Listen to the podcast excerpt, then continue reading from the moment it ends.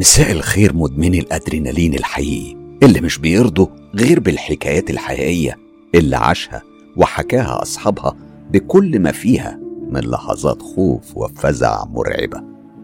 طبعا أنا فاهم إن كتير من أصدقاء ومتابعي القناة كانوا بعيد عن يوتيوب طول الشهر الكريم وأكيد فاتهم عدد كبير من الحكايات اللي تشيب الراس واللي أحداثها كانت خطيرة وما تتفوتش.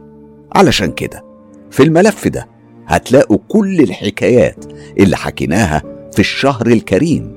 ملف طويل جدا أكتر من خمس ساعات من قصص الرعب الحقيقية. بقول لكم إيه؟ يلا مش هنضيع وقت أكتر من كده.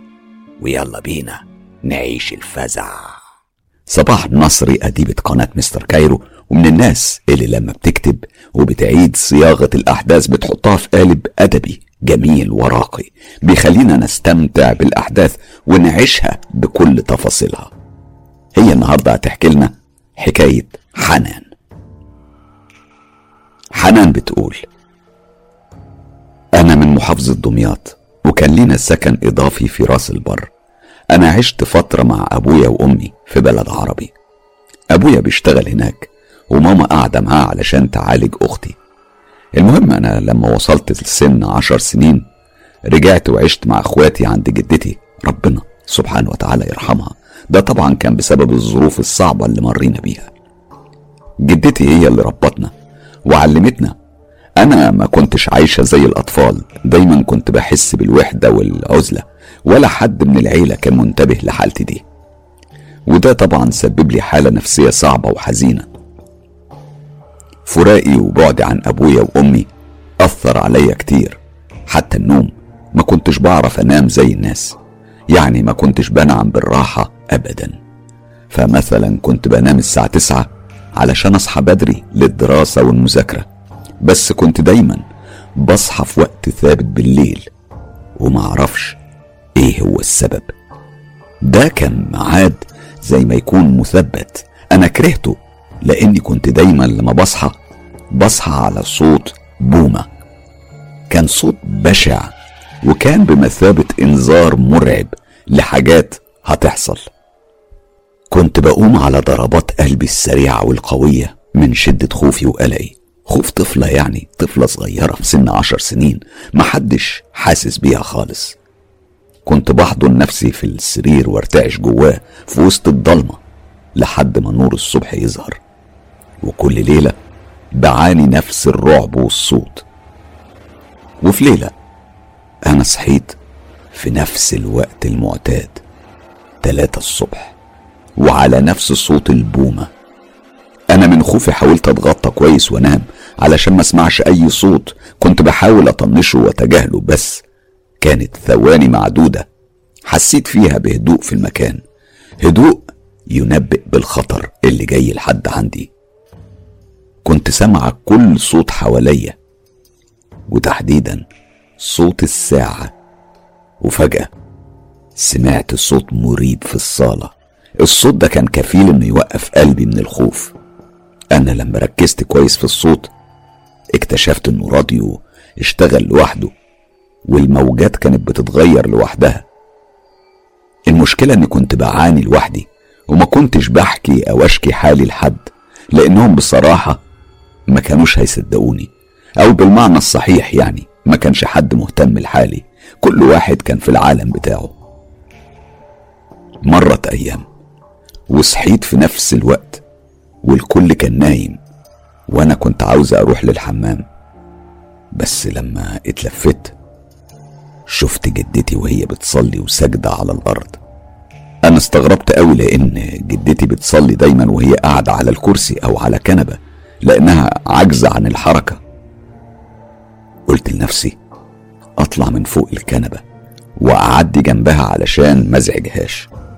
لكن هنا كانت الصدمة. لما اتلفت من الجهة التانية لقيت جدتي نايمة على الكنبة التانية المقابلة للكنبة اللي أنا عديت من عليها. أنا من خوفي اتلفت مرة تانية علشان أتأكد من مين دي الست اللي كانت بتصلي. وهنا لقيتها اختفت تماما. فص ملح وداب. بالرغم من خوفي أنا كملت ورحت للحمام ورجعت بسرعة وأنا في حالة ذهول واستغراب وصمت كالعادة.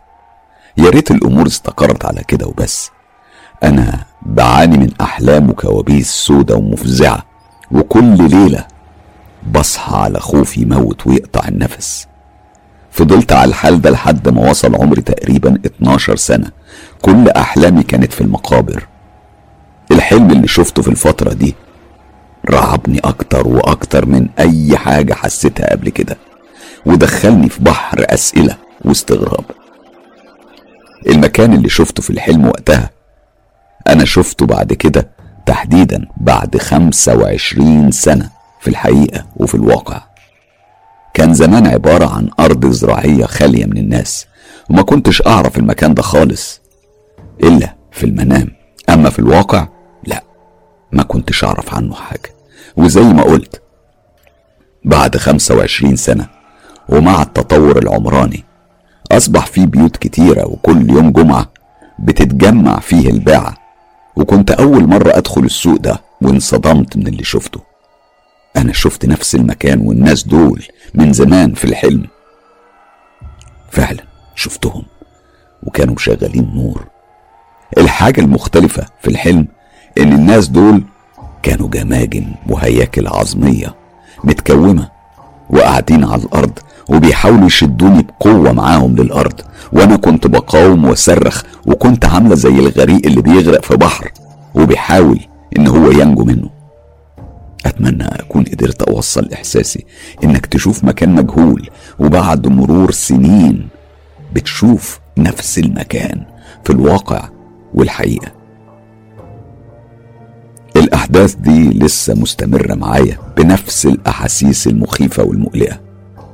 لما وصلت سن 14 سنة كنت عايشة وقتها في راس البر. أنا أصلي من دمياط. في يوم كنت ماشية بره في الشارع وكنت ببص في كل حاجة وكل جهة لما فجأة لمحت حاجة غريبة مرمية على الأرض. طبعا كفضول مني وجهل. شلت الحاجة دي من على الأرض وفتحتها. وهنا اكتشفت إنه عمل. ما كنتش عارفة إني فتحت باب من أبواب الجحيم. وأكبر مشكلة في حياتي ومش فاهماها وقتها. المهم أخدت العمل ولما بصيت جواه لقيت فيه شعر آدمي وورقة مكتوبة باللون الأحمر وكلام كتير كان بالمقلوب. قدرت أفسر منه كلام إلا كلمة واحدة بس هي اللي عرفت أفسرها وأفهمها. مرض. ما كنتش مدركة لخطورة الموضوع وربنا عالم إزاي العمل ده انقلب عليا أنا. وعانيت وقتها كوابيس مرهقة. ملازماني دايما. وحاجات غريبة زي إني أكون يوم يعني طبيعية وبخير وما فيهاش أي حاجة. بس أول ما يأذن المغرب بحس بضيق نفس وشي بيزرق وبكون مخنوقة لدرجة إن أهلي بياخدوني للمستشفى وأفضل هناك ليلة كاملة لحد الفجر. وبعدها برجع لطبيعتي من تاني كأن مفيش حاجة حصلت. الطبيب شخص حالتي إنها حالة نفسية وقلة نوم وتعب وإن أنا لازم عليا ارتاح وأبعد عن كل قلق. وبعد فترة كنت بجهز لفرحي. أنا شقتي كانت في نفس بيت والدي. ولما كنا مع بعض سهرانين بالليل فجأة سمعنا صوت الحنفيات بتتفتح وحاجات بتتجر. الصوت كان مسموع لينا كلنا. إحنا طبعا خفنا وقلنا أكيد إن شقتي بتتسرق.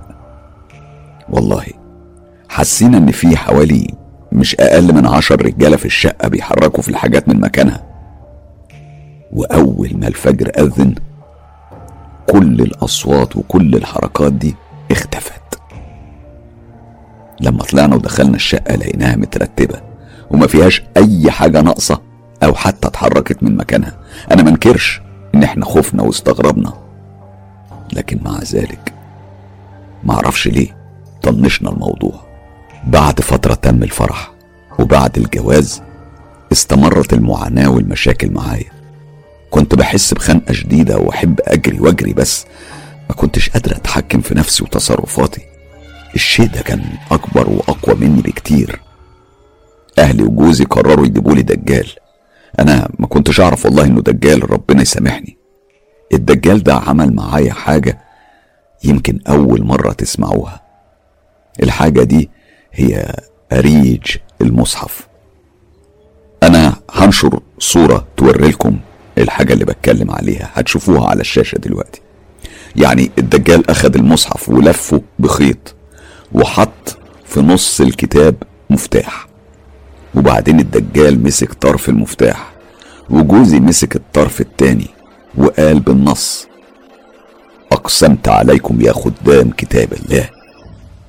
لو حنان معمول لها سحر لف شمال ولو مفيش لف يمين. بعدها قرأ عليا قرآن وكان بيتمتم بكلام مش مفهوم. أنا ما حسيتش بنفسي وفقدت الوعي. وكل اللي كنت حاسة بيه وقتها إن في شخص مكتفني بقوة. يعني كانت قوة على الأقل تلات رجالة في بعض.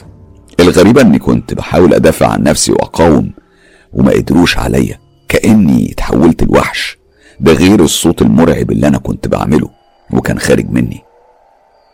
لما صحيت لقيتهم كلهم مستغربين ومرعوبين مني.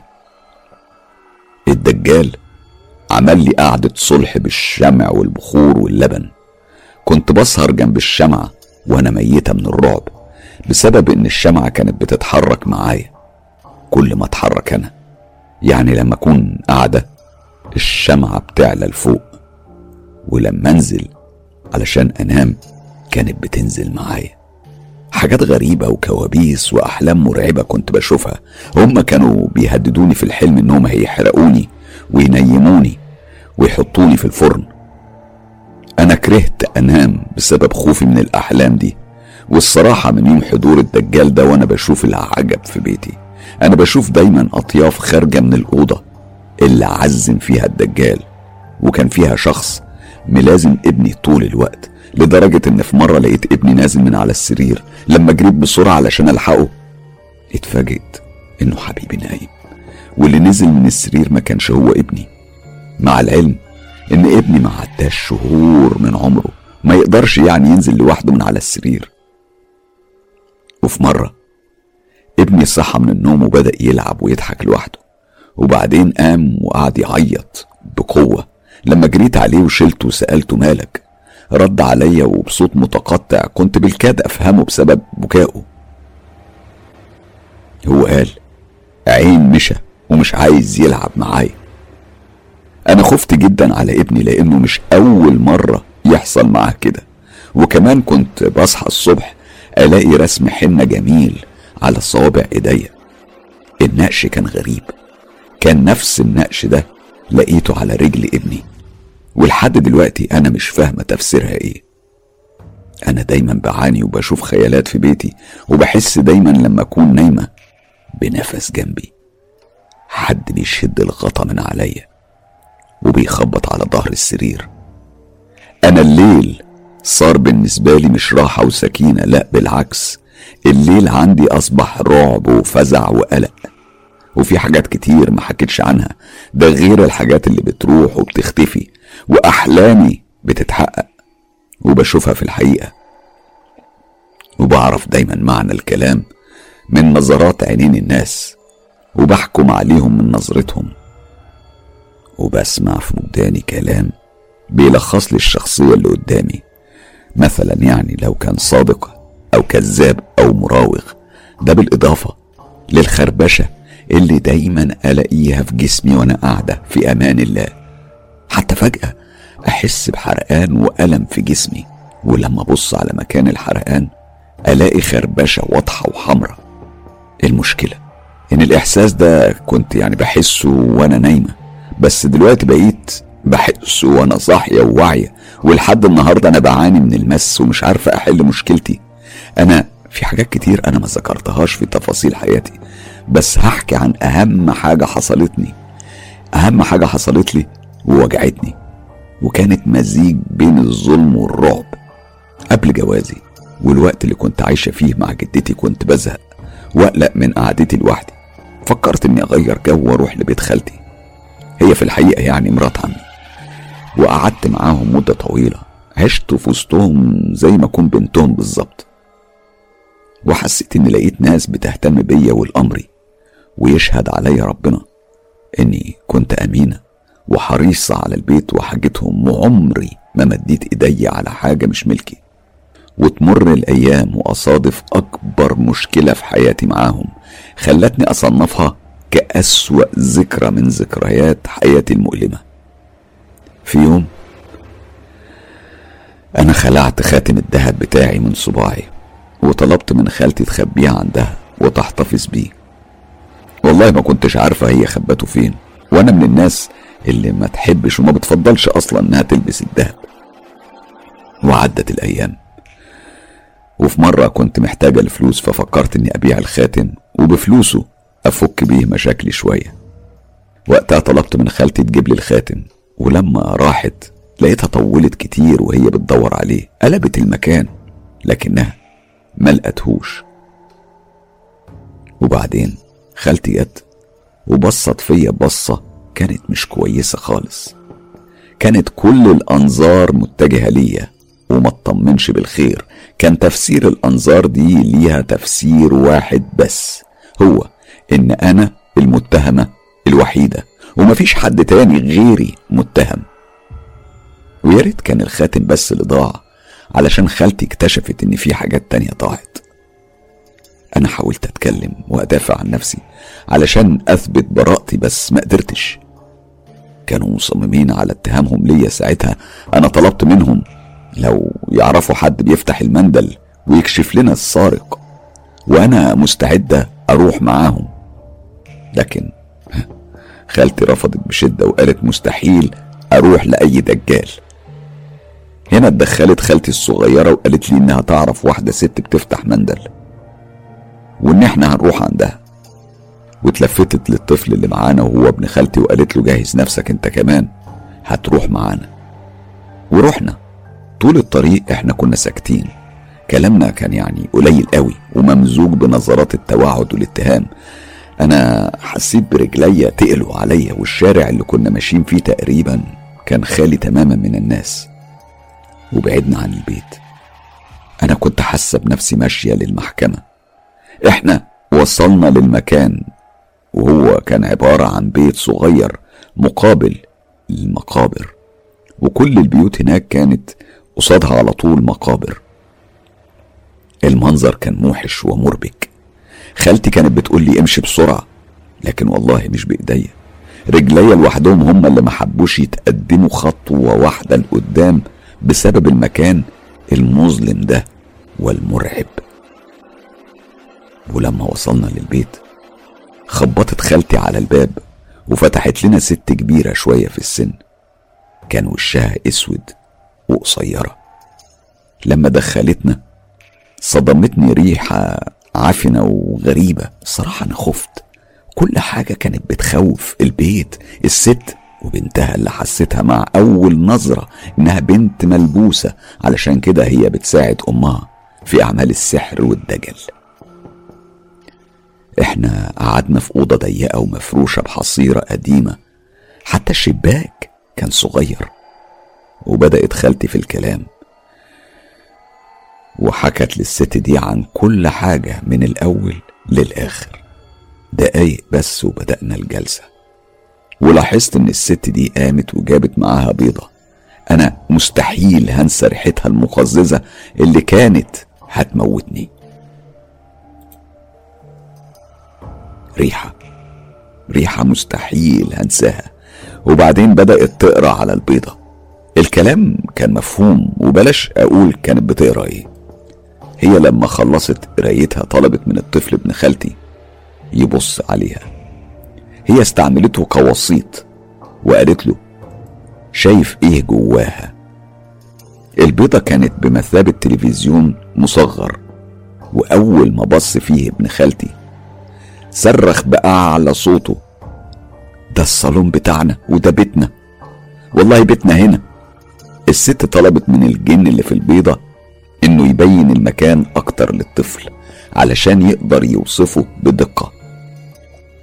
إحنا أنظارنا كلها كانت على الطفل والبيضة. ابن خالتي كان بيبص ومركز عينيه على البيضة وقال لهم إن هو شايف واحد نازل من على السلم.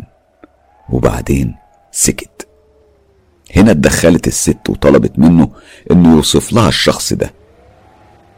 ابن خالتي أخد ثواني من التركيز وقال هو شاب طويل ورفيع ودخل أوضة الصالون وفتح علبة فيها حاجة بتلمع وأخدها ومشى بسرعة.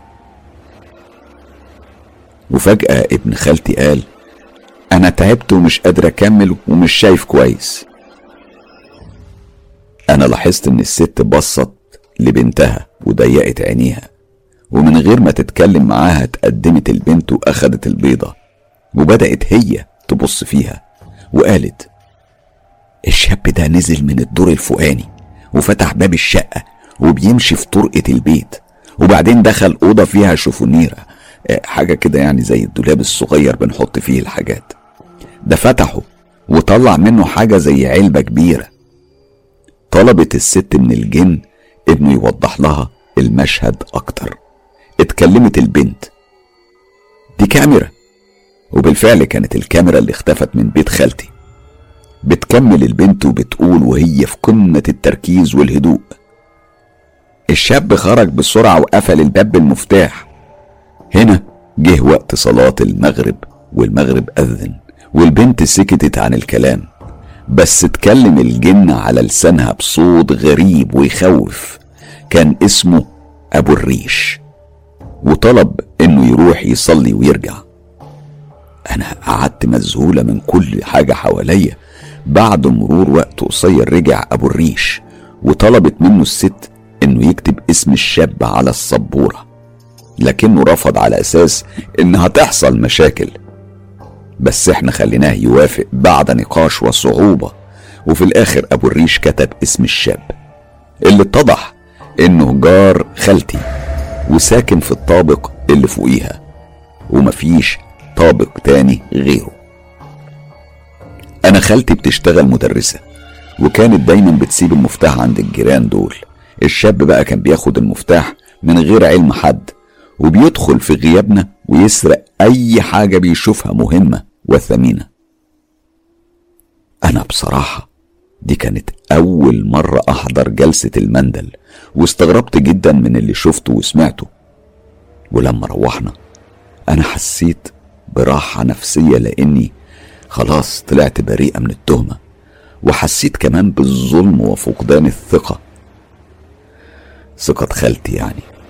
خالتي طبعا سكتت على الموضوع علشان إحنا ادينا كلمتنا للست إن إحنا ما نقولش حاجة لأهل الشاب. وغيرت خالتي مفتاح البيت وحرمت تديه لأي حد. هم اتأكدوا إني مظلومة بس أنا أنا مش مسامحة. مش مسامحة أي شخص ظلمني وتسبب في أذيتي وزاد على معاناتي معاناة تانية.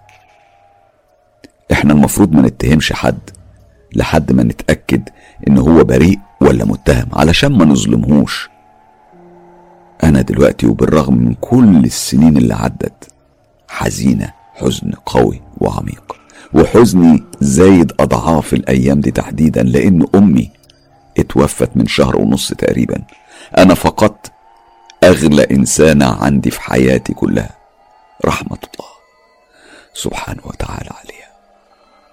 أنا على فكرة عندي حكايات غريبة. لناس قريبين مني وأعرفهم. لو حابين إن أنا أحكيها قولولي كملي يا حنان. بشكرك يا حنان وقصتك فعلا مؤثرة للغاية. أنا تعاطفت معاكي في كل الأحداث دي وخصوصا لما بتتكلمي عن رأس البر اللي أنا عملت عنها مسلسل كامل من 15 حلقة بعنوان حكايات شارع 101 وعارف قد إيه هناك في أماكن مسكونة وفي كيانات بتشاركنا حياتنا. بشكر كمان صباح نصري على إعادة الصياغة إعادة الصياغة الأدبية الرائعة اللي دايما بتتميز بيها صباح نصري. مرة تانية هنرجع لصباح نصري وإعادة صياغة لقصة لكن المرة دي من الجزائر. تعالوا نسمع قصة ضباب.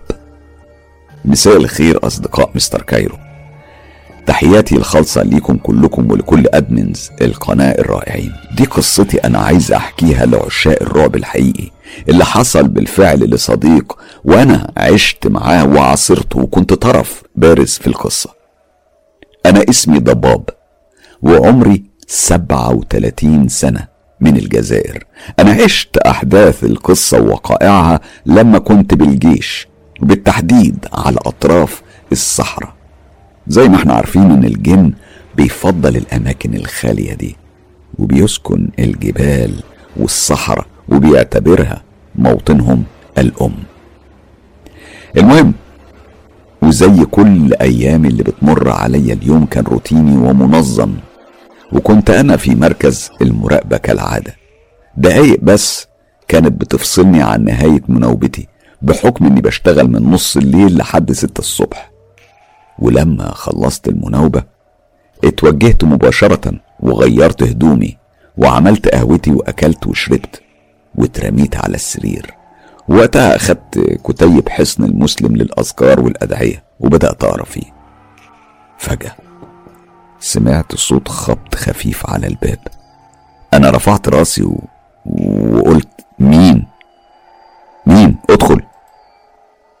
ده كان صديقي. أنا سلمت عليه وقلت له خير مالك. عاوز حاجة؟ كان باين على وشه الحماس والنشاط وقال لي لا مفيش أنا يعني أنا عاوزك بس تشاركنا في لعبة دومينو. تعالى يا عم نغير جو. أنا ابتسمت ووافقت وقمت قايم رايح معاه. على فكرة يعني من كتر الفراغ والأيام اللي كانت شبه بعضها ونفس الروتين اللي بيمر علينا دايما كنا خلاص ما بننامش إلا نادر قوي واتعودنا على الظروف دي. المهم قعدنا إحنا الأربعة نلعب دومينو مع بعض وبدأنا اللعب.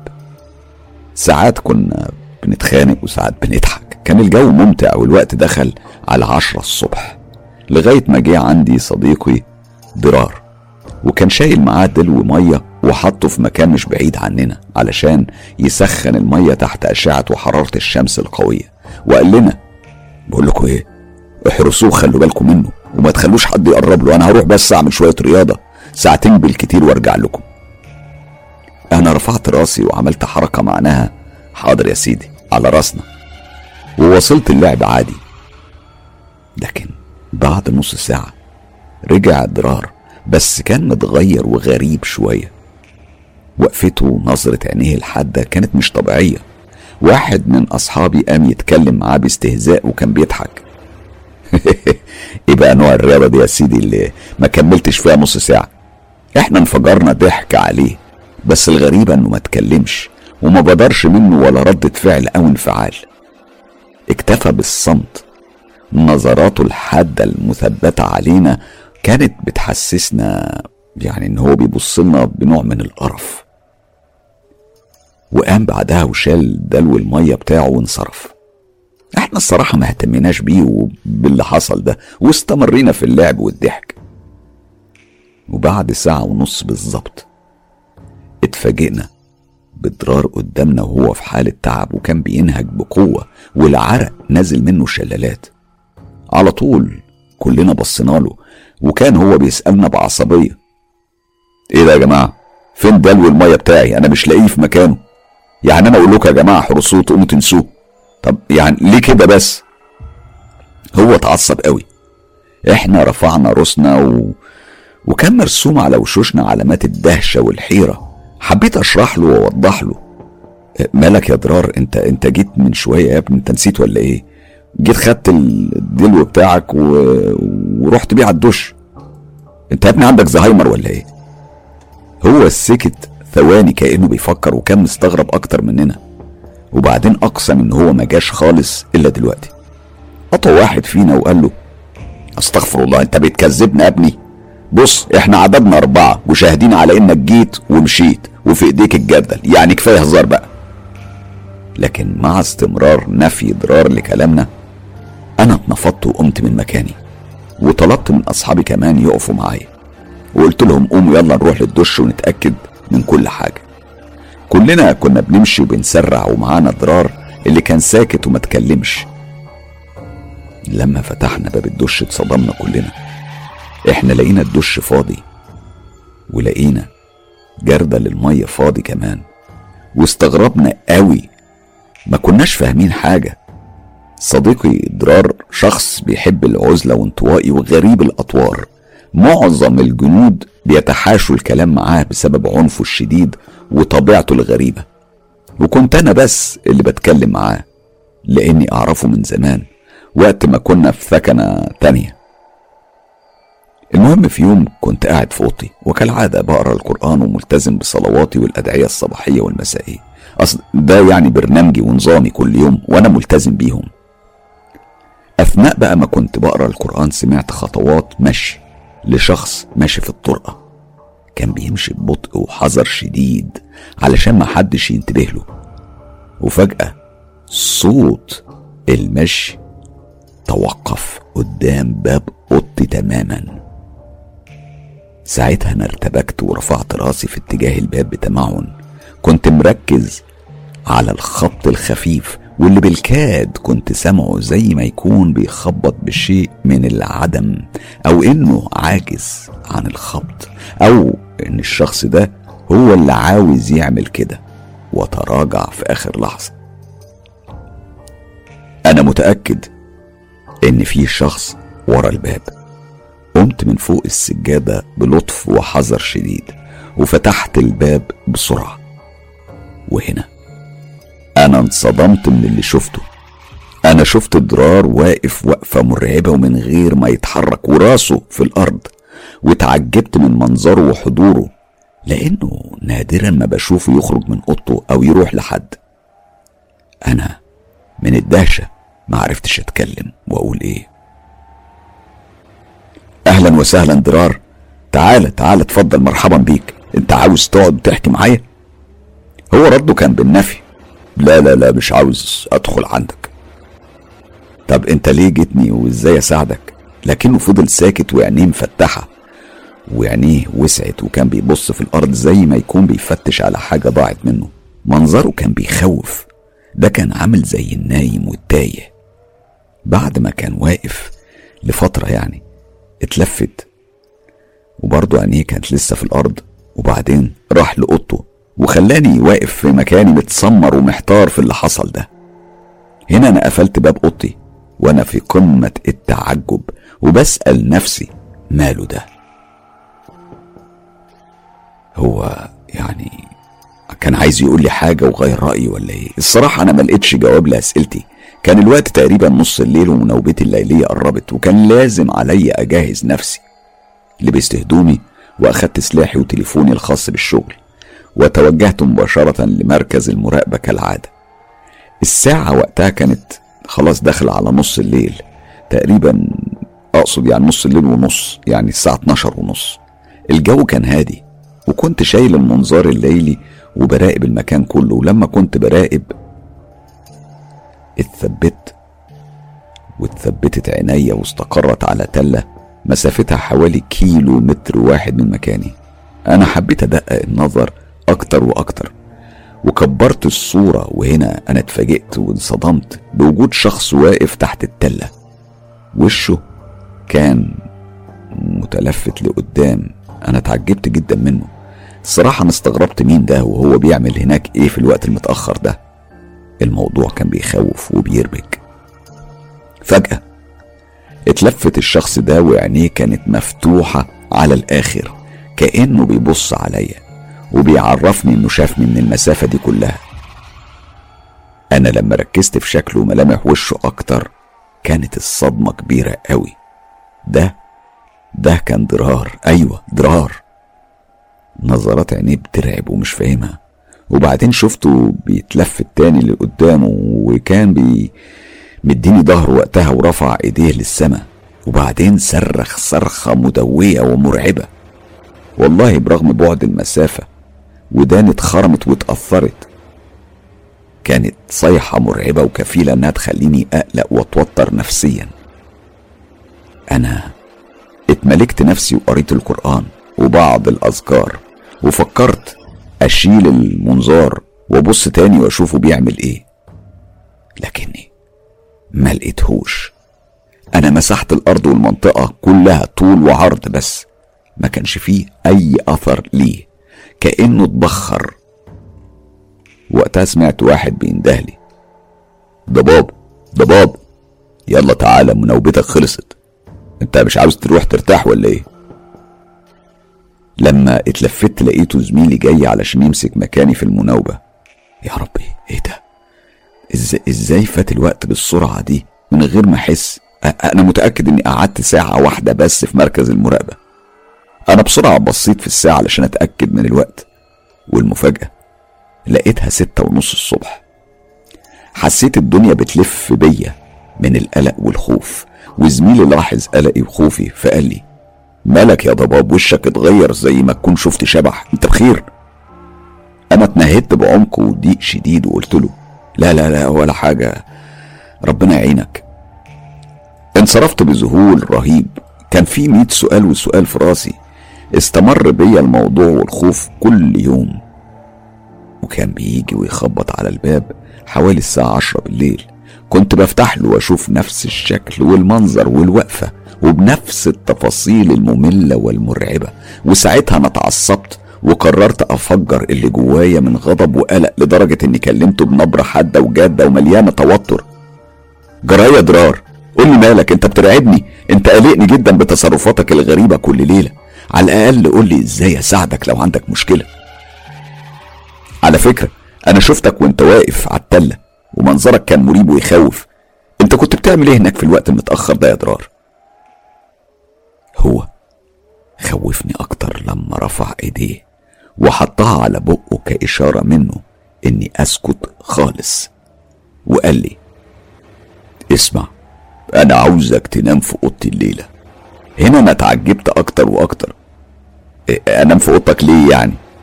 هو رد عليا بكل ثقة وجدية. اسمعني يا ضباب. نام الليلة في أوضتي وهتعرف أجوبة لكل أسئلتك وساعتها هتعذرني. أنا اتنهدت والحقيقة إن الفضول جرني علشان أعرف سره وأنا وافقت على طلبه. أنا اتصلت بصديق ليا علشان يناوب الليلة مكاني واتحججت إني حاسس بتعب وإرهاق ومش قادر أسهر وأراقب الليلة. وبعدين اتوجهت لأوضة ضرار. الأوضة كانت شبه ضلمة. النور كان خافت كأني دخلت سينما لعرض الأفلام. بصيت في كل مكان وحطيت كتاب القرآن الكريم على الترابيزة وصليت ركعتين. كل شيء كان طبيعي وتمام ومش حاسس بأي حاجة غريبة. وقتها أنا حسيت بنعاس. رميت نفسي على السرير ونمت. أنا نومي خفيف خفيف لدرجة كبيرة قوي وأي حركة بتعتبر تشويش بحس بيها على طول. لما نمت وصحيت كنت مش عارف لحد دلوقتي حصل إيه. اللي حصل لي كان شيء عجيب وغريب ويخوف. أنا صحيت على صوت فحيح زي ما يكون فيه أفعى أو ثعبان بيزحف على الأرض. وكنت متأكد من الصوت لدرجة إني اتنفضت من مكاني وبدأت أردد في جملة أستغفر الله العظيم أستغفر الله العظيم. وأنا في قمة استغرابي وخوفي كنت بسأل في نفسي إيه ده؟ هو في إيه؟ كنت ببص في كل مكان وفي كل ركن من الأوضة وأستغفر وأستغفر بس ما قدرتش أشوف حاجة لدرجة إني قلت في نفسي دي أكيد تخيلات أو حالة جنون أصابتني بسبب ليلة التلة المرعبة. المهم قمت من على السرير وقعدت على طرفه وكان ضوء الأباجورة خافت. كنت بفكر في اللي بيحصل لي وهنا لاحظت إن في اعوجاج في أرضية الأوضة. أنا كنت ببص فيها بتركيز واستغربت من شكلها اللي كان شبه يعني زي ما يكون حاجة مزخرفة. وبعدين اتلفت جهة الأباجورة وانتبهت إن في دخان مش كثيف بيخرج من فتحة صغيرة قدام الأباجورة. أنا ابتسمت وقلت ده كأنه علاء الدين خرج من المصباح السحري. بس ابتسامتي اتحولت في ثواني لرعب وقلق. الدخان ده كان بيخرج أكتر وأكتر وبيطلع لفوق. وكمان كنت سامع صوت فحيح الأفعى في نفس الوقت. بس ما كنتش قادر أشوف حاجة. لاحظت إن الدخان اتغير لونه من اللون الأبيض للأسود. كان بيتشكل مرة بالطول ومرة بالعرض. زي ما يكون جواه حاجة وحابة تخرج منه. أنا هنا بدأت في الاستغفار وأنا في قمة الحيرة بسبب اللي, يح... اللي بيحصل معايا وقدام عينيا. لما التفت وقعدت بنفس الوضعية على السرير أنا اتصدمت واتخضيت ومت من الرعب. أنا شفت وش ست وكان وشها مقابل وشي بالظبط يعني وش الوش كانت بتبص مباشرة في عينيا. وشعرها كان أسود وطويل ومجعد ولون بشرتها كان مايل للزرقاء والبياض. حسيتها في لحظة إنها خرجت من مستنقع مية كانت عايشة فيه الظهر كله. عينيها كانت حمرة ومليانة شر. منظرها مقزز ريحتها نتنة لدرجة تخلي الشخص يرجع ويستفرغ ويحس بالغثيان. أكرمكم الله. أنا عمري عمري ما شفت منظر بشع ومرعب ولا حتى حلمت بيه. الست دي اتكلمت واتنهدت قدام وشي بأنفاسها العفنة وبشكلها المرعب وبصوت مفزع. انت ضيف غير مقبول بيك هنا خالص ونصيحة مني غادر واخرج من الأوضة حالا وما تتدخلش في شؤون غيرك. أنا لحد دلوقتي ما أذيتكش وما لمستكش. علشان سبب واحد بس وللأسف إنك محصن نفسك. ولو لو فكرت ترجع هنا تاني مش هتلوم إلا نفسك لأنك هتكون سبب في موت ضرار ونهايته. بعد ما قالت الجملة دي بدأ الدخان في التلاشي شوية شوية لحد ما اختفى تماما. أنا كنت زي اللي متسمر في مكانه مش قادر أتحرك ومش مصدق كنت مذهول من اللي شفته في الليلة دي.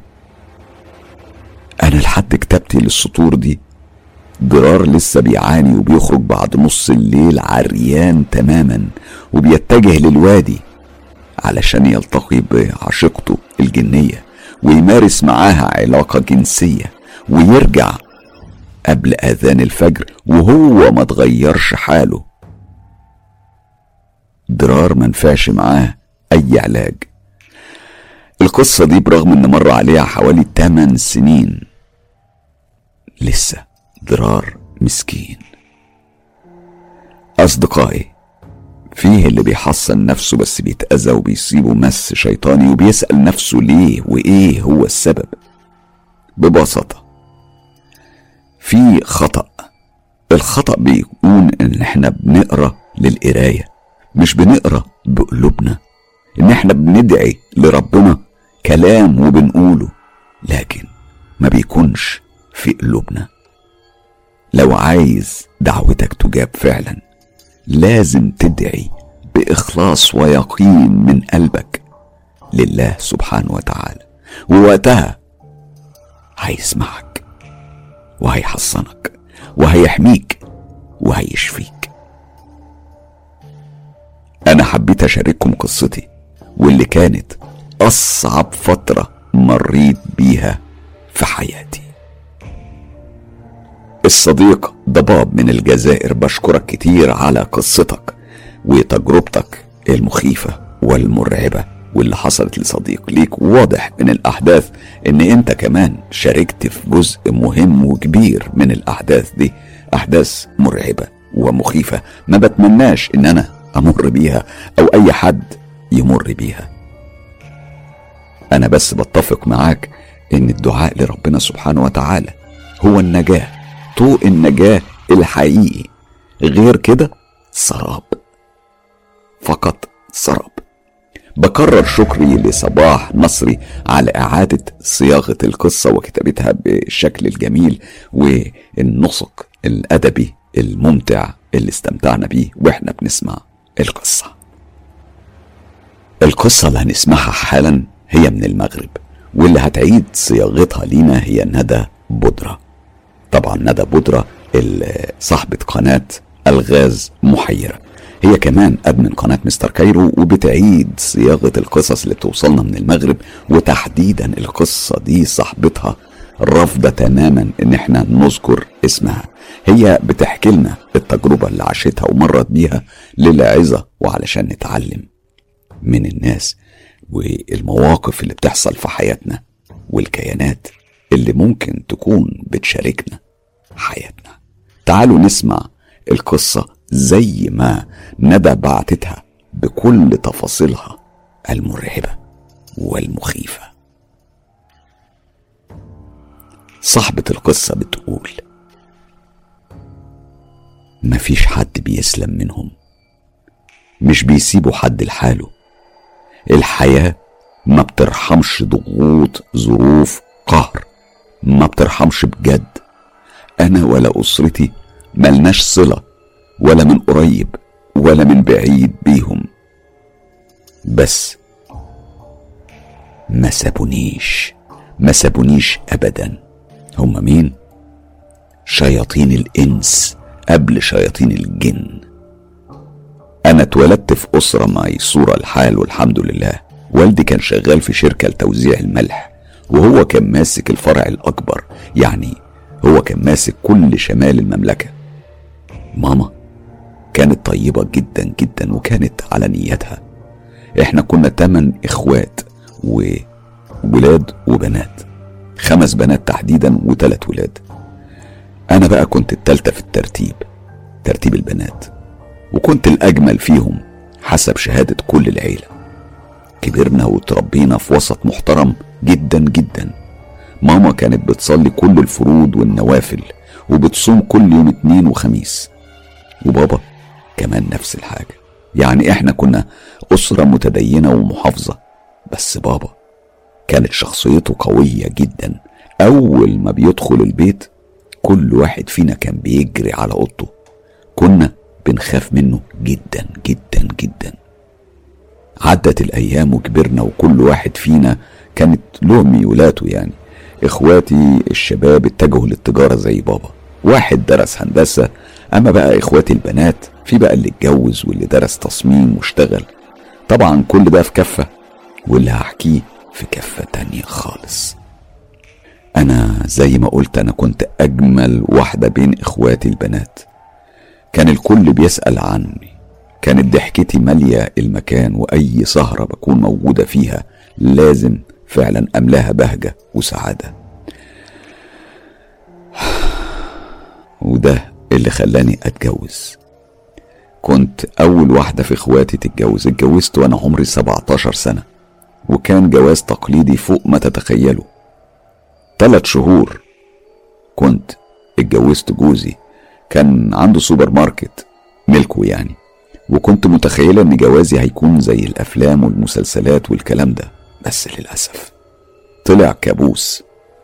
أنا فضلت سنتين ما عرفتش أخلف وده اتسبب في مشاكل مع أهل جوزي كأن أنا اللي مش عايز أخلف. وبعد ما حملت كانت فرحة عمري. أخو جوزي كان هيطردنا من البيت مع العلم هو أصلا كان في بلد أوروبي يعني عايش في دولة أوروبية. أنا هنا اتكسرت ما كنتش عارفة إن البيت مش بيت جوزي. طبعا اضطريت أروح أسكن في بيت أهل جوزي. وفي الفترة دي أنا كنت حامل. كانت فترة صعبة جدا جدا. جوزي كان له اتنين إخوات بنات وتمن إخوات شباب. ومفيش حد منهم متجوز. يعني بيت كان مستحيل تلاقي فيه هدوء ابدا. المهم كانوا بيعاملوني وحش جدا ويزنوا على جوزي علشان يضربني ويهني قدامهم. عارف يا أستاذ من اللحظات اللي مستحيل هنساها هي لحظات تحريك السكر بالمعلقة في فنجان القهوة.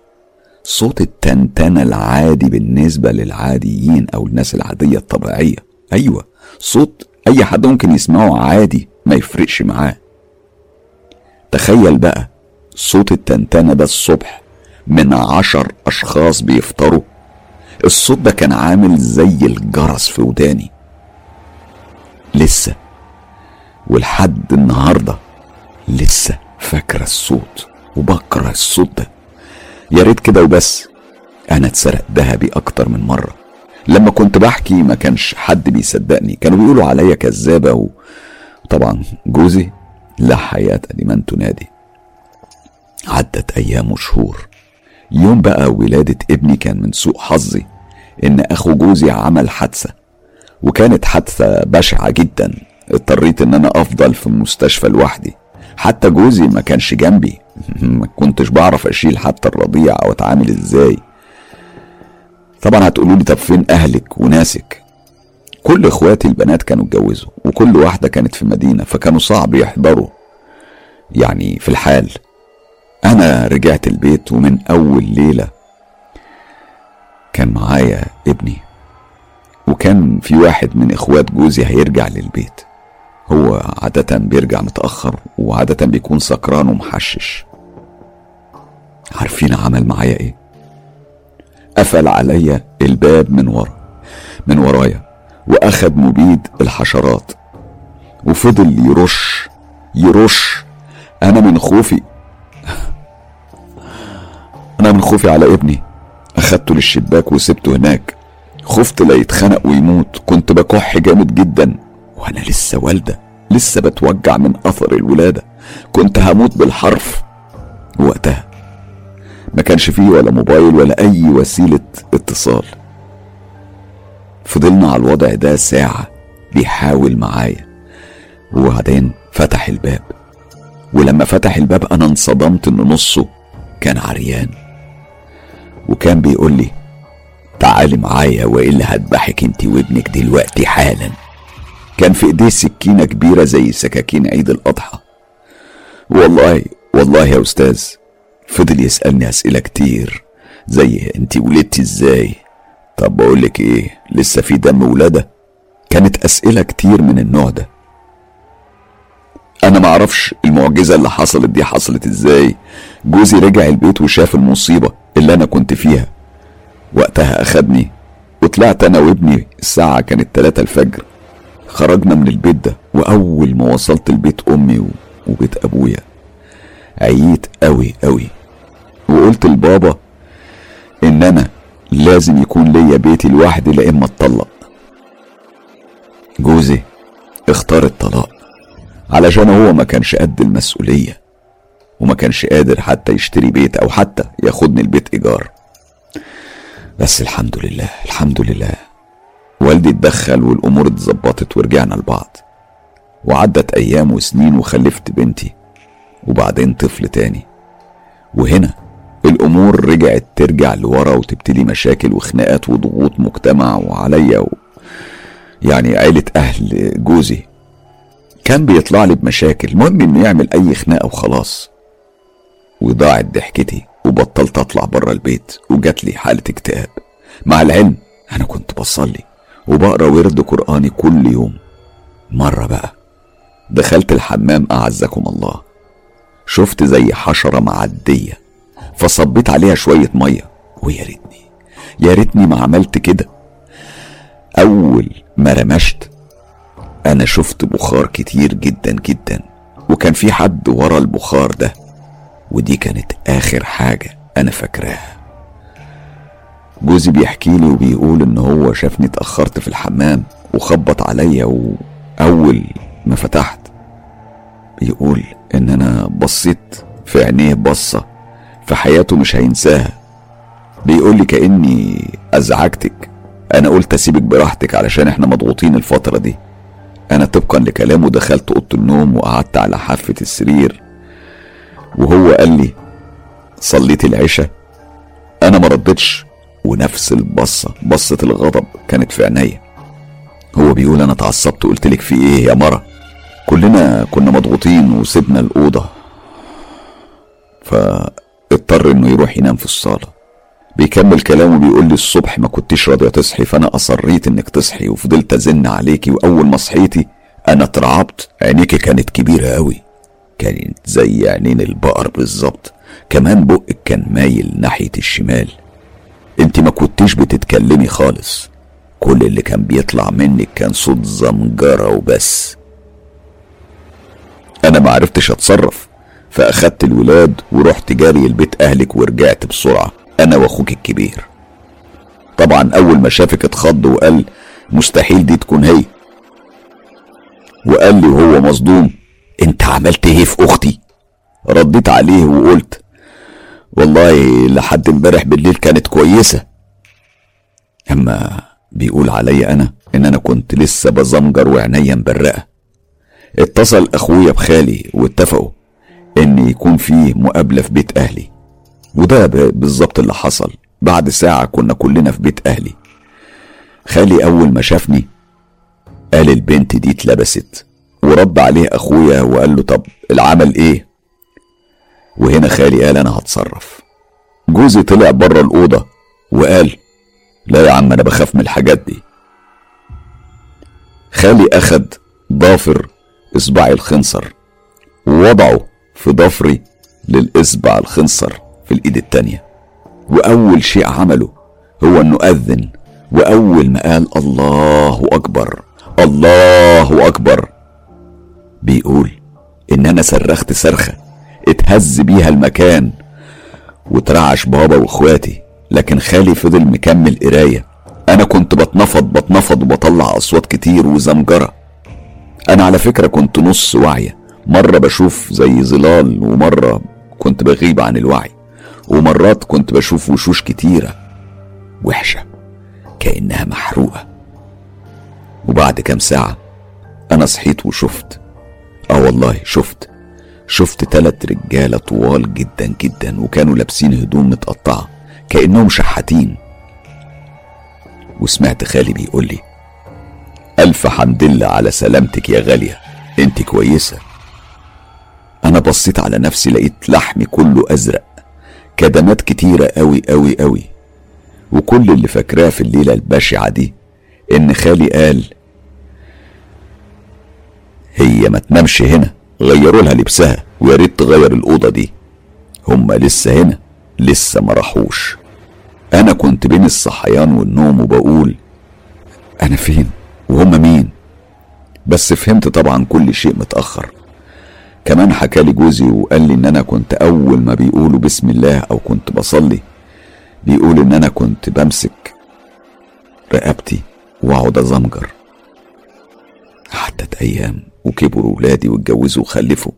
كمان بس أنا لسه لسه على نفس الحال. ما بعرفش أضحك ولا أفرح. أنا اتدمرت وحياتي اتدمرت. اللي حكيته ده جزء بسيط من حكايتي وفي جوازي. على فكرة أنا في كل مناسبة بمرض. حتى في فرح بنتي. مرضت وعملت عملية. وبنتي عروسة. وكانوا لسه في معازيم في البيت.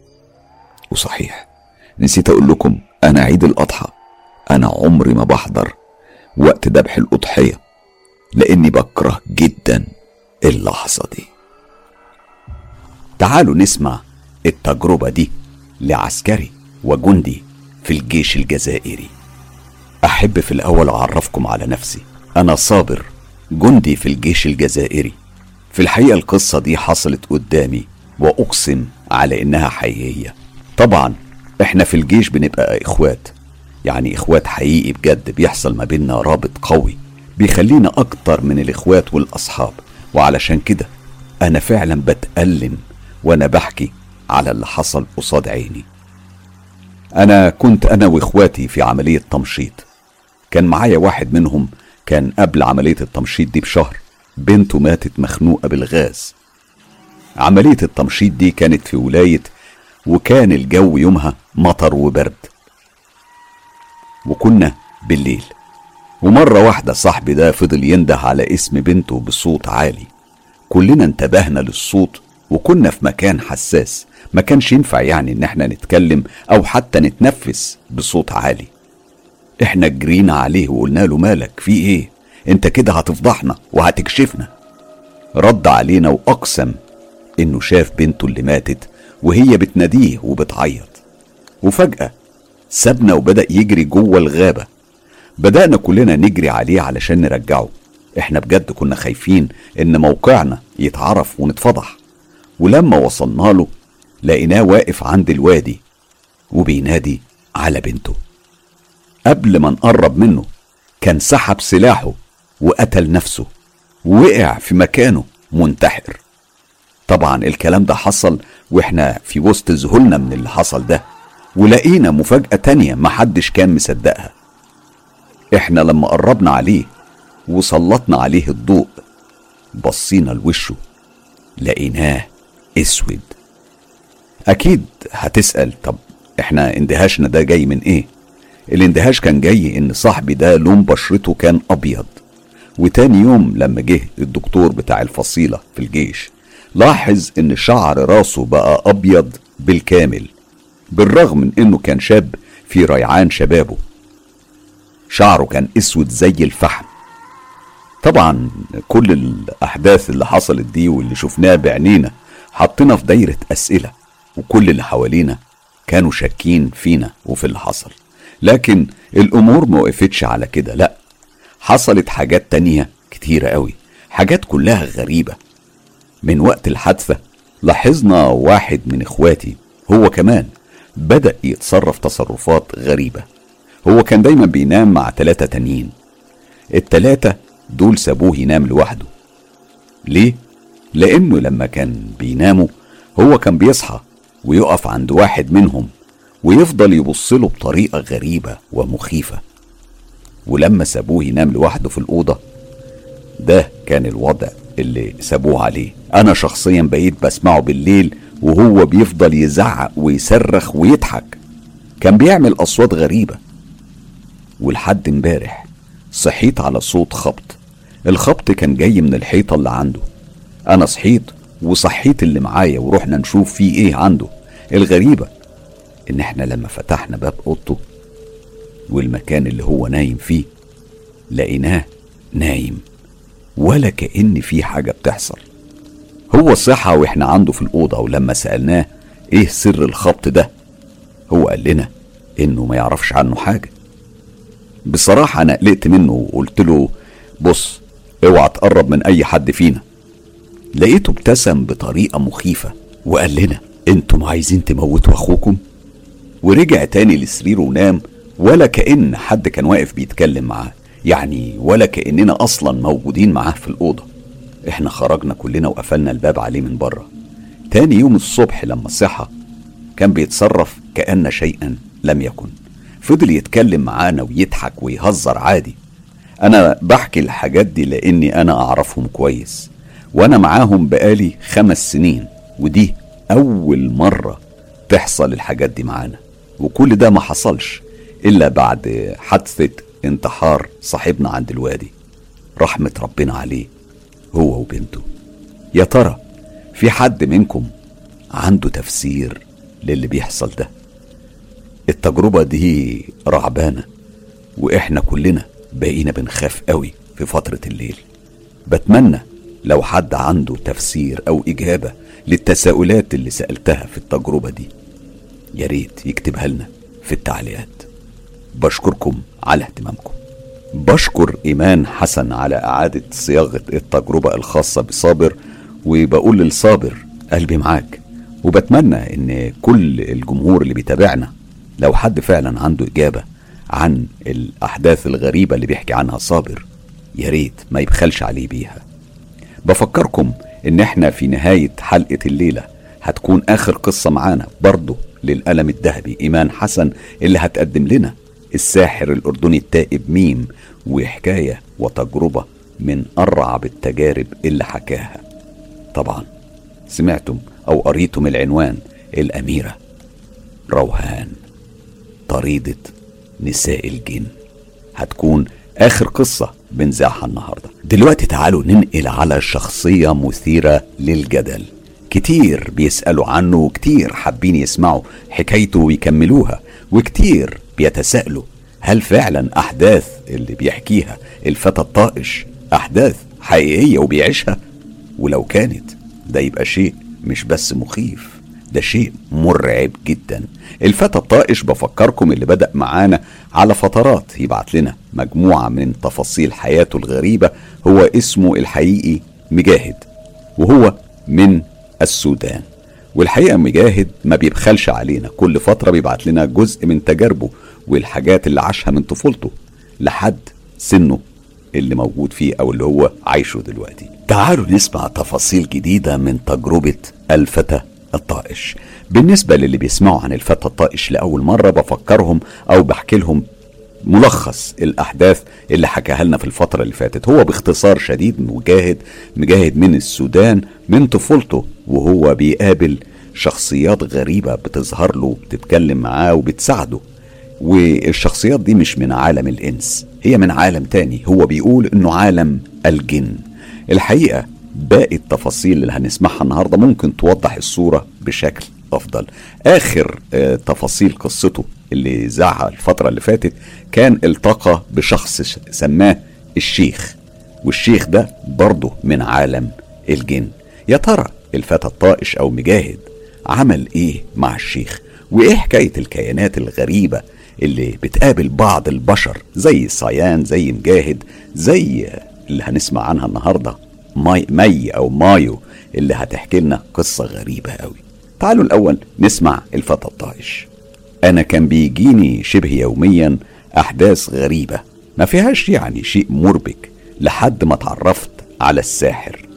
كان شخص طيب معايا وما كنتش أعرف إنه ساحر لكن هنا بدأت متاعبي مع الشياطين.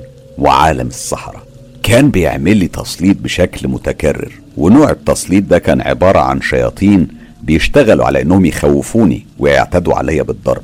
أول مرة كنت نايم في أوضتي زي كل مرة وسمعت صوت خبط جامد جدا على السيراميك.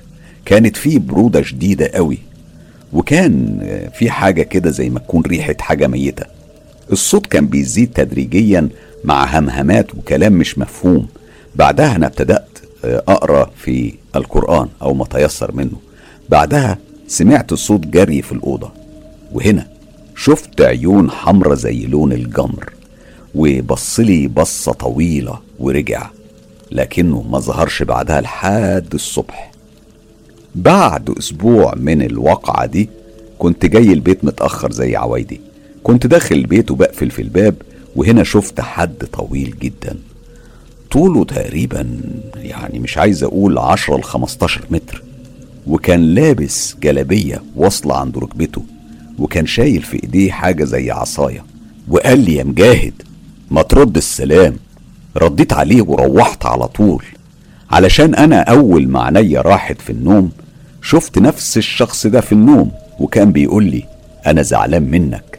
ما ردتش السلام ليه. كنت بقول له بصوت هادي أنا ما سمعتكش. قال لي لو كررتها تاني هضربك. وأنا طبعا قلت له حاضر. بعدها بكام يوم الساحر عمل عليا تسليط قوي جدا. كنت بسمع نفس صوت الخبط والصوت اللي كان بيشبه حوافر البقر. بعدها لفيت علشان أشوف إيه اللي حصل. ويا ريتني ما بصيت. أنا شفت شيء طوله تقريبا متر. رجلين حوافر بقرة وراس وراس إنسان بس بقرون ومناخير كانت طويلة وكبيرة. وباقي جسمه كان عبارة عن شعر أسود وريحته زي ريحة الحاجة الميتة. أنا كنت خلاص هرجع من ريحته. بعدها نزل فيا ضرب وكان هو بيصرخ وأنا كنت بصرخ أنا كمان. بعدها أنا بدأت أقرأ أوائل سورة البقرة وهنا هو راح واختفى على طول. أنا بعد كده نمت عادي وجاني في النوم نفس الشخص الجميل وقال لي هعلمك إزاي ترد التسليط ووراني الطريقة. وبعديها بكام يوم الساحر عمل تسليط مرة تانية. ونفس الشخص والصوت. وعملت الكلام اللي قال لي عليه الشيخ اللي هو الشخص الجميل. وده الاسم اللي بحب اناديه بيه. بعد ده كل شيء انتهى في ثواني. تاني يوم اتصل عليا الساحر اللي أنا كنت مفكره. شخص طيب. رحت له في مكانه. وقال لي أنت امبارح عملت إيه؟ قلت له ما عملتش حاجة. وما كانش يعني آه بوري حد يعني ما كنتش بوري حد اللي أنا بعمله علشان ما كانش في حد هيصدقني. علشان كده أنا ما قلتلوش حاجة. ولما سألني ما قلتلوش أي إجابة آه شافية يعني أو تريحه. قال لي أنت عندك سحر وأنا هطلعه لك هو قال لي مش عايز منك حاجة.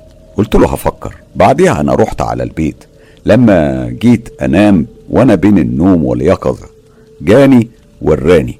وراني الحقيقة إن الشخص ده ساحر وقال لي هو اللي بيعمل التسليط ده. أنا بعد ما عرفت الكلام ده قطعت كل علاقتي بيه. بعدها تقريبا بحوالي شهرين كده كنت بعرف يعني إيه جن ويعني إيه شيطان وأشكالهم ومكانهم. وكمان بدأت أعرف السحرة والروحانيين والرقاة والدجالين كلهم. عرفتهم بواسطة الشيخ. وكنت بعرف أشياء عن الشخص هو ما بيعرفهاش. بمجرد بس النظر إليه. لما بقى وصلت لسن 15 سنة دي كانت آخر مرة أشوفه فيها لمدة خمس سنين. الخمس سنين دول كانوا جحيم. في آخر يوم جاني فيها قال لي أنا عندي مشكلة همشي أحلها واجي ولو اتأخرت عليك هبعت لك أخويا. وقال لي بعد كل صلاة في ورد معين تقوله بعدد معين. وهعرفك إزاي تعرف تصرف العمار وازاي تعرف تصرف العوارض عنك. ومشى على كده. بالليل لما الساعة وصلت 12 الصبح صحيت على صوت فحيح ونباح كلاب وشفت حاجة عمري عمري أبدا ما كنت أتصور إنها حقيقية. شفت اتنين لا هم بشر ولا حيوانات. واحد أعرج والتاني بيتنطط. هما كانوا طوال قوي وعندهم قرون في نص راسهم وعندهم ودنين بيوصل طولهم تقريبا للأرض ورجليهم كانت رجلين حمير. الأعرج كان بيقول لي هقتلك. كنت بعيط وبصرخ بأعلى صوتي لكن مع الأسف مفيش حد صحى. كان بيضحك ويقول لي مفيش حد هيصحى. هنا أنا افتكرت إنه قال لي تقرأ سورة ياسين علشان تصرف العوارض. وفعلا عملت كده وكل شيء انتهى في ظرف دقيقة. بعد الواقعة دي بأسبوع أنا صحيت على صوت صويت وهنا لقيت كمية كبيرة من الحشرات والأفاعي في البيت ما يعلم بيها إلا ربنا. أنا في اللحظة دي تمنيت لو إني كنت ميت. بدأت أقرأ ما تيسر من القرآن لحد ما انتهى كل شيء.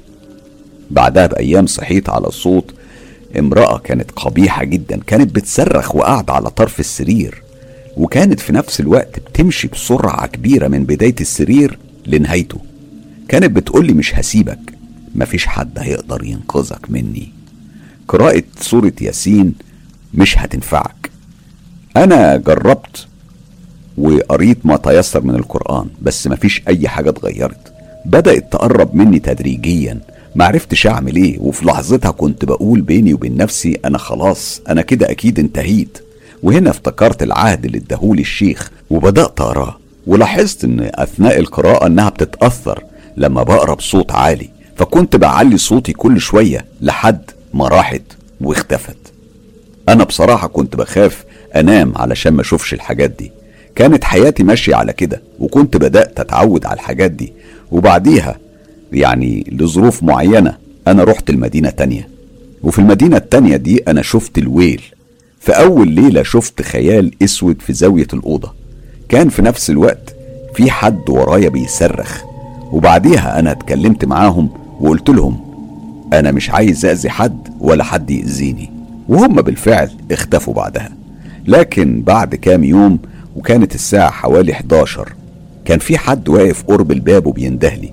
أنا رحت عليه بس ما شفتش حاجة. بعديها جيت أنام. حسيت كأن في حاجة تقيلة قوي وسخنة في نفس الوقت بتحضني من جنبي الأيسر لحد ما إيديا الشمال تقلت. مع العلم إن أنا كنت نايم على جنب اليمين. وبعدها لقيته حضني بقوة. كانت أضلاعي بتدخل في بعضها. بدأت أعيط وأصرخ بس زي كل مرة. ما كانش فيه رد. دي كانت من أصعب التجارب اللي مريت بيها. كمان في يوم من الأيام أنا صحيت لقيت شكل قصر زي القصور القديمة وكان في واحد كان كل اللي موجودين في المكان بيركعوا له. لما شافني قال لي أنا ناصور ابن إبليس. قلت له طب وأنا مطلوب مني أعمل إيه؟ قال لي أنا عايزك تكون دراعي اليمين وهنعمل شغل سوا. قلت له بس أنا مش عايز أشتغل معاك. كان بيحاول إنه أنا أشتغل معاه بس كنت عند رأيي. بعدها بدأ يغريني بالفلوس والنساء وجميع مغريات الدنيا. بس أنا بدأت أردد آيات أنا حافظها وهنا بدأت أشوف أشكال غريبة دواير ومثلثات ومخطوطات غريبة كان فيها كلام مش مفهوم. وهنا وبعد مدة اكتشفت إن دي طلاسم تحضير. بعديها كان بيجيني حد في النوم بيعلمني كلام وحاجات أنا ما كنتش بفهمها. بس لما كنت بصحى على طول كنت ببقى فاكرهم. وأكيد اللي فهمته بعد كده إنها تمائم وتعويذات وأقسام تحضير. فكنت معرفتش يعني معرفش أعمل إيه. ورحت بعديها لصديق ليا كان أبوه بيفهم في الكلام ده. وقلت له على كل حاجة بتحصل معايا بالتفصيل. فقال لي أنت ربنا بيحبك علشان كده بعت لك الشخص ده علشان يحرسك ويعلمك طريق الحق. أما اللي كان بيجيلي في النوم ده عبارة عن شيطان عايز ياخدك لطريق تاني. واداني طريق إزاي اوقف اللي بيحصل معايا ده. كانت الطريقة ممتازة. لما بقى وصلت لسن 19 سنة كان آخر حاجة شفتها شفت تمساح ما يعلم بيه إلا ربنا. طوله بيكون حوالي عشرين مرة حجم التمساح. حجمه يعني زي ما يكون عمارة بدورين. كان بيحاول يعني إن هو يقرب مني. وأنا كنت بحاول اصلي واعيط واصرخ بس زي كل مرة ما كانش في حد بيصحى. بعد ساعة تقريبا وهو بيحاول بدأت أقرأ سورة ياسين وبعدين مشى. بعدها أنا شفت ضفدع كان أكبر من الفيل يمكن تلات أضعافه وكان كأنه بيجر قطر كبير. حسيت في لحظة إن روحي بتطلع مني فضلت أعيط وأصرخ لحد ما حلقي وجعني بس زي كل مرة. ما كانش في حد بيرد. بعد عشر دقايق انتهى كل شيء. فضلت على الوضع ده أكتر من ثلاث شهور مفيش حاجة بتجيني بس كنت بشوف الجن والشياطين بجميع أشكالهم وكنت بشوف مساكنهم وكل شيء. لما وصلت لسن 21 سنة كنت أنا الشخص الوحيد بين أصحابي اللي ما بخافش من حاجة اسمها جن وشياطين. وفي ليلة كنت قاعد بقرأ الورد بتاعي وظهر لي أطياف لونها أبيض. بعديها دخان ملا الأوضة وفجأة ظهر شخص من العدم. بصراحة الشخص ده كان جميل ونضيف وكان بيبتسم. سلم عليا ورديت عليه السلام قال لي أنا اسمي كاف. أنا ما أقدرش أقول اسمه لأسباب شخصية وقال لي أنا ملك ملوك الجن. ووراني إزاي أحضره وإزاي أصرفه. كنت بحضر جميع أنواع الجن وده بصرف يعني وإزاي بصرفهم كنت بعرف إزاي إن أنا بصرفهم. وإزاي أجيب السحر وإزاي أفكه؟ هو عرفني على أكتر من ألفين شخص من الجن فيهم ملوك وأمراء وملكات وأميرات. من ضمنهم كانت بتجيني واحدة جميلة جدا بتلبس فستان أحمر ولابسة غوشتين من الذهب. أنا عمري ما شفت زيها. كان في خاتم ذهب كانت كمان بتلبسه دايما وكانت لابسة شبشب كعب على لون الأحمر. صراحة كانت جميلة قوي. كانت كلمة جميلة بسيطة في حقها. هي قالت لي أنا عايز أتجوزك. هو أنا رفضت على طول لكنها كانت مصرة على الموضوع بس أنا أصريت على رأيي. بعدها هي مشت. قمت حضرت الشيخ وسألته عنها. قال لي دي بنت الملك الأحمر هي من الجن السفلي ودي ممكن تاخدك لطريق سيء جدا. أوعى تتفتن بيها. أنا فعلا سمعت كلامه. وكانت بتجيني بشكل مستمر بتحاول معايا وأنا كنت عند رأيي.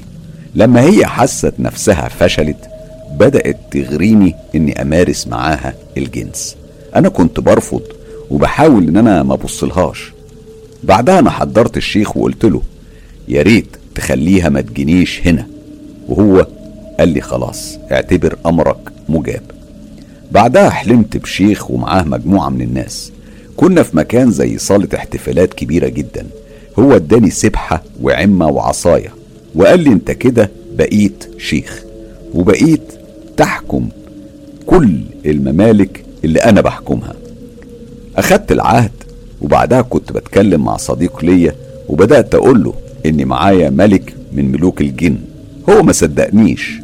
على طول كنت أنا بدأت أطلع الأسرار وهو كان قايل لي ما أقولش لحد. بالليل جالي وقال لي يلا بينا عندنا محكمة. أنا بالفعل رحت معاه المحكمة. كان في ثلاثة من القضاة وفي ست كانت قاعدة على يمينهم كانت بتقول وبتصرخ بصوت عالي لازم يتقتل. وكان الشيخ بيقول لأ إحنا هنحكم عليه بحجب مؤقت. واتحكم عليا بحجب سبع أيام. الحجب هنا مفيش أي حد من الجن اللي معايا يتواصل معايا لحد ما المدة دي تنتهي. ولو كسر القوانين بيتسجن لمدة عشر سنين ده أقل واجب. وبعديها جالي وقال لي هاخدك لمكان جميل. أنا رحت معاه كان المكان زي القرية. بيته كانت زي البيوت اللي هناك يعني كانت زي البيوت القديمة. بنيانها كان من طين. وهناك صلينا مع بعض الصبح. كان بيوديني أماكن زي الجنينة. نقعد كلنا ونحكي ونضحك ونتبسط. مع العلم إن المحكمة والأماكن اللي كان بيوديها لي كلها كانت في النوم مش في اليقظة. دي طبعا كانت قصتي مع ملك ملوك الجان اللي كنت بتحايل معاه أكتر من شهر علشان يوافق أحكي القصة دي. وهو وافق بس بشرط إن في بعض المعلومات أقوم بإخفائها وإن أنا ما أذكرش أي حاجة عنه هو شخصيا لأن ده ممكن يمثل آه، مشاكل ليا أنا شخصيا. والله على ما أقول شهيد. الفتى الطائش فينا بيحكي عن التجربة زي ما عاشها وطبقا لمشاعره. مسألة بقى آه، التكذيب والتصديق دي مسألة شخصية بترجع لكل واحد فينا بيسمع القصص دي. لكن أنا بعد ما سمعت الصيان وعلى مدار 25 حلقة بقى عندي استعداد كبير قوي إن أنا أصدق كتير جدا من اللي أنا بسمعه. أصدقاء المرعوبين للناس اللي تحب قصص الرعب القصص اللي تخوف.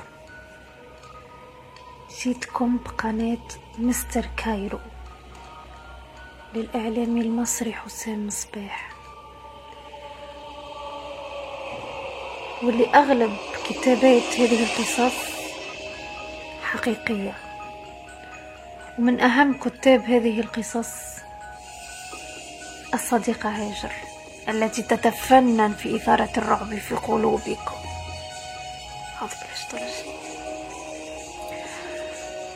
فإذا تحبوا يعني تستمتعوا بالرعب وبال ولا ما يجيكمش النوم تحبوش ترقدوا في الليل تحبوا تمشوا وتغزر هكا وراك وجنبك. عليكم بهذه القناة. اسمع هبة الله. هبة الله من أصدقاء مستر كايرو المميزين. والحقيقة هي كانت بعتت لنا تجربة من فترة والنهاردة هتبعت لنا تجربة تانية عاشتها هي وأخوها. وأنا هسيبكم مش هتكلم. يعني مش مش هشرح أكتر من كده. هندخل في الموضوع على طول ونسمع هبة الله وهي بتكمل آه، حكايتها أو بتحكي لنا تفاصيل جديدة وتجربة عاشتها هي وأخوها.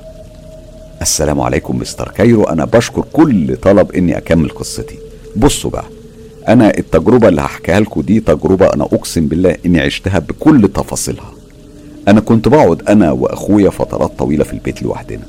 كنت دايما بشوف ساعة الحائط اللي كان فوقها راس غزالة متحنطة. كنت بشوف كائنات صغ- صغيرة على العقارب وأقسم بالله إني كنت بشوفها. كانت طالعه نازلة على عقارب الساعة. بعد الواقعة دي أو بعد التجربة دي بفترة سافرنا العراق وتحديدا سافرنا في منطقة اسمها الحلة في محافظة بابل. كان جنب بيتنا في ساحرة وكنت دايما وأنا راجعة من المدرسة تقف على الباب وتقول لي أنا عاوزاكي؟ أنا كنت بجري. وكانت أمي دايما تحذرني من الكلام مع الغرباء لحد ما جيت مرة لقيتها عندنا في البيت ولقيتها مصاحبة يعني صاحبة أمي بس أمي عمرها ما راحت ليها. في مرة لقيتها بتقولي تعالي ودخلت عندها لأنها خلاص ما بقتش غريبة بالنسبة لي دي بتيجي تزور أمي. لقيتها حاطة أكتر من مية برص أقسم بالله رصاهم فوق بعض. يعني حطاهم فوق بعض وعايزاني أدوس عليهم. بصباع رجلي اليمين. يعني عايزة بصباع رجلي اليمين تحديدا أدوس على روس البورس ده اللي هم الميت بورس. أنا قعدت أعيط وأصوت لكن جوزها كتفني ومسك رجلي وداس على راسهم. كنت سامع صوت تكسير عظام راسهم وحسيت بيه. أنا لو فضلت أقول من هنا لمئة سنة قدام أنا قد إيه كنت خايفة وقرفانة. محدش ممكن يستوعب ابدا مشاعري اللي عشتها في اللحظات دي. روحت لامي منهارة وقلت لأمي وأمي على طول راحت لها وبهدلتها. لكن الساحرة قالت لها بنتك زوهرية ومحتاجة لفتح بصيرة. طبعا لا أمي فهمت ولا أنا فهمت. كان قرار أمي إن إحنا نعزل من المنطقة دي. وفعلا إحنا عزلنا ورحنا الحمزة الشرقي المدحتية لأني عانيت في البيت ده من أرواح شريرة. البيت كان طابقين أرضي ودور فوق والحمام كمان كان مصبوب بصبة أسمنت في الأرض يعني مفيش سيراميك. الحمام كان عبارة عن دش وبلاعة بس. ال toilet كان موجود خارج المنزل ككل البيوت في العراق. في الوقت ده المهم يعني كنت بدخل الحمام واسمع أصوات غريبة. الصبة الأرضية كانت بتتنفخ وكنت بشوف ظل مخيف. في الفترة دي أنا كنت طفل عندي 8 سنين فكنت بخاف أستحمى وخاف أعدي من جنب الحمام والصبة الأرضية كانت بتتكسر يعني كان يصبها أبويا شهرين وتنكسر تاني. والدي كان جايب كلب صغير وكان دايما الكلب ده بينبح. ويجي جنب الحمام ويجري ويعمل صوت بكاء وينزل ودانه من الخوف. فبابا بقى يربطه بره في حوش البيت. الكلب ده كبر معانا وفي مرة في عز الظهر في وقت القيلولة أمي كانت بتطلع مية للكلب وأكل. لقت الكلب بيزوم على الديوانية. الديوانية دي في العراق عبارة عن مجلس الضيافة. حسيت ان أو ماما يعني حست إن في حد دخل المجلس. فتحت المجلس ودخلت ما لقتش حد. بس أمي حست إنها دخلت في تلاجة وبتقول إن جسمها أشعر. طلعت بعدها تدي الأكل للكلب لكن الكلب اللي هي مربياه زام عليها وعض إيديها.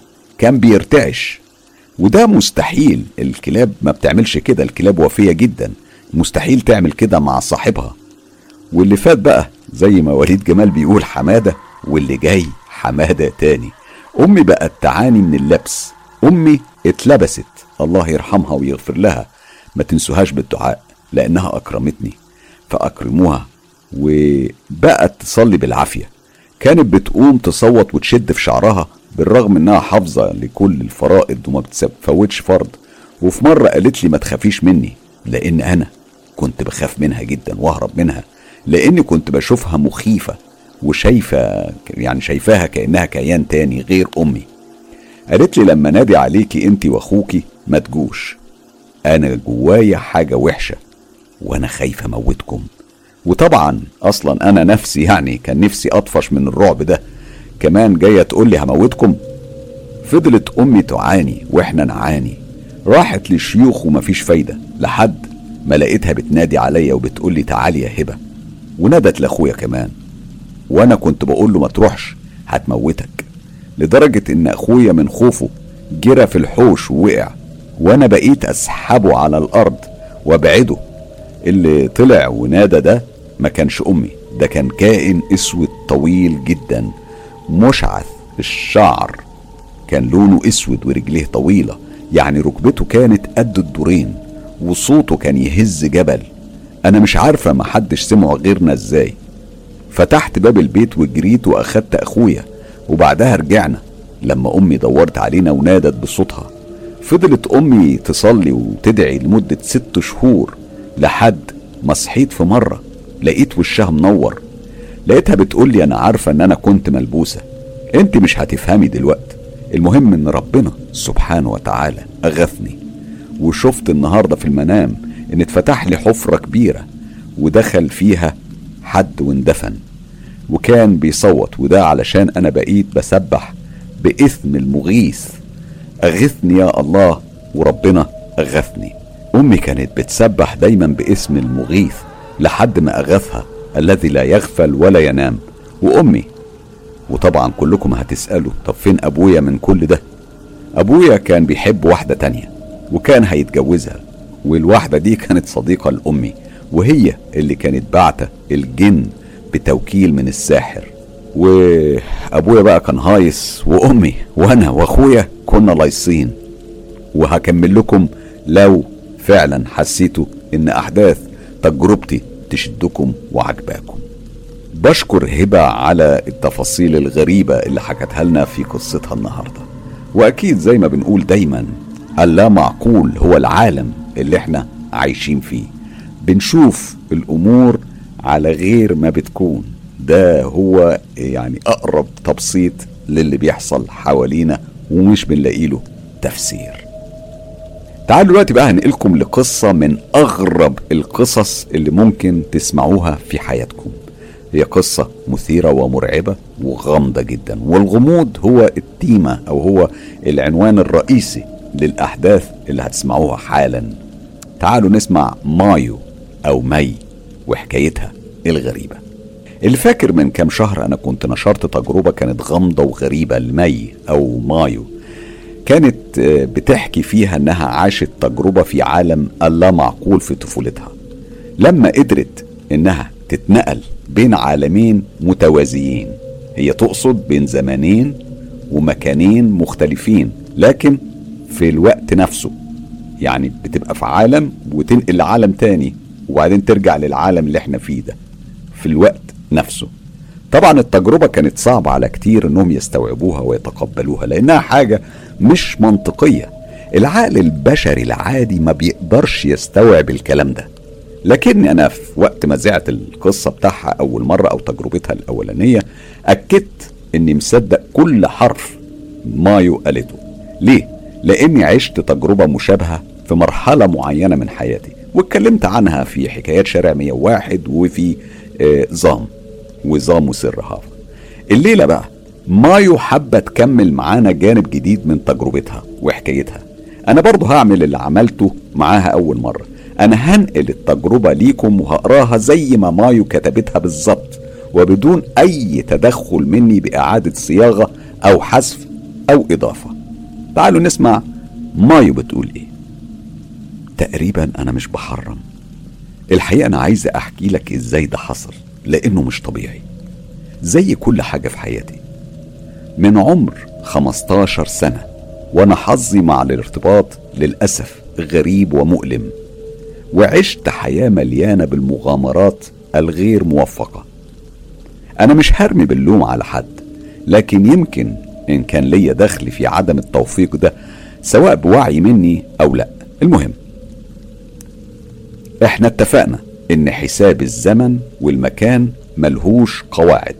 فخلينا نتفق إن الحكاية دي قاعدتها الوحيدة إن مش هيكون ليها قواعد أو تسلسل زمني أو منطق.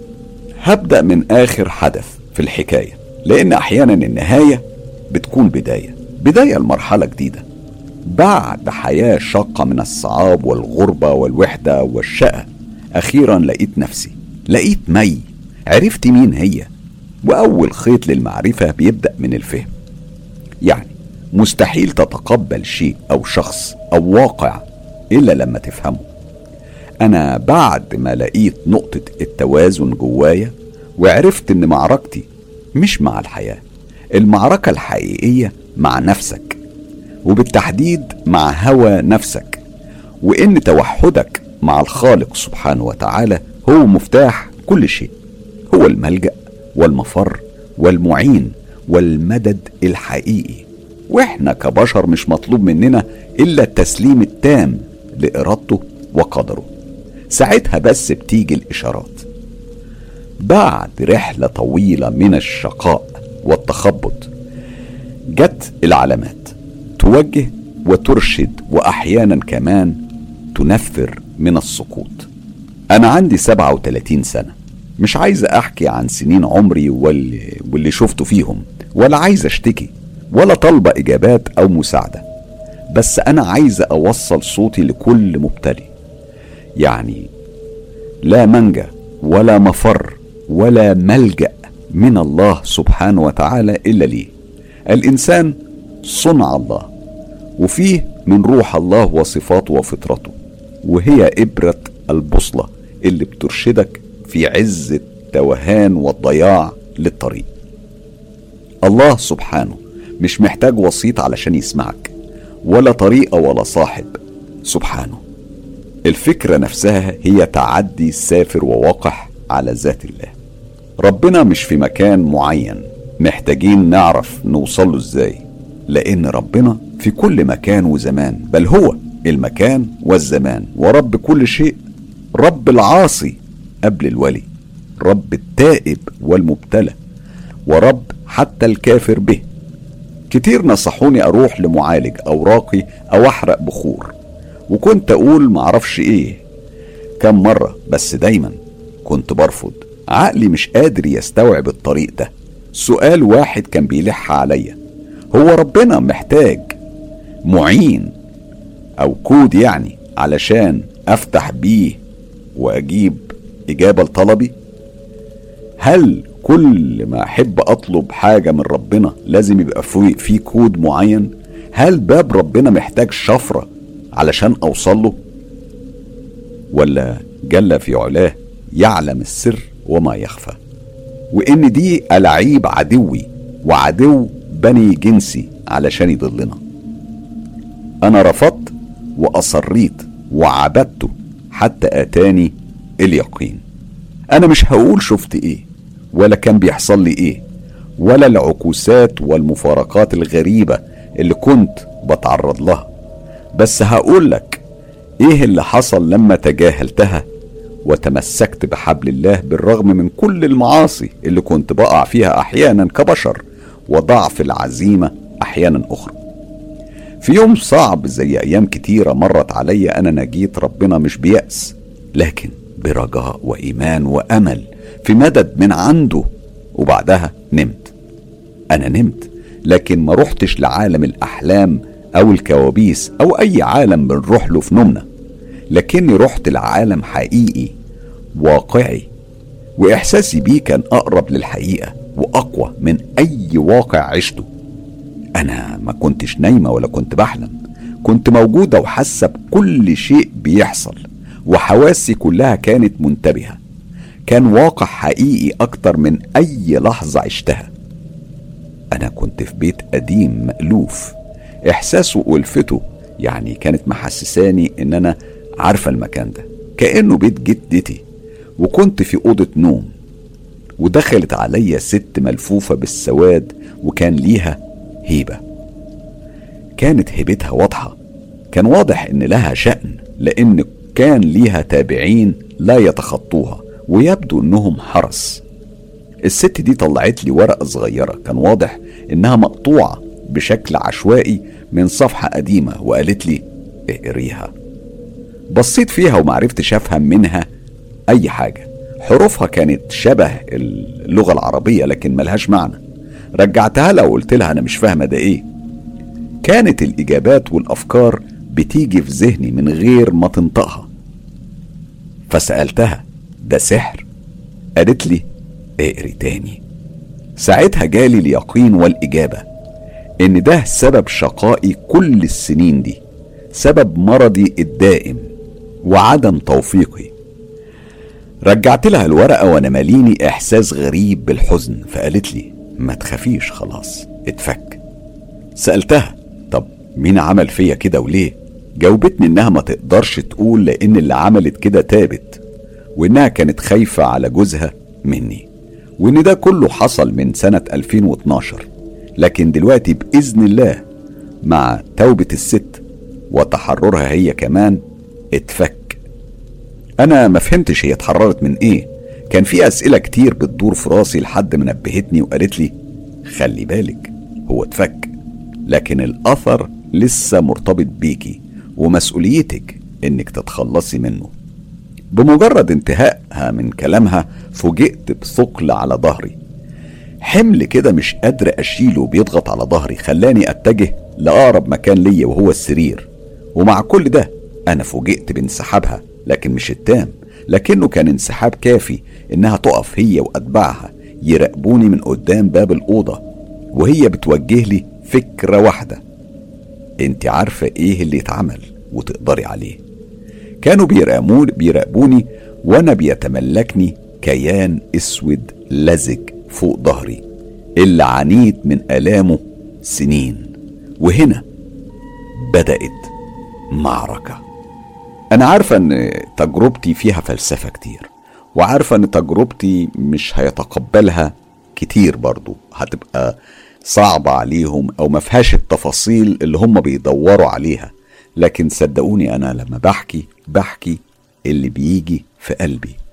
أنا بحكي بكل صدق وبكل صراحة ما بخبيش حرف واحد.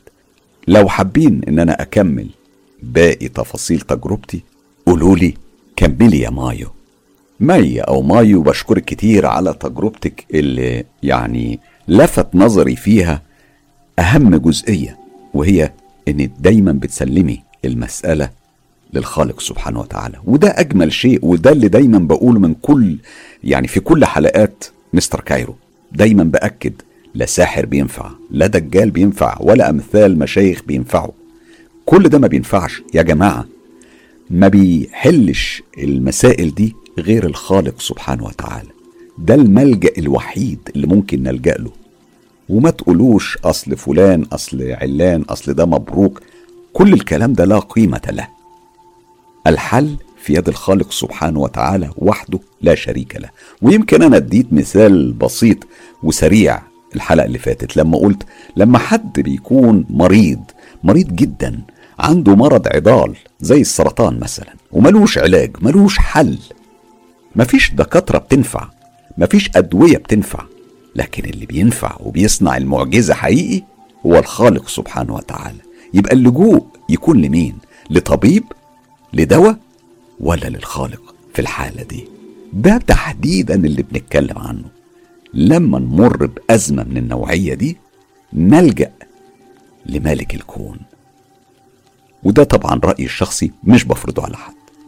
مرة تانية بنرجع للألم الذهبي إيمان حسن المبدعة. وصياغتها الجميلة.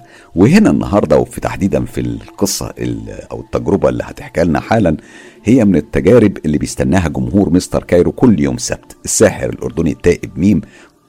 وطبعا الساحر الأردني التائب آه، دايما كل يوم سبت بيطلع لنا آه، تجربة جديدة يكون حد يعرفه مر بيها أو هو شخصيا مر بيها. النهاردة هيحكي لنا تجربة حقيقي مثيرة غامضة ومخيفة. وبرضه تعتبر من ضمن اللا معقول اللي إحنا بنسمعه في حلقة الليلة. السلام عليكم ورحمة الله وبركاته. تحية طيبة وعطرة لمستر كايرو وكل فرد في عيلة مستر كايرو الجميلة خلينا نبدأ على طول ونقول بسم الله. خليل شاب في أوائل الثلاثين من عمره كان بيشتغل في تصليح الأجهزة الكهربائية. هو عازب وكان مقضي حياته في الرحلات بيأجر عربيات مصاريف كتير يعني. هو كان عايش حياته بالطول والعرض لغاية لما تعرض لحادثة حادثة سير خلاه قاعد في البيت لمدة شهرين كسور وردود وجروح. المهم بعد ما خف جاله واحد صاحبه اسمه إبراهيم. كان بيشتغل في مجال شركات الأمن وعرض عليه يشتغل معاه في نفس الشركة اللي بيشتغل فيها. وافق خليل وفعلا اتقدم للوظيفة وبعتوه لمكان شغله الجديد. المكان ده كان عبارة عن هنجر كبير مقفول محجوز عليه من البنك وكان شغله في الليل لغاية الصبح. المرتب اللي كان بياخده كان كويس. وفي أول ليلة من شغله اتعرف على زميله اللي بيقف مكانه في النهار. وعرفه على كل حاجة وفضل يقول له ده الحمام الخاص بينا. وهنا مية الشرب ودي أوضة الأمن الخاصة بينا. وقال له إنه بيقفل باب الساحة اللي قدام الهنجر وقال له كمان وأوعى تفتح الباب لأي حد مهما كان حتى لو كنت أنا بنفسي.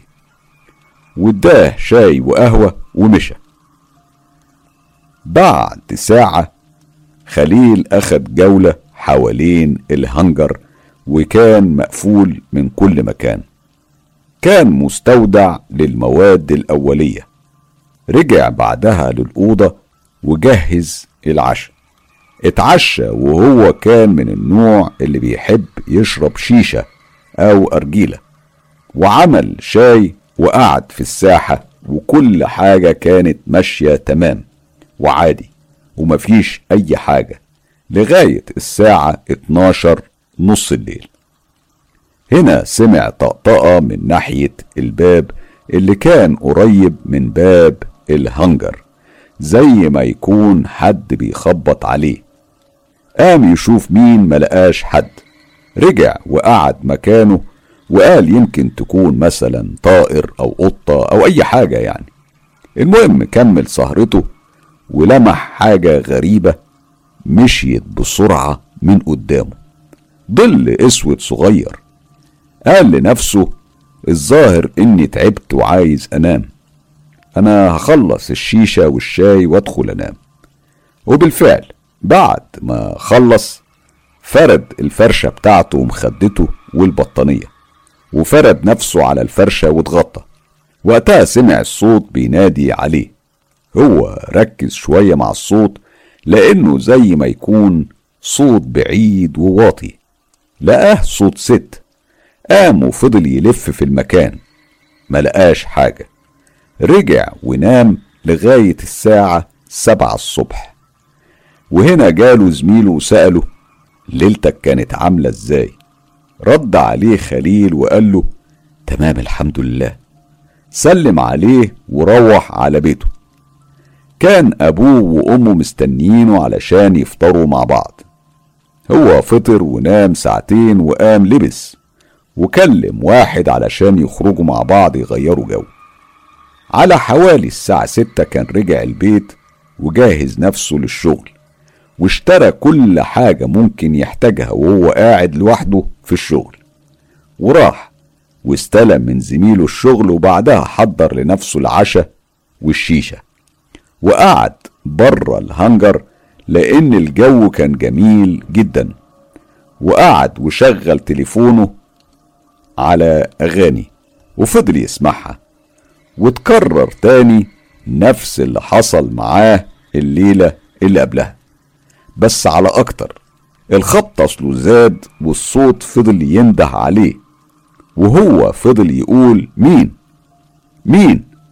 لكن مفيش حد رد عليه. وهو قاعد لاحظ إن خياله اللي طالع من نور الأوضة كان خيال كبير وشكله غريب. هو بص وراه لكنه ملقاش حاجة. سمع زي همس الهمس كان بيقول خليل خليل خليل خليل. وفضل ينده هو ينده ويقول مين؟ مين هنا؟ مين اللي بي... مين اللي بينده اسمي؟ وفي اللحظة دي هو فعلا خاف من اللي بيحصل. كان بيقول لنفسه هما مين دول؟ مين اللي بيناديني ده؟ فاتصل بزميله وحكاله اللي حصل. رد عليه زميله بصوت متردد وقال له لا ما تقلقش انت شكلك بس عايز تنام ولا حاجة ولا يمكن يكون بيتهيألك بس زي ما قلت لك إياك تفتح الباب لأي سبب أو لأي حد. وقتها حس خليل إنه يعرف حاجة ومخبي عليه ومش عايز يحكي عنها. دخل الأوضة ولما دخل الأوضة عين خليل جت على أرقام تليفونات كتيرة وأسماء وبعدها نام لحد الصبح. لما حضر زميله سأله خليل هي الأسماء والأرقام دي بتاعت مين؟ وقتها طلب منه زميله إنه يقعد وقال له اسمع خليل كل الأسماء والتليفونات دي كانوا شغالين هنا قبلك لكنهم ما كانوش بيطولوا في الشغل يعني. كان كبيرهم شهر أو اتنين وبيقدموا استقالتهم. رد خليل عليه. طب ليه؟ هو إحنا هنا بنحرس إيه بالظبط؟ زميله بسرعة قال له المكان اللي أنا وأنت بنحرسه ده مسكون وحصلت فيه حاجات كتير زي الأصوات اللي بتسمعها والخبط. هنا رد خليل وقال طب والخيالات والهمس؟ أنا حسيت بيهم. لكن خليل بعد اللي عرفه اتحدى نفسه وقال انه هو محتاج للشغل. ومش هينفع إنه يسيبه. وقال كمان إنه هيشغل قرآن أحسن من الأغاني. وفعلا عمل كل حاجة وبدأت الأمور تهدى شوية بشوية. بس كان بيسمع صوت ضعيف لما بيخرج يتمشى بره الهنجر الصوت ده كان صوت عياط. كان بيفضل يبص شمال ويمين وينادي ويقول أنا عارف إنكم موجودين حواليا. أنتوا عايزين مني إيه؟ ما تسيبوني في حالي. سمع الصوت بيرد عليه وبيقول له أنا هنا جوه الهنجر أنا محبوسة. حررني وهكون ليك خدامة. رد خليل أحررك؟ أحررك من إيه؟ وأنت مين؟ ردت عليه وقالت له أنا روحان من بنات الجان. اسمع حررني وأنا هطيعك في كل حاجة أنت عايزها. سكت خليل وفكر هي ممكن تديله إيه وهي كأنها قرت أفكاره وقالت له أنا أقسم لك إن أنا صادقة معاك. رد خليل عليها طيب أنا إزاي أحررك؟ أنا أنا ما أعرفش آه، عايزاني يعني أفتح لك الباب ولا أعمل إيه بالظبط؟ أنا مش فاهم قصدك. ردت عليه بصوت ناعم مجروح. تحت العتبة في حجاب متخيط بخيط أحمر.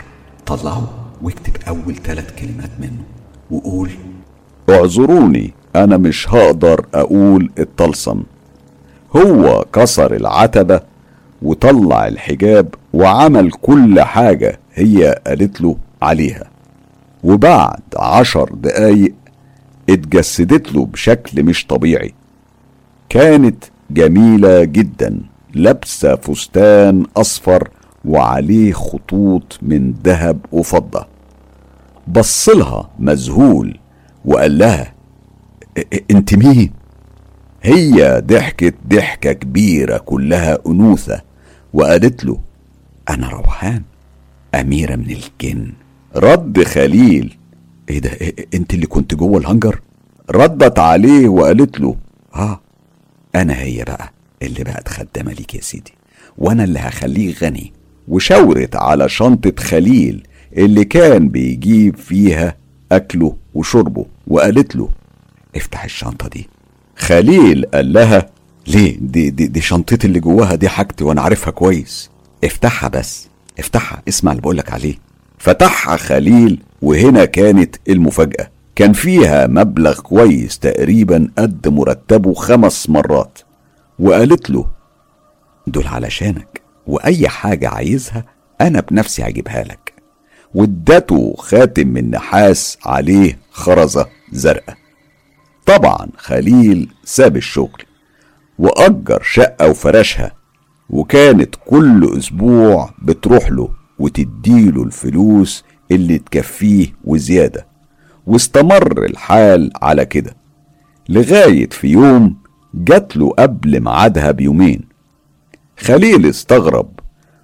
هي قالت له أنا كنت بخدم شاب اسمه سند وعملت له كل حاجة بس طلب مني طلسم ملكة الجن سارة. فأنا خفت وقلت له مقدرش أنا أخاف منها تحبسني أو تقتلني. هو زعل وقال لي على جميع الأحوال أنت مأمورة مني وأنا عايز الطلسم علشان سارة ضليعة في سحر الأنساب ولما أنا رفضت حبسني وطلسم المكان لغاية ما أنت جيت. وعلى فكرة أنا حبيتك. إيه رأيك بقى نتجوز؟ اتفاجئ خليل وقال لها إزاي يعني نتجوز؟ وهو ينفع؟ أنت جنية وأنا من البشر. يعني مستحيل ده يحصل. ما تخافش أنا هكون ليك زوجة صالحة ومخلصة. وسيبك بقى من الناس وكلامهم مصلحتك أهم. طب طب طب طب خليني أفكر. فكر وبعدها نادي عليا. بس انت لازم تعرف ان أنا حبيتك وحب اعيش معاك. بعد يومين من التفكير على فكرة في اليومين دول ما شافش النوم غير أربع ساعات. قام باستدعائها وجت وسألته ها فكرت؟ أه أه أنا موافق بس بص بص بص خلاص بكرة بالليل أنا هجيلك ومعايا أهلي علشان يباركوا جوازنا. وهجيب معايا كل حاجة مطلوبة يعني. بس انت هات معاك بخور. وقالت له على اسم معين كان بخور ريحته نتنة. وعلشان كده خليل استغرب ليه البخور ده بالذات؟ هو ما حطش في دماغه وشغل البخور اللي كانت ريحته زي العفن وحاجة فظيعة واستدعاها. بعدها حس خليل بحرارة جامدة جدا جوه الأوضة وغاب بعدها عن الوعي. بعد ساعة صحى لقاها في السرير وهو جنبها. فاق وفضل يسأل أنا فين؟ أنت معايا. حس خليل إن جسمه كله عرق. قام وأخد دش وكان عايز يشرب قهوة وهي زي ما تكون قرت أفكاره عملت له القهوة. خرج يشوف أهله وهو في الطريق شاف ست عجوزة. الست دي شاورت له بإيديها راح لها وقال لها أيوة يا حاجة أقدر أساعدك في حاجة؟ بصت هي بصة غريبة وقالت له اتقي الله أنت واقع وقعة مش سهلة. طبعا خليل استغرب وقال لها انت تقصدي إيه؟ مين ده اللي واقع؟ وقعة مش سهلة انت بتتكلمي عن مين؟ هي ردت عليه وقالت له انت بتكلم عنك انت. أيوه انت عارف مراتك اللي معاك دي تبقى مين؟ دي من أخبث بنات الجن. هتيجي في يوم وهتخليك تخسر أعز الناس عندك. سابته بعدها ومشيت. وفضل خليل قلقان وفضل يسأل نفسه طب هي عرفت منين؟ وإيه مصلحتها إنها تقول لي الكلام ده. رجع على بيته وعمل قهوة وولع الشيشة وقعد في البلكونة يفكر في اللي حصل والكلام اللي سمعه من الست العجوزة. بعد ساعة حضرت روهان وكان باين على وشها القلق. سألها خليل أنت مالك في إيه؟ وشك مخطوف كده ليه؟ لا لا لا مفيش حاجة. انت شفت مين في الطريق وانت رايح لأهلك النهاردة؟ لا أبدا ولا حد. ضحكت ضحكة مش حلوة وكررت نفس السؤال عليه. خليل هنا حس إنها عارفة فرد عليها وقال لها أنا شفت واحدة ست عجوزة وقالت لي كلام غريب بس بس صدقيني أنا أنا ما صدقتهاش. على فكرة اللي أنت شفتها النهاردة دي مش عجوزة دي روجينا. جنية بتدور عليا. أكيد الساحر اللي أنا كنت بختمه عرف إني اتحررت. وهنا بقى في شرط. علشان روهان تفضل حرة يعني يا إما يتنفذ أو أتسجن تاني أو حتى أموت. إن أنت بقى يا خليل لازم تتسحب للعالم بتاعي أو دمك يكون مقابل حريتي. طبعا خليل خاف وما بقاش يعني عارف يعمل إيه وإيه الحل. وقتها قرر إنه يروح لشيخ أو بالأصح يعني دجال علشان يشوف حل. وهو بيحكي للدجال كل اللي حصل أول ما سمع اسم روجينا خاف وترعب وقال له لا أنا مش هقدر أعمل لك حاجة أنت تخرج بره بيتي حالا. خرج خليل وهو مش عارف يعمل إيه. يعني روهان ولا روجينا هو في النص. فكر ساعتها إن روهان قررت تضحي بيه. راح على أهله وهو خايف ومرعوب وأهله فضلوا يسألوه هو أنت ساكت ليه؟ وفيك إيه؟ ما كانش على لسانه غير كلمة واحدة أنا خلاص هموت. وحكى لهم على كل حاجة. أبوه بعدها فضل يدور على حد يحل المشكلة وفضل يسأل ويسأل لحد ما دلوه عليا اتصل بيا وحكالي كل حاجة وفعلا أنا رحت له. هو لما شافني فضل يصرخ ويسب ويتوعد. كان بيقول أنا مش هخرج منه. سيبوني أنا بحبه. هي كانت من نساء مرضة الجن المطرودين من عالمهم. تخيل المارد طبعا شيطان شرس قذر. فما بالك بالمطرودين منهم. حضرت اللي معايا وبدأت المعركة الشرسة. رفض وعصيان ولأول مرة كانت بتغلبني. وكل ما كنت أذكر الاسم الكبير كنت أسمع يعني حقارة في الأسلوب. كان أسلوب قذر وخبيث. أنا طلبت من أبوه إن إحنا نرتاح شوية. ونرجع تاني لأن ده أصبح تحدي ما بيني وبينها. قعدت أفكر إيه الحل. استأذنت منهم ساعة ورحت على البيت قعدت وحضرت كفر كيان وسألته إيه الحل. قال لي بسيطة انت روح للبيت وحضرني هناك؟ دي لازم تتحرق. وفعلا أنا رجعت. ولما رجعت كان خليل في الساعة دي وضعه بقى أسوأ بكتير. ضرب وصريخ كان ملى المكان. بعدها حضرت حكيم الجن وسبته معاها وبعد ربع ساعة خرجت واتجسدت على حيطة في البيت. أنا وقفت وطلبت من كفر كيان إن هو يقف ويوقف اللي بيعمله. وقلت لها انت بتفكري نفسك إيه؟ ودعيت بالدعوة بالاسم الكبير. وقتها هي اتحرقت وتحولت لعمود دخان. أيوه عمود دخان. هي كانت صعبة أنا بعترف إنها ما كانتش سهلة أبدا أبدا. كل الشكر للساحر الأردني التائب ميم اللي بيأكد وأنا معاه كمان بأكد إن الاستعانة تكون بالله سبحانه وتعالى. الساحر هنا بيحكي على تفاصيل أيام لما كان بيشتغل في الدجل والشعوذة. فبكل تأكيد إحنا بنرفض كل الوسائل دي وبندعو الناس إنها تلجأ لله سبحانه وتعالى وحده لا شريك له. أنا ملاك. لو لسه فاكريني يعني اعذروني إني بغيب عنكم. بقصص حياتي الغريبة اللي لسه ما خلصتش. لكن صدقوني أنا نفسي ما بقيتش عارفة نفسي. أنا كان لازم أكمل لكم قصتي عشان أقول لكم حاجة واحدة إن فعلا مفيش ملاذ للإنسان في الحياة غير إنه يتمسك ويتعلق بالله سبحانه وتعالى. مهما كانت المغريات في البدايات النهايات حتما بتكون مؤلمة ومظلمة. أنا هبدأ لكم من بعد ما كبرت شوية. وعدت علينا فترة مش كبيرة كنا نقلنا فيها من البيت اللي كنا سكننا فيه أول مرة. وماما كانت وقتها اتعرفت على جارتنا اللي كان ليها كرامات. أكيد افتكرتوها. المهم إحنا اتنقلنا لبيتنا الجديد الجميل وأنا كنت وقتها في المدرسة. أنا على فكرة كنت بحب المدرسة جدا لكني كنت بخاف دايما من الامتحانات.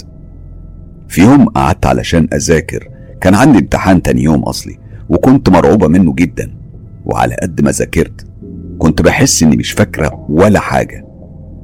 ويوميها أنا نمت وفي المنام حلمت بشخص جميل الشكل. جالي وسألني مالك يا حلوة بتعيطي ليه؟ أنا رديت عليه وقلت له إن أنا عندي امتحان بكرة وإني خايفة. أنا طبعا يعني خايفة لأني مش فاكرة ولا حاجة من اللي ذاكرتها. لقيته بيقول لي ما تخافيش أنا هساعدك. لما سألته إزاي قال لي تعالي معايا. أنا هوريك الامتحان والأجوبة وإنتي تحفظيها كويس قوي وفعلا لقيت نفسي في الحلم وكأني في الفصل وقدامي كانت ورقة الأسئلة. هو طبعا إداني الإجابات اللي حفظتها بالحرف. لما صحيت تاني يوم كنت مذهولة مش عارفة إيه الحلم الغريب ده. رحت المدرسة ودخلت الفصل. وكأني بشوف الحلم بيتكرر بكل تفاصيله. وجات اللحظة المخيفة قوي بالنسبة لي. ورقة الامتحان. المفاجأة لقيت نفس الأسئلة. هي هي. أنا كنت في حالة ذهول لكن في نفس الوقت أنا كنت فرحانة. ومن كتر ما أنا كنت مستغربة خفت حد من زميلاتي يلاحظه ويلفت نظر المدرسة ليا. فبصيت في ورقتي وبدأت أجاوب. لكن المرة دي أنا كنت بجاوب بكل ثقة وتركيز وطبعا النتيجة لما طلعت كانت أعلى الدرجات. ساعتها فرحتي ما كانش ليها أي حدود. وفضل الحال على كده لحد ما خلصت مدرسة وكمان الجامعة. الراجل الغريب الحلو الملامح ده كان بيجيلي في الحلم ويديني الإجابات لكل أسئلة الامتحانات. لحد ما اتخرجت من الجامعة بتفوق. ومش بس كده ده كمان كان بيلبي لي كل طلباتي واحتياجاتي ايا كانت هي إيه أكل شرب لبس. وزي أي طفلة بريئة ما تقدرش تكتم سر خصوصا عن أمها. حصل إني رحت لماما وأنا فرحانة وقلت لها ماما عارفة أنا أنا إنسانة محظوظة جدا جدا بجد. أنا أنا عندي في حد يعني شخص خفي بيعمل لي كل اللي نفسي فيه. وحكيت لها عن مواقف كتيرة من اللي حصلت معايا. ماما طبعا ضحكت وما كانتش مصدقاني وقالت لي طيب يا حبيبتي خلي الشخص الخفي بتاعك ده يجيب لنا خروف محشي رز ويكون سخن ويا ريت بقى معاهم شوية فاكهة. أنا رديت بفرحة الأطفال وكأني بضحك مع ماما وقلت لها تصدقي أنا كمان نفسي في الأكلة دي. وبالفعل على الساعة 2 بالليل. يعني توقيت مستحيل حد ممكن يخبط على حد فيه. لقينا الباب بيخبط. كان واحد صديق لبابا. كان جاي وجايب معاه اللي ماما طلبته بالظبط. الأكل كان سخن وريحته لذيذة. تجوع الشبع يعني تجوع الشبعان. ماما اتخضت وقتها واتفزعت. وفضلت تبص بذهول. ما كانتش مصدقة عينيها. لكن أنا ضحكت وقلت لها ما تخافيش يا ماما. أنا مش لوحدي. هو على فكرة بيعمل لي كل اللي بطلبه. ومرت الأيام. المدرسة خلصت وجت أجازة الصيف وفي يوم كنت نايمة على حوالي الساعة 4 الفجر صحيت على أصوات على باب الشقة. قمت بصيت على أهلي لقيتهم كلهم في سابع نوم أنا مشيت لحد باب الشقة وبصيت من العين السحرية وهنا لقيت أجمل منظر ممكن طفلة تشوفه في حياتها كلها. أنا شفت أشخاص صغيرين شكلهم غريب زي الأقزام بيلعبوا وبيضحكوا ومبسوطين. أنا حبيت قوي إن أنا ألعب معاهم وفتحت الباب فجأة من غير تفكير لكنهم اختفوا لما ظهر النور. رجعت قفلت الباب وبصيت تاني من العين السحرية لقيتهم رجعوا يلعبوا ويضحكوا تاني. ساعتها أنا فهمت وابتديت أروح ألعب معاهم كل يوم بعد الساعة 3 الصبح. بس والدنيا ضلمة. هم كانوا أصحابي وأنا كنت بسميهم أصدقاء الظلام. عدت الأيام وكبرت. كبرت أحلامي معايا بقى عندي 18 سنة. كنت طول السنين اللي فاتت حاسة إني أكتر إنسانة محظوظة في العالم كله. لحد السنة دي. في السنة دي أنا قابلت حب عمري وجوزي اللي ربنا سبحانه وتعالى توفاه في سن صغير. جوزي اللي كان في نظري أعظم إنسان في الدنيا السند والطيبة وكل المعاني الحلوة اللي بتتمناها أي بنت في شريك حياتها. كل الحاجات دي كانت فيه هو. جوزي رحمة الله عليه بالرغم من إنه كان أكبر مني ب 18 سنة إلا إني ما شفتش أي حد في الدنيا يملى عيني زيه عشان يكون شريك لحياتي. بعد ما اخدنا القرار إن إحنا نتجوز بدأت المشاكل. كأن العالم كله كان مستكتر علينا الفرح والسعادة. في الأول أهل جوزي وخصوصا أمه كانوا رافضين جوازنا بسبب الفرق الكبير في السن لكن لأنه هو كان بيحبني ومتمسك بيا قدر يقنعهم بجوازنا. لكن هم من جواهم كانوا لسه رافضين. وللأسف أنا ما سلمتش بعد كده من أعمال السحر والشر في حياتي بسببهم. واسمعوا بقى اللي حصل. ربنا أراده من أول يوم إني أحمل. عصام جوزي لما عرف كان طاير من الفرح والسعادة. السعادة كانت مش سايعاه بجد لكن أهله كانوا مليانين حقد وكره لوجودي في حياته. في الأول بدأت الكوابيس تطاردني. كوابيس مخيفة ومرعبة وكأنها حقيقة. في يوم حلمت بنفس الشخص اللي كان بيظهر لي في أحلامي وأنا صغيرة وبيلبي طلباتي. لكن المرة دي ما جاش علشان يفرحني. كان جاي علشان ياخدني. أيوة. أول ما ظهر لي قال لي أنت بتاعتي أنا ليا أنا. أنا طول عمري جنبك بحاول أسعدك وأعمل لك كل اللي نفسك فيه. أنت لازم تيجي معايا. أنا طبعا رديت وقلت له لا أنا أنا دلوقتي متجوزة وبحب جوزي وحامل. ابعد عني أرجوك. رد عليا بكل عصبية. لا. انت ليا أنا. ومن النهارده جوزك ده مش هيقدر يقرب لك. تعالي معايا وأنا هوريك اللي عمرك ما شفتيه. وأنا تلقائيا رحت معاه. أخدني تحت الأرض ورحت لعالم غريب ومرعب لمجرد إنك بس تفكر فيه. ولحد النهارده أنا مش قادر أصدق إني كنت في العالم ده. لكن أقسم لكم إن ده هو اللي حصل. لما نزلت معاه شفت أهله وعشيرته. أشكالهم كانت غريبة مش عارفة أوصفهم بإيه. أمه كانت لسه والدة مولود جديد لكن شكله كان مرعب. ودانه طويلة ومدببه وعينيه كانت كبيرة قوي. تحس إنها هتقع من مكانها. ما كانش بيعيط ولا بياكل زي أطفالنا. كمان كان فيه سفرة طويلة لكن عليها نوع واحد من الأكل. عزم علي علشان آكل. وأنا اعتذرت له وقلت له إن أنا شبعانة فضل ياخدني ويفرجني على أماكن كتير في مملكته. كان بيوريني محلات وبيغريني بكل حاجة. كل شيء غالي ذهب وغيره. لكن أنا ما كنتش قادرة أكون معاه. أنا كنت عايز أرجع لجوزي وبس. قعدت أفكر وأدور على حل. وزي اللي حس باللي جوايا فجأة لقيت نفسي بصحى من نومي مفزوعة وبدون مناسبة بضرب جوزي الحبيب. ألم شديد على وشه قام منه مفزوع. أنا كنت بصرخ وببكي كأني دخلت في هستيريا عصبية وجوزي قعد يهديني ويطمني. لكن من بعد الحلم ده جوزي ما كانش بيقدر يقرب لي. كنت دايما ببعده عني من غير سبب مع إني كنت ببقى مشتاقله لكن جسمي كله كان بيتنفض كل ما كان بيقرب مني. جوزي حاول كل اللي يقدر عليه. جاب شيوخ وشغل قرآن وكان دايما بيشغله في البيت على طول لكن الغريبة إنه كان كل ما بيحط شريط القرآن في الكاسيت الكاسيت كان بيقف زي اللي باظ ولما أجي أشغل أغاني كان بيشتغل عادي جدا. الحقيقة دي كانت فترة صعبة قوي في حياتنا. أنا عايز أقول لكم حاجة الأذية لها يوم وبتترد على صاحبها. الحكايات دي جايز تكون مسلية أو مجرد مخيفة للي بيسمعها لكن هي في الواقع أخدت من صحتي ونفسيتي كتير قوي قوي فوق طاقة البشر. أحداث مرعبة ومرهقة. أحلى أيام عمري حسها ضاعت في حرب مع كائنات من العالم الآخر. عارفة إنه عالم صعب نصدق وجوده كبشر لكني بأكد إنه موجود وما نقدرش ننكره.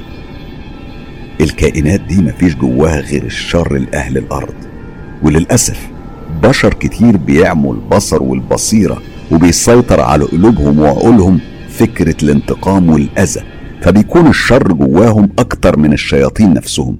لكن في النهاية ربنا سبحانه وتعالى هو القدير على حمايتك ورعايتك من كل الشرور.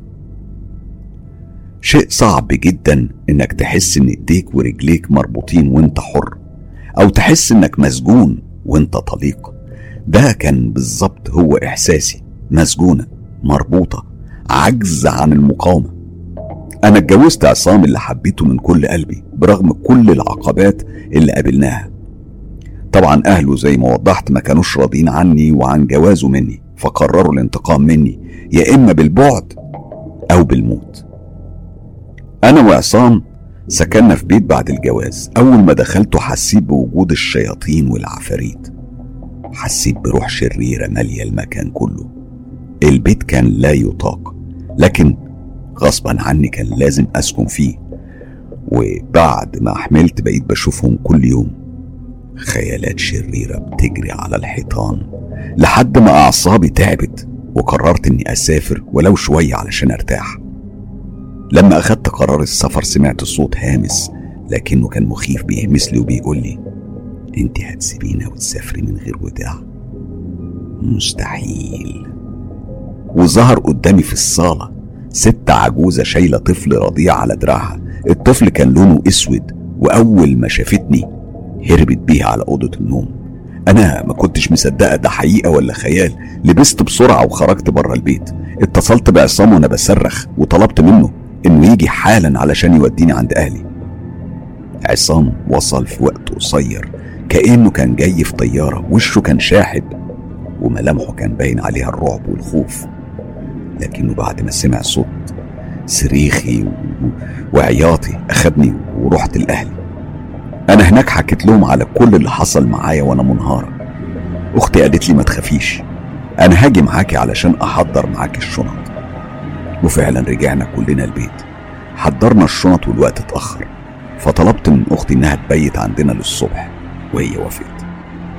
بالليل أختي وعصام ناموا. وأنا أنا كنت خايفة أنام. مع الضلمة بدأت أشوف الخيالات من تاني بتجري في البيت. أنا حاولت أتجاهلها وأنام لكن طبعا نومي كان كله قلق وأحلام مزعجة ومخيفة. تاني يوم صحيت بدري لأني أصلا معرفتش أنام. أما عصام وأختي كانوا لسه نايمين. قلت لنفسي خلاص أقوم أحضر اللي ناقص وأحط الشنط على الباب. وأنا بحط آخر شنطة على الباب. سمعت صوته. أيوه هو. الجن. الجن اللي سلطوه عليا ظهر قدامي. طويل أسود. دراعاته طويلة وعينيه حمرة زي الجمر. وقال لي خلاص هتسافر يا حبيبتي. أنا تنحت وعينيا وسعت. كنت ببص عليه بتركيز لكن بخوف. وفجأة حسيت بصعقة كهرباء مسكت في جسمي كله من راسي لرجلي. أنا صرخت بصوت عالي. الصوت ده صح جوزي وأختي لكن الجن اختفى. حكيت لهم على اللي حصل. وفضلوا يهدوني وبعد ما هديت شوية بدأت أجر في رجلي جر علشان كان لازم ألحق الطيارة وأسافر. تصميمي على السفر كان أكتر من الأول وبالفعل سافرت. قعدت بره ثلاث شهور ورجعت قبل ميعاد ولادة بنتي واتولدت غنوة. غنوة بنتي الجميلة البريئة ومش هتتخيلوا أبدا هي نفس الطفلة اللي ورهاني الجن الصغير الجميل قبل كده. بعد ولادة غنوة بدأ مشوار الأذى الحقيقي. كانوا بيظهروا لي كل يوم وكانوا بيقولوا لي جملة واحدة يا تعملي اللي بنقولك عليه يا هنقتلك وهنقتل بنتك. أنا كنت برد وبقول وانتوا عايزيني أعمل إيه؟ وكان الرد هو ابعدي عن جوزك لازم تسيبيه. أهله للأسف كانوا عاملين لنا سحر بالفرة بس أنا كنت برفض وبقاوم أنا بحب جوزي بحب عصام ومفيش قوة على الأرض أو تحت الأرض هتخليني أسيبه غير الموت. أنتوا ليه مستكترين علينا الحب؟ ليه بتكرهوني؟ بتكرهوني وأنا بحب ابنكم. أنا كنت دايما بفكر بالشكل ده. كنت كمان ببكي طول الوقت. في يوم أخدت بنتي ورحنا بيت أهلي ونسيت أخد معايا لبنها. فطلبت من أختي وأخويا يروحوا بيتي يجيبوا اللبن وشوية حاجات من هناك. وراحوا دخلوا البيت. أختي دخلت المطبخ علشان تشوف اللبن وأخويا وقف عند باب التلاجة ولسه هيفتحها. حس بواحد من ظهره مسك شعره بقوة بقى يشده ويسحبه في اتجاه باب الشقة علشان يخرجه. أخويا كان بيصرخ وأختي عمالة تجري وراه وتصرخ هي كمان لحد ما خرجوا هما الاتنين. الاتنين فضلوا يصرخوا وعلى طول اتصلوا بجوزي وبعدها اتصلوا بيا.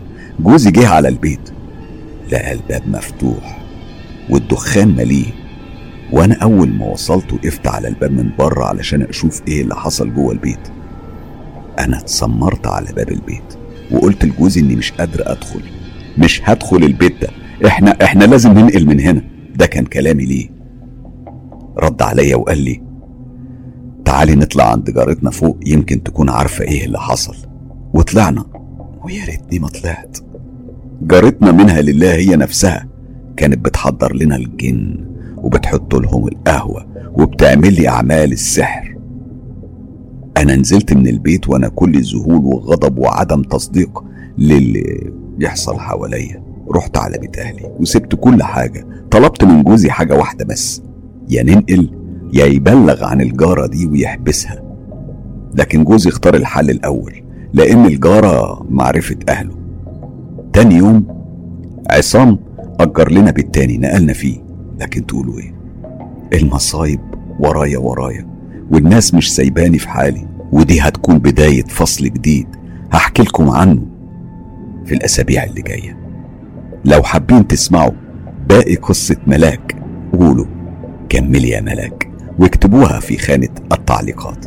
طبعا بشكر شيري فرج على مجهودها في إعادة صياغة القصة بالشكل الأدبي اللذيذ اللي استمتعت وأنا بقرأ أشكرك. شيري فرج. التجربة دي تجربة صغيرة. بيحكيها لنا محمد زغيب. محمد زغيب من أصدقاء القناة واللي حابب إن هو يشاركنا بتجربته. أنا هقرأ لكم الرسالة زي ما بعتها حرفيا. هي رسالة من سطور قليلة لكنها بتقول كلام كبير قوي. محمد بيقول السلام عليكم أستاذ حسام. أنا كنت حابب أحكي لك قصتي بس أنا لسه ما أخدتش الإذن يعني لازم أخد الإذن بالكلام علشان أقدر أحكي. بس أنا هحكي لك اللي كان بيحصل معايا قبل ما أدخل عالم الجن. أولا أنا زوهري مفتاح الكنوز. أول حكاية حصلت لي كانت وأنا في سن عشر سنين.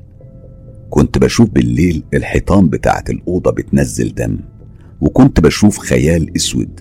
وكان الخيال ده دايما يطلب مني إني أنط من البلكونة. وكان دايما بيحصل إنه يقرب مني بس زي ما يكون في حاجة منعانا من إن إحنا نشوف بعض. يعني كنت بشوفه كخيال ما بشوفوش زي ما بشوفه دلوقتي. طبعا الموضوع ده كان بيتكرر معايا. لحد ما في يوم أنا قررت أروح وأطلع على سور البلكونة زي ما بيطلب مني وأنا كنت عامل زي ما أكون مغيب عن الوعي. وبالفعل رحت قعدت على منشر الغسيل. وهنا لقيت صوته في وداني بيقول لي ارمي نفسك. وفجأة لقيت الخيال بيتبخر زي الدخان.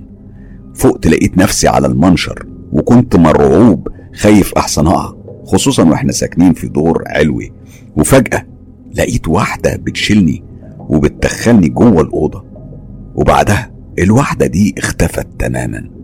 أنا جريت صحيت والدتي وقلت لها على اللي حصل. قالت لي أنت كنت بتحلم ومفيش حاجة من دي. وقتها أنا قررت إن أنا أنام معاها وبدأت أشوف الست اللي كانت دايما بتكون مرافقاني في كل مكان وكنت دايما أحكي لماما عليها وهي تقولي دي تهيؤات. لغاية في يوم لما كنت بلعب ووقعت الفازة واتكسرت أمي ضربتني ضرب جامد جدا يوميها لدرجة إني زعلت منها قوي. وفي نفس اليوم بالليل كان الباب بيخبط. كانت تروح تفتح لقت واحدة على الباب بتقول لها لو ضربت محمد تاني هزعلك وهنأذيكي أمي كانت بتقول لها طب أنت مين؟ سابتها ومشيت وهي ماشية. أمي كانت بتنده عليها بصت لقت رجليها رجل معيز أمي خافت طبعا وحكت لوالدي اللي قال لها علشان تحرمي تمد إيديكي عليه. أمي قعدت فترة طويلة على الموضوع ده ونسيت. وبالفعل ضربتني تاني. بعدها وقعت من الدور التاني في البيت في الشارع من غير ما يحصل لها حاجة. أنا قلت لها إن ده تحذير وإن هما اللي بيحصل ده بيحصل من عندهم لأنهم بيحموني. أنا طبعا أول ما هاخد الإذن بالكلام هحكي بقى كل تفاصيل الحاجات اللي أنا عشتها من سن عشر سنين لحد دلوقتي. لكن قبل ما أختم رسالتي ليك أنا بعت لك صور فيها كف إيدي وهتلاقي عليها كل العلامات اللي بتأكد إن أنا زوهري. أتمنى تكون آه، القصة بتاعتي آه، واضحة وأتمنى إن أنا يسمحوا لي بالكلام قريب علشان أحكي لك باقي حكايتي. أنا محمد زغيب الزوهري مفتاح الكنوز.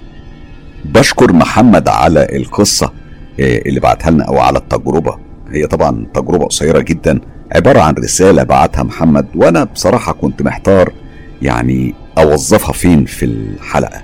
لكن أعتقد إن أنا أقرأ لكم الرسالة زي ما وصلتني هو أفضل طريقة إن إحنا نعرف محمد بيحاول يقول لنا إيه. عموما إحنا في انتظار محمد يرجع لنا بباقي قصصه. وطبعا هكون متشوق جدا إن أنا أعرف تفاصيل أكتر عن الحاجات اللي بيحكي عنها دي لأن مش هو لوحده اللي بيحكي عن حاجات من النوع ده. لو تفتكروا الفتى الطائش اللي زعنا له أكتر من قصة وتفاصيلها قريبة قوي من قصة محمد زغي ده لو كان بيأكد بيأكد إن فعلا لازم يكون في عالم تاني موازي زي عالم صيان الفتى الطائش محمد وغيرهم وغيرهم حتى ملاك القصة اللي سمعناها هتلاقوا فيها برضو تفاصيل قريبة قوي من التفاصيل دي. هل معقولة كل الناس دي اللي ما بتعرفش بعض اللي موجودين في كل مكان في العالم يعني كل الناس دي من جنسيات مختلفة وكلهم بيتكلموا في تفاصيل واحدة قريبة جدا من بعض؟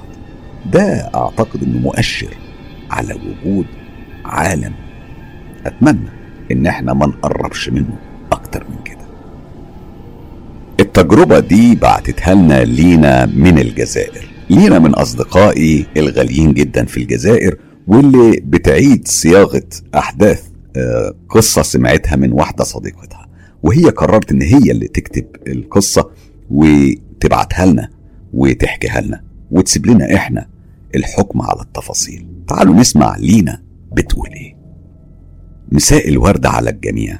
مساء هرفع لكم فيه كمية الأدرينالين في دمكم وهضيف لمسة من التشويق والرعب لحياتكم اللي ممكن تكون في لحظات ما تكون مملة. وأسفة لو كنت هبعدكم شوية عن مشاغلكم بس التجارب الحقيقية دي مش هتحكي نفسها ومش هتليق إلا بقناة مستر كايرو.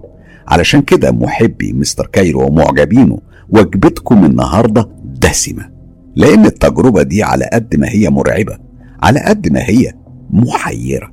التجربة دي حصلت مع بنت أنا لسه متعرفة عليها وزي ما مستر حسام بيقول الفضول خطيئة الإنسان الكبرى. أنا كمان بقول إن الفضول أول باب لجهنم. خلونا نبتدي. رؤية بنت من ولاية غير ولايتي بتدرس في نفس جامعتي. لسه أنا متعرفة عليها جديد. وفي مرة كنا قاعدين بندردش وكنت بحكي لهم عن تجربة أنا سمعتها في قناة مستر كايرو. لما خلصت كلام قالت لي هو أنت بتصدقي الحاجات دي؟ قلت لها أكيد. الجن والعفاريت عالم على قد ما يعني حاولنا إن إحنا ننكر إن هو موجود بيفرض نفسه على العالم. ده عالم بحاله.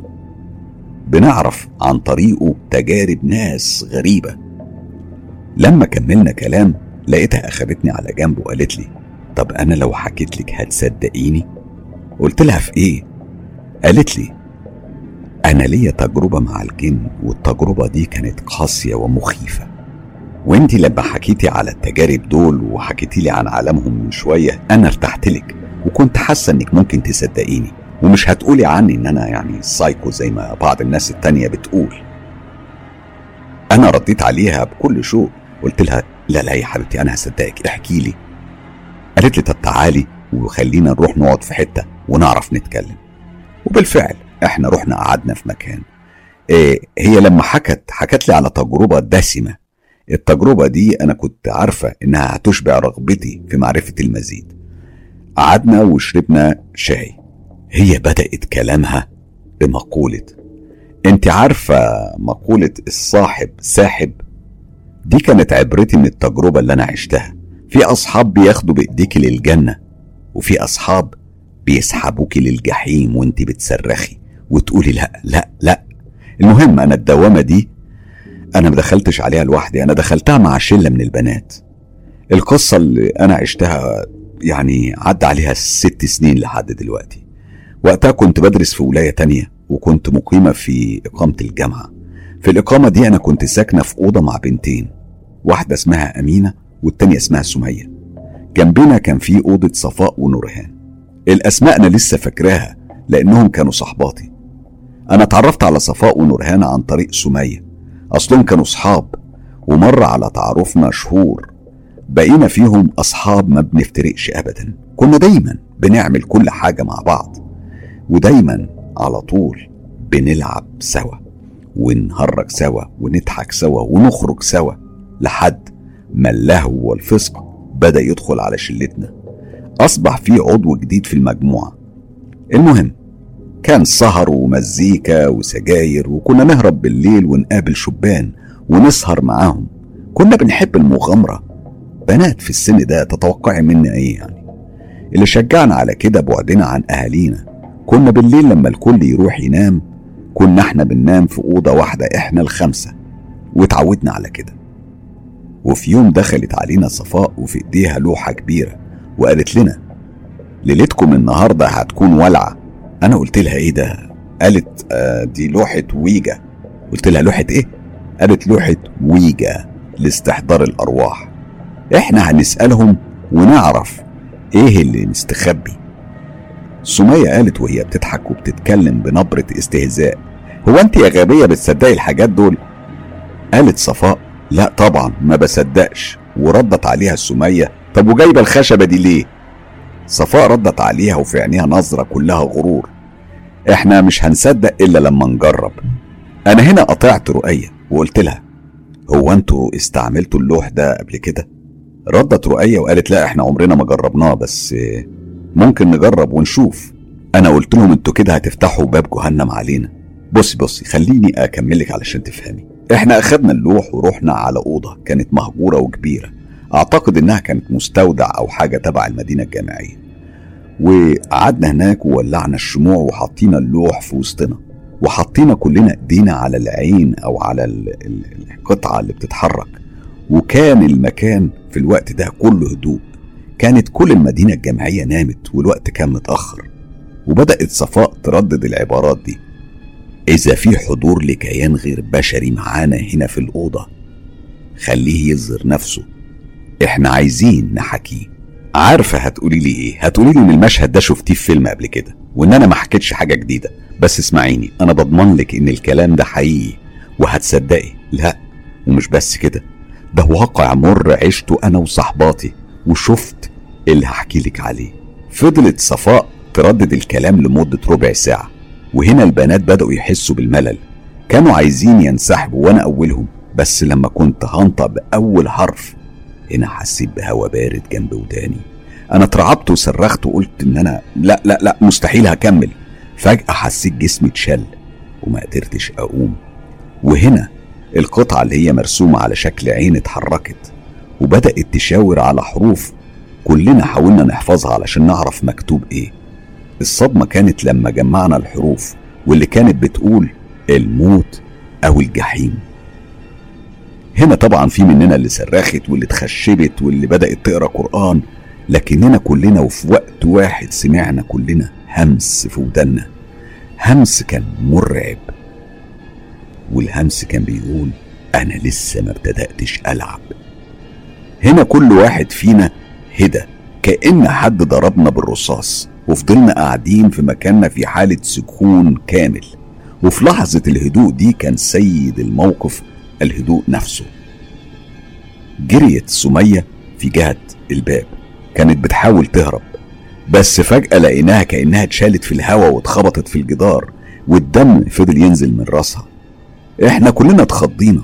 حاولنا نروح لها ونشوفها إيه اللي حصل لها بس زي ما يكون المكان اتهز وصوت شيطاني زلزل المكان وقال أنا جيت ألعب وأنتم مستحيل هتغلبوني. اقعدوا في مكانكم. في لحظة كنا قعدنا كلنا في مكاننا متجمدين وبنعيط. حاطين إيدينا على العين حاولنا نسيره على أمل إن الصبح يطلع وينتهي الكابوس ده أو حد يلاقينا. وبالفعل بدأ القطعة اللي على شكل العين تتحرك وبدأت تشاور على حروف جمعها كان بيتمثل في جملة مين فيكم اللي هتلعب لعبة العين؟ اختاروا واحدة فيكم. إحنا معرفناش إيه هي اللعبة دي. معرفناش مين أصلا هيعملها. وصفاء قالت بصوت عالي. أنا أنا هعملها. إحنا قلنا لها كلنا لا انت بتعملي إيه؟ انت ما تعمليش اللي هو عاوزنا نعمله. إحنا عايزين نخرج من هنا. صفاء قالت هو أنتوا ما سمعتوش؟ مش هيخلينا نمشي. خليني خليني أتعامل. أنا اللي ورطتكم في ده وأنا اللي لازم أدفع الثمن بعد كده صفاء بتقول إنها سمعت همس في ودانها بيقول ارفعي العين وشوفي منها. بس كده الكلام ده قالته لنا صفاء بعد الواقع المهم أنا مش هحرق لكم الأحداث. صفاء قربت وشالت القطعة اللي على شكل العين وقربتها من عينيها وبصت منها. بس هي لما بصت بدأت تصرخ بطريقة هستيرية. جسمها كان بيرتعش بطريقة غريبة. وقعت على الأرض. جسمها كان لسه بيرتعش. عينيها كانت مقلوبة ورغوة بيضة بتطلع من بقها. محدش عارف هي شافت إيه بالظبط. بس كان واضح إنه شيء مرعب جدا. حاولنا نروح لها ونقومها. وحصل لنا زي ما حصل لنا أول مرة لما حاولنا نساعد سمية. وفضلنا كده أنا ونورهان وأمينة. رجعنا إحنا التلاتة على اللوح. وكمان اللوح بدأ يتكتب عليه بس ما كتبش شرط اللعبة المرة دي. المرة دي كتب اسم أمينة وهي كمان همس لها في ودانها وقال أما بقى أنت يا حلوة هترويني من دمك بس أنا عاوز دم الموت. علشان أوضح لكم هو كان عاوز إيه هو طلب منها تقطع شرايينها وتغرق لوحة الويجة بدمها وهي لازم تعمل كده وإلا هنموت كلنا. إحنا هنا طبعا رفضنا إن أمينة تعمل كده. وقلنا له بصوت واحد أنت عاوز إيه؟ وليه بتطلب مننا الحاجات دي؟ هو زمجر زمجرة كانت كفيلة إنها تقطع أنفاسنا وتسلب الكلمات من بقنا. فقررنا إن إحنا نمطله شوية بأسئلة غبية نحاول نكسب وقت لحد أذان الفجر على أمل إنه يختفي. والأذان يحمينا منه. أنا معرفش أنا كنت بفكر في إيه لما حاولت أماطل وأكسب وقت بس أنا كنت عارفة إن لو عملنا زي ما هو عايز هيتمادى وممكن كلنا نروح فيها. أنا هنا استجمعت كل قوتي وقلت له بس على فكرة لو هتلعب إحنا كمان عايزين نلعب ومش هنعمل اللي أنت عاوزه. غير لما تجاوبنا على أسئلتنا. هو قال بصوته الشيطاني أيوه كده هنلعب. قولوا لي بقى عايزين مني إيه؟ أنا قلت له أنا عاوزك تعرف لي بابا مات إزاي. ضحك وقال دي سهلة وبسيطة وزمجر بعدها وغاب شوية وبعدين رجع وقال بنبرة كلها غرور وتكبر. هو أنت مش أبوكي؟ اتزحلق في الحمام وخبط راسه ودمه غرق المكان. قلت لك هعرف. تعرفي دول اللي كانوا هناك؟ استمتعوا جدا بالدم السخن اللي كان نازل منه. أنا قلت له بكل غضب أسكت الله يحرقك. أنا لما قلت كده هو صرخ جامد وقال لي اسكتي اسكتي. وفجأة الله أكبر الله أكبر. ده كان أذان الفجر وهو بدأ يصرخ كأن في حد بيحرقه. امتزج صوت الصريخ بالأذان في صورة مرعبة. وبعدها وفجأة سكت الصوت تماما والهدوء انتصر على العاصفة المرعبة من الأصوات. أنا هنا شلت الشمعة واللوح وقطعة قماش وولعنا النار في اللوحة الملعونة دي. كنا بنزود القماش على النار اللي كان عمالة بتزيد وبتلتهم في اللوحة واتفحمت تماما. واتطفت النار وليلتها بس. وفي اللحظة دي انتهى الكابوس. خرجت أصرخ وأقول حد يساعدنا؟ حد يساعدنا؟ وبالفعل جم الإدارة بتوع الجامعة وساعدونا. وطبعا إحنا أخدنا لفت نظر بسبب الضجة والمشاكل اللي صنعناها في الليلة السوداء دي. البنات اتاخدوا على المستشفى وإحنا طبعا على التحقيق. وحصلت كل الأمور الروتينية وسألونا كتير وحكينا لهم على كل اللي حصل بس للأسف مفيش حد صدقنا لأن لوح الويجا كان كله اتحرق. بس الحمد لله إحنا نفدنا منها. اتسجل المحضر على إنه حادث واللي حصل معانا ده اعتبروه إنه حاجة مش مفهومة أو حاجة استثنائية. وبما إن مفيش حد قدم شكوى ضدي خلاص اتسكرت القضية. إحنا الخمسة تبنا بعد كده. قربنا من ربنا أكتر وتعلمنا إن إحنا لو كنا عاوزين نستمتع أو نخوض مغامرة في مليون طريقة غير عالم الجن. أنا بعد ما سمعت قصتها قلت لها رؤية هو في حاجة شغلاني هو كان إيه الكيان ده؟ وهو حقيقي أبوكي مات بالشكل ده؟ رؤية قالت لي معرفش معرفش هو إيه بس اللي حيرني هو عرف إزاي بابا مات. المهم إن ربنا نجانا بأقل الخسائر. وإن شاء الله يا رب قصتي تكون عبرة لكل الشباب اللي بيحاول إن هو يلعب بألعاب سحر وشعوذة ودجل والحاجات اللي من النوع ده. أنا بعدين قلت لها هي صفاء؟ قالت لكم هي شافت إيه بالظبط؟ قالت لي آه صفاء المسكينة فضلت ست شهور ما تنطقش بولا حرف لكنها فضلت تتعالج عند الدكاترة النفسيين. وهناك هم أكدوا علينا وعلى أهلها إن إحنا نخليها تنسى اللي شافته. هي دلوقتي بتتحسن أما التانيين فإصابتهم ما كانتش خطيرة. يعني الحمد لله عدت. رؤية ما كانتش ضحية من ضحايا لعبة الويجا. رؤية كانت ضحية من ضحايا الفضول. الفضول اللي تسبب في كفر ناس وفي جنون ناس وكمان تسبب في موت ناس. اللي إحنا نعرفه أعتقد يكفينا. علشان كده لازم نفضل بعاد وما نحاولش نعرف كتير لأن الفضول خطيئة الإنسان الكبرى. أو الفضول أول باب لجهنم. افهموها زي ما تحبوا. بشكر لينا على تفاصيل التجربة المرعبة للبنات في المدينة الجامعية. الحقيقة فكرة المدن الجامعية ووجود شباب لوحدهم بدون إشراف من أسرة أو من أهل بتسبب كتير من المشاكل اللي من النوع ده. وأنا قريت في تجارب كتير من النوع ده. أنا نفسي شخصيا وأنا شاب صغير وأنا في الجامعة اتعرضت لحكايات كتير أوعدكم. هخصص لها حلقة كاملة live نحكي فيها قصص مستر كايرو في المدينة الجامعية أو بالتحديد أيام الجامعة. من أصدقاء قناة مستر كايرو منى. منى وأنا مش هقول اسمها بالكامل صديقة عزيزة وغالية عليا بنت بلدي. بنت المحلة الكبرى. الحقيقة منى حكت لنا قبل كده في بعض الحلقات عن لعنة موجودة في أسرتها. اللعنة دي إن بنات العيلة اللي بيموتوا محروقين دايما بيتحرقوا ويموتوا في اليوم الخامس. دي لعنة موجودة في العيلة عندهم ومعرفوش يتخلصوا منها واتوفى بسببها على الأقل ثلاث بنات لحد النهاردة. ثلاث بنات من أجيال مختلفة في نفس الأسرة. منى النهاردة هتحكي لنا عن جانب جديد في حياتها. تفاصيل مخيفة. تعالوا نسمع منى وأنا أحكي لكم بنفس الكلام اللي هي قالته وبدون إعادة صياغة. يعني هحكي كأن منى فاتحة قلبها وبتحكي لكم عن تجاربها مع كيانات العالم الآخر. أهلا بيك صديقي العزيز حسام. أنا هنتهز دلوقتي الفرصة والأولاد في المدرسة. عايز أحكي لك جزء من حياتي أنا وولادي من يوم ما حملت فيهم.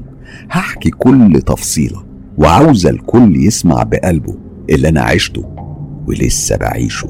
بس قبل أي حاجة أنا عاوز حضرتك تبلغ صديقة عمري علا اللي شجعتني إن أنا أكتب حكايتي بعد ما خليتها تسمع آخر حاجة أنت نزلتها عني.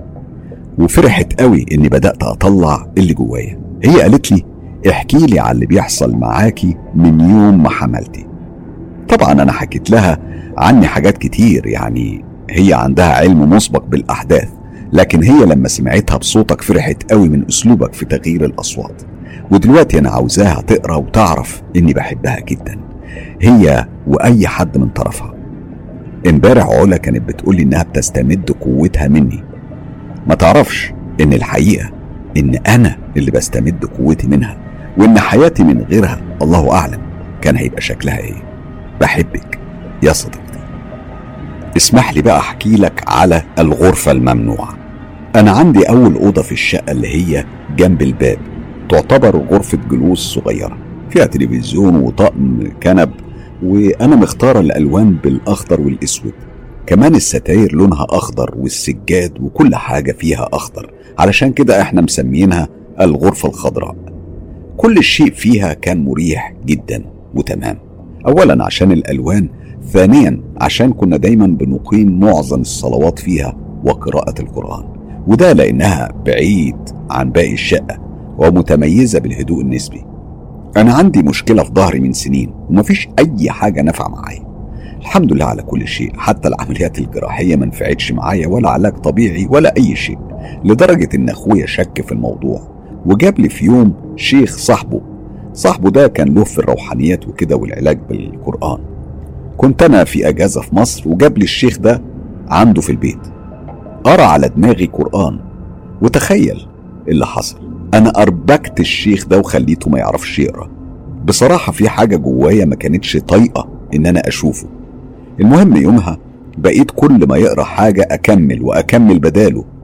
في الآخر قلت له إيه يا عم الشيخ أنت مش عارف تقرأ ولا إيه؟ ولا مش حافظ؟ بصراحة أنا كنت واعية لكل حاجة لكن أنا معرفش أنا كنت بكلمه إزاي كده. المهم هو طلب يشوف كف إيديا. اتريقت عليه وقلت له أنت إيه؟ هتقرأ لي الكف كمان؟ قال لي كمان عاوز أشوف رجليكي من تحت القدم. يعني كل ده طبعا كان في وجود أخويا. المهم بعد ما شاف قعد يقول ما شاء الله. أنا قمت قعدت واتعدلت كده وبصيت في عينيه بكل حده وقلت له أنت ولا شيخ ولا بتعرف أي حاجة. أقول لك حاجة كمان نظراتك ليا بتقول إنك بتشوف فيا إن مفيش ست على وجه الأرض زيي. وفاجئته وقلت له أنا عجباك مش كده؟ الراجل ارتبك ومعرفش يتكلم. قلت له طبعا عاوز رقمي. لقيته عامل زي المنوم مغناطيسيا وقال لي آه أنا ضحكت بطريقة فيها سخرية. وقلت له والقرآن اللي أنت بتقرأ فيه ما تعلمتش منه إن النظرة لست متجوزة سهم من سهام إبليس؟ ما تعلمتش إن عيب تبص لأخت صاحبك المتجوزة؟ والراجل بقى هو وأخويا واقفين يبصوا لي وهم مبرقين ومش مستوعبين حاجة. أصلا كاني واحدة تانية اللي كانت بتتكلم. أنا والله أصلا طبعي خجولة جدا وما بقدرش أكلم حد ولا حتى أبص وأنا بتكلم. وعمري عمري ما بعرف أبص في عين حد غريب عني. قمت وسبتهم. الراجل أو الشيخ ده قال لأخويا أختك ما عليهاش حاجة بس القرين بتاعها اللي كان بيتكلم. واعترف له إن كل كلمة أنا قلتها كانت صح. شوفوا البجاحة. بيقول لأخويا إني عجباه وإنه حبني من قبل حتى ما يشوفني وإن قريني كلم قرينه وهي عرفت اللي جوايا من كده. أخويا كان موقفه سلبي قوي يا دوب قال له دي متجوزة. قال له بس سيبك من كل ده أختك فيها حاجة لو استخدمتها هتساعد ناس كتير قوي. أختك في إيديها ورجليها علامات تشفي من السحر بمجرد بس ما المسحور يبوس إيديها ورجليها. أستغفر الله العظيم. طبعا لما أخويا قال لي الكلام ده أنا زعقت له. وقطعته فترة لسلبيته إنه بيقتنع بكلام فارغ زي ده. أنا بحكي الحاجات دي بس علشان تعرف إن الإنسان من غلبه ومرضه ساعات بيلجأ لحاجات الناس بتقنعه إنها هتساعده وإن ما فيهاش حرمانية وإنها مجرد رقية شرعية وتفيد مش تضر. من ضمن الحاجات اللي الناس نصحوني بيها إني أنام على مرتبة تكون ناشفة. ولو انام على خشب يكون أحسن وده علشان العمود الفقري يتفرد والألم يروح. أنا جربت كل حاجة في النهاية قلت خلاص هنام في الغرفة الخضراء وده لأن طقم الكنب كان جديد وناشف. والنوم عليه كان مريح جدا. وبالفعل أنا ارتحت شوية. لما بقيت أنام فيها وكانت الأمور تمام لحد ما جوزي جاب فيها حاجة غيرت كل شيء. جوزي من الناس اللي بتحب تقتني التحف القديمة. القديمة قوي يعني. وكان بيروح أماكن هنا في فيينا بيسموها Flohmarkt. دي مخصصة لبيع كل ما هو قديم. هو كان دايما يروح هناك ويجيب تحف قديمة قوي وبسعر كويس. كانت دي يعني متعته في الحياة. ومن ضمن الحاجات دي كانت تماثيل لبشر أو حيوانات. هو اشترى أرفف وعلق عليها التحف دي في الأوضة دي. ومن بعدها بقيت لما أدخل أنام فيها وأقفل على نفسي الباب. كنت أحس بعدم راحة وما كنتش بقدر آخد نفسي نهائي. كأن روحي بتطلع. أنا كنت بسمع صوت أو أصوات متداخلة ومهما أقرأ قرآن مفيش حاجة بتتغير. والله والله كنت بسمع صوت البراويز المتعلقة والساعة بتاع الحائط كنت بسمعهم بيقعوا وبسمع صوت الإزاز وهو بيتكسر. ولما أقوم وأفتح النور ألاقي كل حاجة تمام ومفيش أي حاجة. كل يوم نفس الحاجات دي كانت بتحصل. في مرة كنت لسه ما نمتش أصلا لقيت حد لابس أسود. طبعا كنت شايفة بوضوح لأني بقيت بخاف أقفل باب الأوضة وكان نور الطرقة بيبقى منور الدنيا. كان الظلال بتظهر عندي من النور بتاع الطرقة. بصيت لقيت قاعد جنبي وجنب رجلي تحديدا. كيان غريب ماسك رجليا وبيحاول يشد فيا علشان يوقعني من على الكنبة. أنا حسيت وقتها إني متكتفة وقلبي هيقف. فضلت حوالي خمس دقايق مش عارف أقرأ قرآن لحد ما لساني فك وقريت آية الكرسي. وهنا اختفى الكيان الأسود المرعب ده. قلت خلاص أنا مش هنام هنا بالليل تاني أبدا.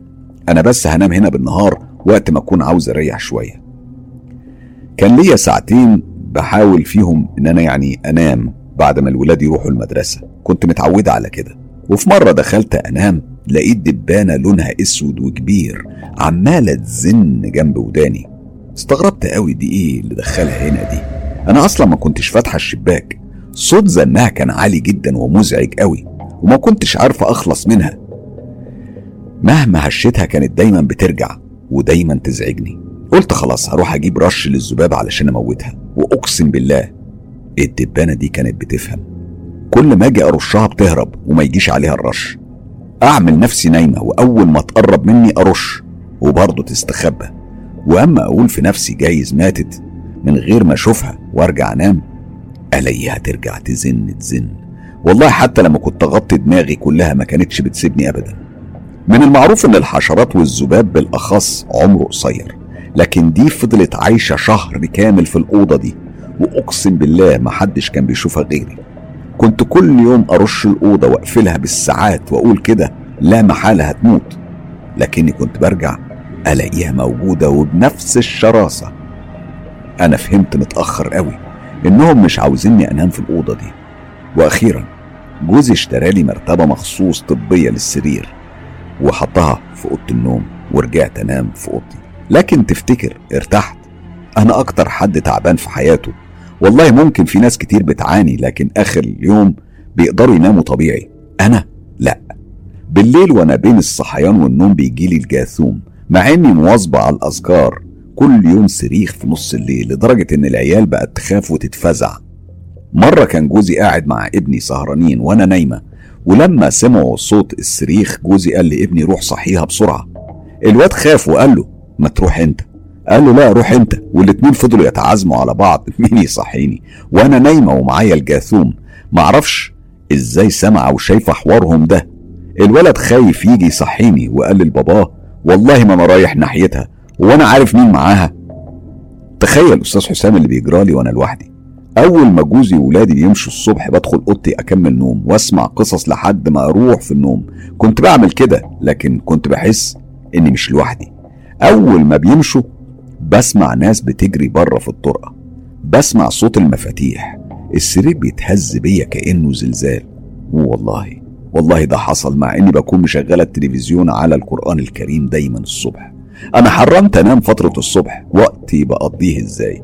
بنزل أمشي في الشوارع في عز البرد من خوفي ورعبي وأرجع على ميعاد رجوع جوزي وأبدأ في شغل البيت. طبعا كل ده مجهود غير عادي خصوصا وإن ظهري تعبان ومحتاجة بعض الراحة علشان أقدر أخدم ولادي اللي خدمتهم مش أي حد يقدر عليها. أكيد فاهمني. شيل وحط وتنظيف تقريبا بعملهم كل حاجة أنا بعملها بنفسي. كل اللي ممكن يجي في دماغك أرجوك ادعي لي وخلي الأصدقاء يدعوا لي إن ربنا يشفيني ويقويني. كمان ادعوا لأبويا وأمي وأختي بالرحمة والمغفرة. عارف يا أستاذ حسام أنا إيه اللي معذبني؟ أنا دايما بحس بالتناقض بحس إن جوايا شخصين شخص بيأمرني بالمعروف وينهاني عن المنكر وشخص بيعذب فيا وعاوزني دايما مريضة ومشتتة شخص بيقول لي احمدي ربنا على كل نعم وشخص عاوزني أميل للهوى والمنكر. يعني في فترة من الفترات كنت أقدر إني أشوف الفنجان وكنت بشوف كل حاجة صح وبشهادة جوزي وأصحابي والناس اللي تعرفني. لكني بلاقي صوت بيقول لي ما تعمليش كده تاني. واعند واقول ده مجرد شيء بعمله للتسلية ومش بتربح منه لحد ما بقت تحصل لي حاجة تمنعني إني أشوف أي حاجة في الفنجان وأشوف مجرد بقايا بن وبتحصل لي دوخة وصداع مجرد ما بحاول أفتحه. شخص بيصحيني للفجر وشخص تاني بيقول لي نامي. شخص يقول لي يلا قومي سيب اللي في إيديكي وقومي صلي واقري قرآن. والتاني يقول لي لو قمتي أنا هأذيكي كل ده بسمعه في وداني. وبرغم الأذى الجسدي واللسعات اللي بحس بيها في كل مكان في جسمي إلا إني بسمع كلام الشخص الطيب في معظم الأحيان. تفتكر ده صوت الضمير اللي جوه كل شخص فينا؟ ولا بجد أنا معايا حد طيب وبيحميني من نفسي الأمارة بالسوء وبيحمي أولادي في بداية حملي بعد ثلاث سنين جواز؟ جوزي ما كانش مصدق إني حامل. السبب إن إحنا لفينا على الدكاترة كتير وكلهم قالوا مفيش أي مانع للحمل بس جوزي كان باصص إن ليا تلات إخوات بنات محدش فيهم خلف. وهو كان فاكر إن الموضوع وراثة عندنا وإن أنا كمان مش هخلف. ربنا يسامحني بقى لإني سمعت كلام حماتي اللي قالت لي يا بنتي روحي الشيخ يشوفك. ولو قال نفس كلام الدكاترة يبقى خلاص نستنى. أنا جوزي كان رافض الموضوع ده رفض تام لكن من كتر الزن على وداني أنا رحت. الشيخ ده كان في بلد أو في مكان في بلد أرياف وبيته كان من البيوت القديمة المبنية بالطوب الني. كان باب البيت أنا لسه فاكراه لونه أخضر وكبير كده من بتوع زمان. أنا لما دخلت لقيت جوه ناس كتير قوي كلهم ستات على رجالة وقاعدين على الأرض. قلت في بالي يا نهار مش فايت أنا هستنى كل دول. ده أنا على ما يخلصوا مش هلاقي مواصلات أرجع بيها المحل.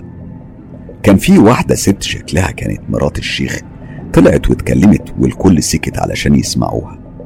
لقيتها بتقول اللي من بلاد بعيدة زي المحلة وطنطا هم اللي هيدخلوا الأول للشيخ علشان يلحقوا المواصلات ترجعهم بيوتهم. بالمناسبة الشيخ ده ما كانش بياخد فلوس خالص وكان بيعالج لوجه الله. أنا قلت لها أنا أنا أنا أنا من المحلة. قالت لي طيب اقعدي هنا. أنا قعدت واستنيت حوالي ساعة ولقيتها خرجت وقالت لي تعالي الشيخ مستنيكي. الشيخ أول ما دخلت لقيته راجل كبير في السن لكن واضح عليه إنه يعرف ربنا. لقيته بيقول لي قولي لي يا بنتي إيه مشكلتك؟ أنا حكيت له إني بقالي ثلاث سنين متجوزة وما خلفتش. قال لي طيب رحت للدكتور يا بنتي أنا أنا ما خليتش حد. ماشي. تعالي اقعدي هنا على الأرض قدامي. حط إيديه على راسي وقرا قرآن شوية كده وبعدها قومي يا بنتي انت ما فيكيش أي حاجة. بس خلي بالك دايما خليكي مع الأذكار. قلت له بقراها على طول ومن صغري. المصحف مش بسيبه ابدا. الحمد لله لازم يوميا أقرأ ما تيسر. ما هو ده اللي مخلي اللي حواليكي متغاظين منك. ومش عارفين يعملوا معاكي إيه. مجرد ما هتبطلي ويلاقوا الفرصة مش هيترددوا أبدا إنهم يأذوكي. وإن شاء الله ربنا هيكرمك بدون تدخل من أي حد. أنا فرحت قوي بكلامه ورحت يوميها وأنا سايباها على ربنا. بعد فترة أختي اقترحت عليا اسم دكتور شاطر. قالت لي طالما مفيش حاجة منع الحمل لا عندك ولا عند جوزك يبقى تعالي للدكتور ده. وتابع عنده فترة التبويض. وربنا يكرمنا. إحنا في الفترة دي كنا في رمضان سنة 2003 فاكراها كويس جدا. كان وقتها رمضان بيجي في الشتاء. كشف الدكتور عليا وقال لي ما شاء الله أنا شايف الوضع كويس. وقال لجوزي بنظرة فرح خد مراتك أنا ماليش شغل أنت بقى يا بطل اللي عليك الدور. ضحكنا يوميها كلنا وروحنا على البيت. حصل بينا اللي بيحصل بين الأزواج وكانت بالصدفة ليلة من الليالي الفردية في أواخر رمضان. أنا استبشرت خير وفضلت طول الليل أصلي وأدعي ربنا إن دي تكون ليلة القدر وربنا ينولني اللي في بالي. نمت بعد الفجر وفي العيد حلمت بطفلين ولاد والشخص اللي كان بيلبس طربوش جه وبشرني. في يوم حسيت بمغص ورحت عملت تحليل حمل. لما النتيجة طلعت جوزي ما كانش مصدق. خدني ورحنا للدكتور اللي قال إني حامل في توأم. طول ما أنا حامل كنت بقرأ قرآن وأحط إيدي على بطني وأرقيهم وأدعي ربنا وأقول يا رب يا رب اجعل ولادي من أهل الجنة. يا رب يا رب يكونوا من عبادك اللي هيدخلوا الجنة بلا حساب. والحمد لله دعوتي استجابت. لما تم الحمل خمس شهور جوزي بعت لي من النمسا دعوة علشان أسافر أولد هناك. أنا كنت فرحان قوي إن أخيرا شملي هيتلم أنا وجوزي. أصل برضه يعني الجواز في بيت عيلة بيكون حاجة صعبة خصوصا لو الزوج مش موجود. قلت بقى خلاص هخلص من المشاكل وأكيد مش هحكي طبعا عن نوع المشاكل دي لأن بجد نفسيتي مش قادرة إني أعيد حاجات مؤلمة. وطبعا دي أسرار بيوت وملهاش علاقة بالجانب اللي قناة مستر كايرو مختصة فيه. أنا بحكي بس الحاجات اللي بتخوف. المهم يا صديقي أنا سافرت النمسا. كان عمري في الوقت ده 23 سنة وكنت حامل في الشهر السادس. أول أسبوع كنت حاسة بغربة لأن دي كانت أول مرة أبعد عن أمي وإخواتي. الشقة اللي جوزي كان عايش فيها كانت في بيت قديم قوي من أيام هتلر. الخشب كل خطوة كان بيعمل صوت تزييق بس كانت كل الأمور طبيعية وكنت مبسوطة مع جوزي. أول مرة نكون لوحدنا بعيد عن المشاكل وضغوطات الأهل.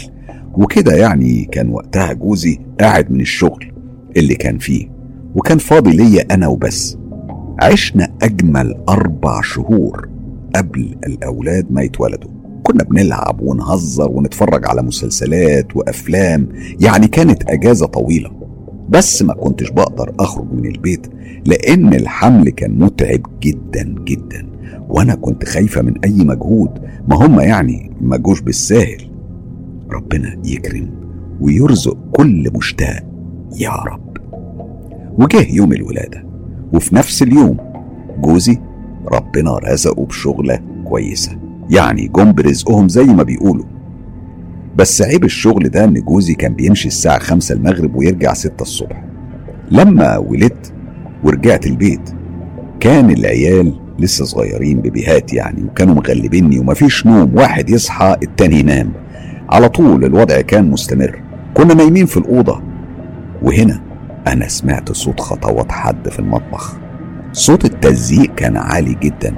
الساعة كانت اتنين بعد نص الليل. أنا قلت في نفسي إيه ده جوزي رجع بدري ولا إيه؟ أنا فرحت وقمت علشان أشوفه.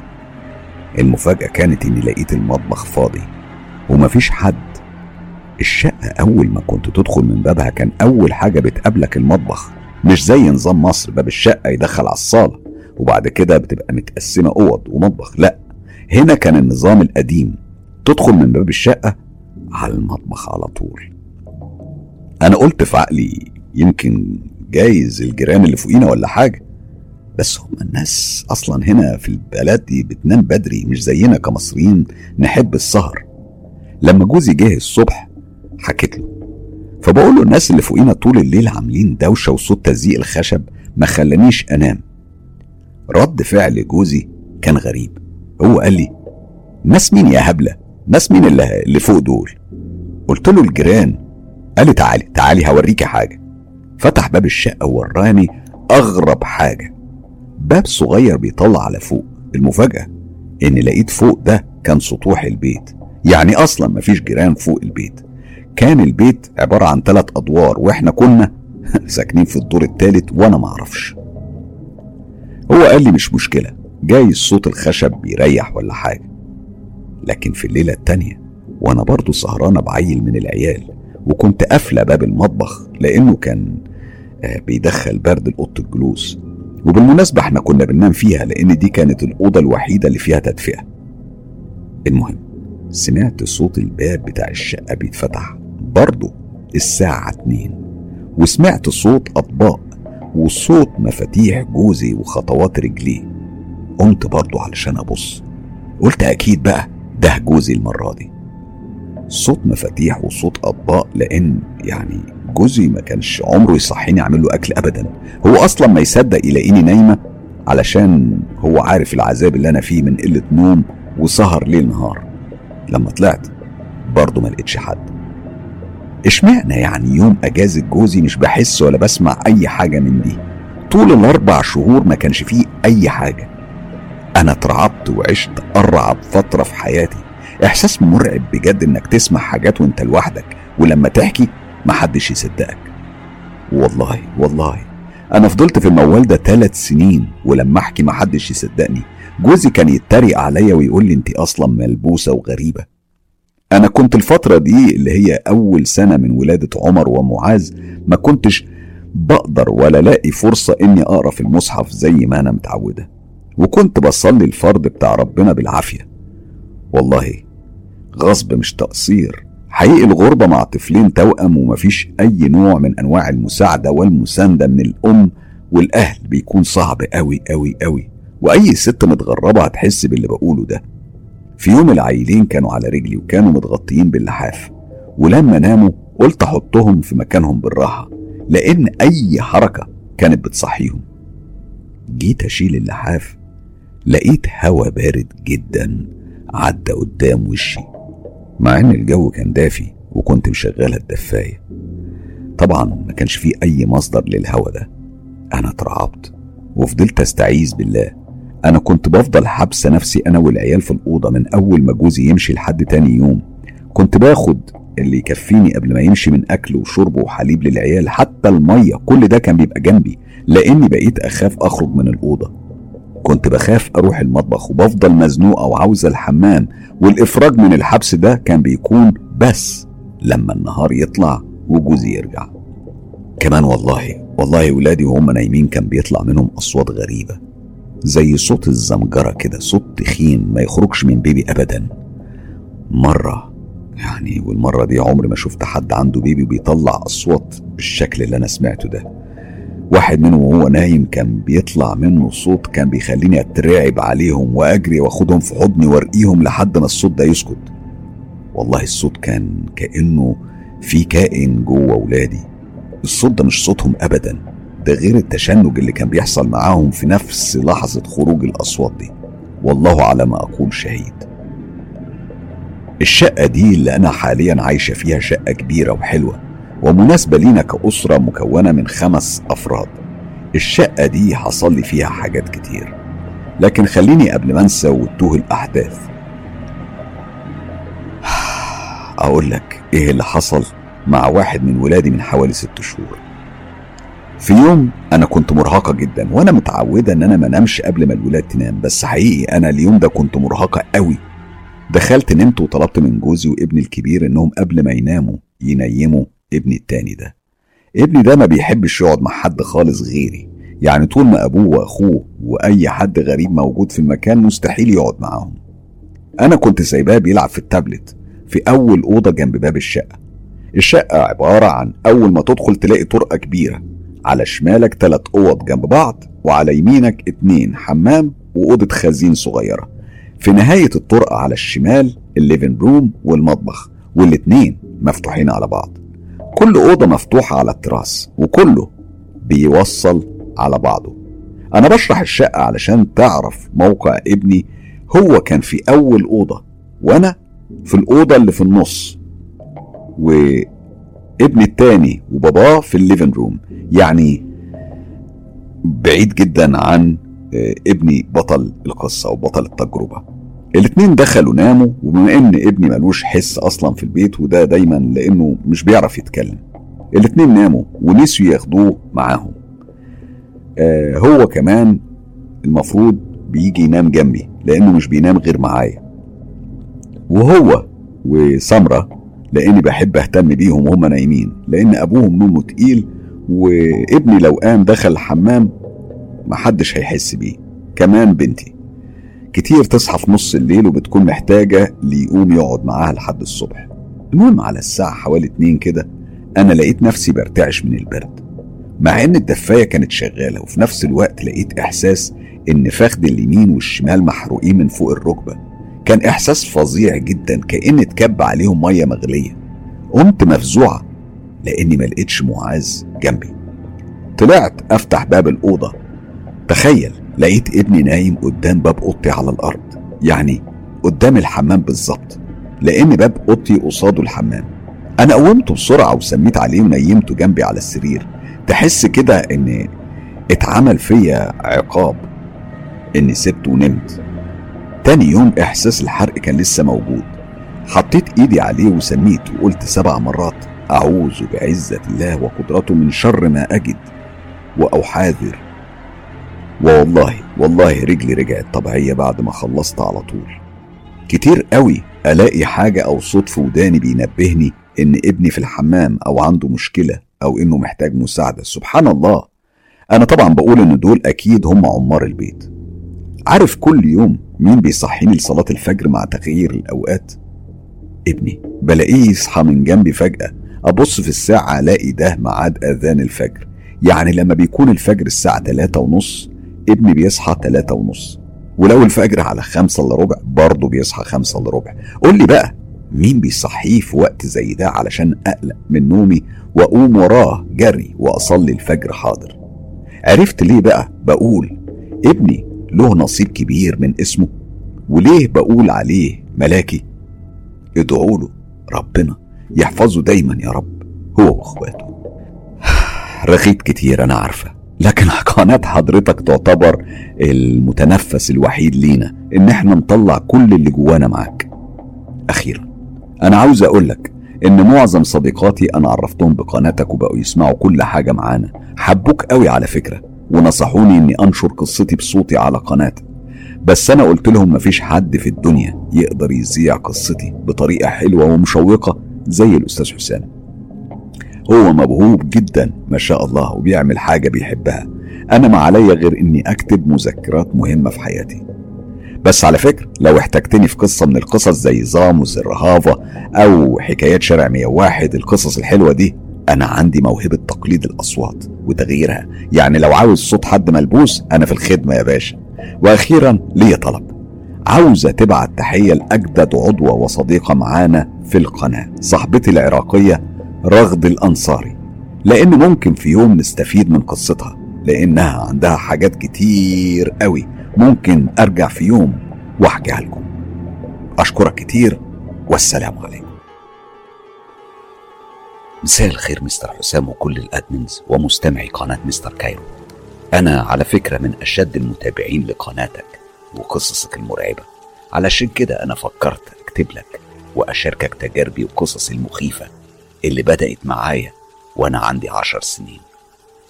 أنا اسمي هيام من القاهرة من مصر يعني. هحكي لك الحكاية من البداية خالص. من وأنا صغيرة وزي أي طفلة ما كنتش فاهمة حاجات كتير. كنت دايما بشوف ولد صغير كان بيلازمني في كل مكان بروحه. بس كنت أنا بس اللي بشوفه. الولد ده كان زي ظلي في الأول أنا كنت بخاف منه لكن بعد كده ابتديت أتعود عليه. لأني حسيت إنه بيكون جنبي وبيحل لي أي مشكلة بتحط فيها حتى لو كانت المشكلة تافهة.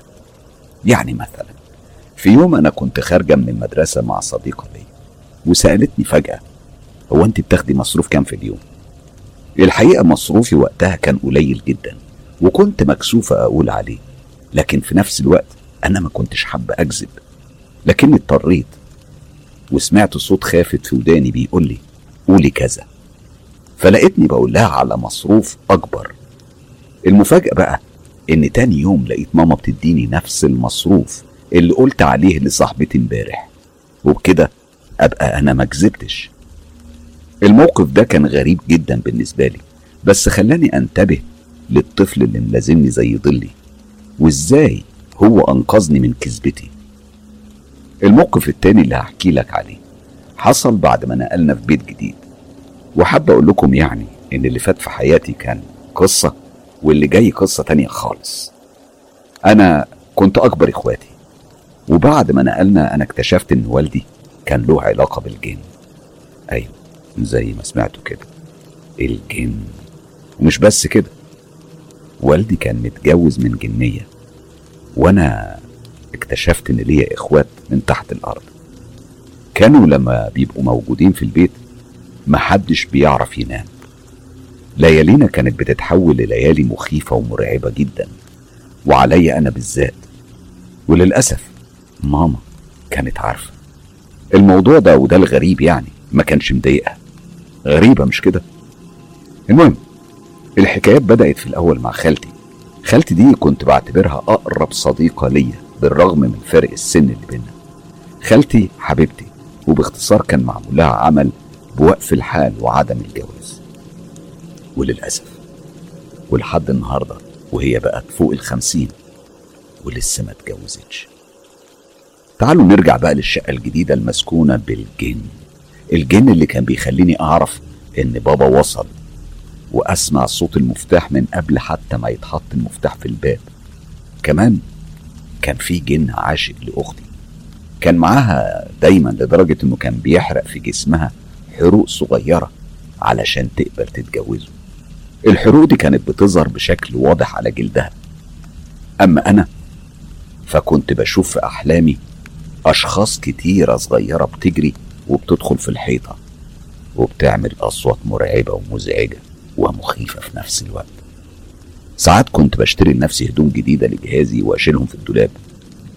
أصحى تاني يوم ألاقيهم متقطعين. أنا بقيت بخاف من البيت ده قوي وخصوصا فترة الليل. كنت بخاف أنام.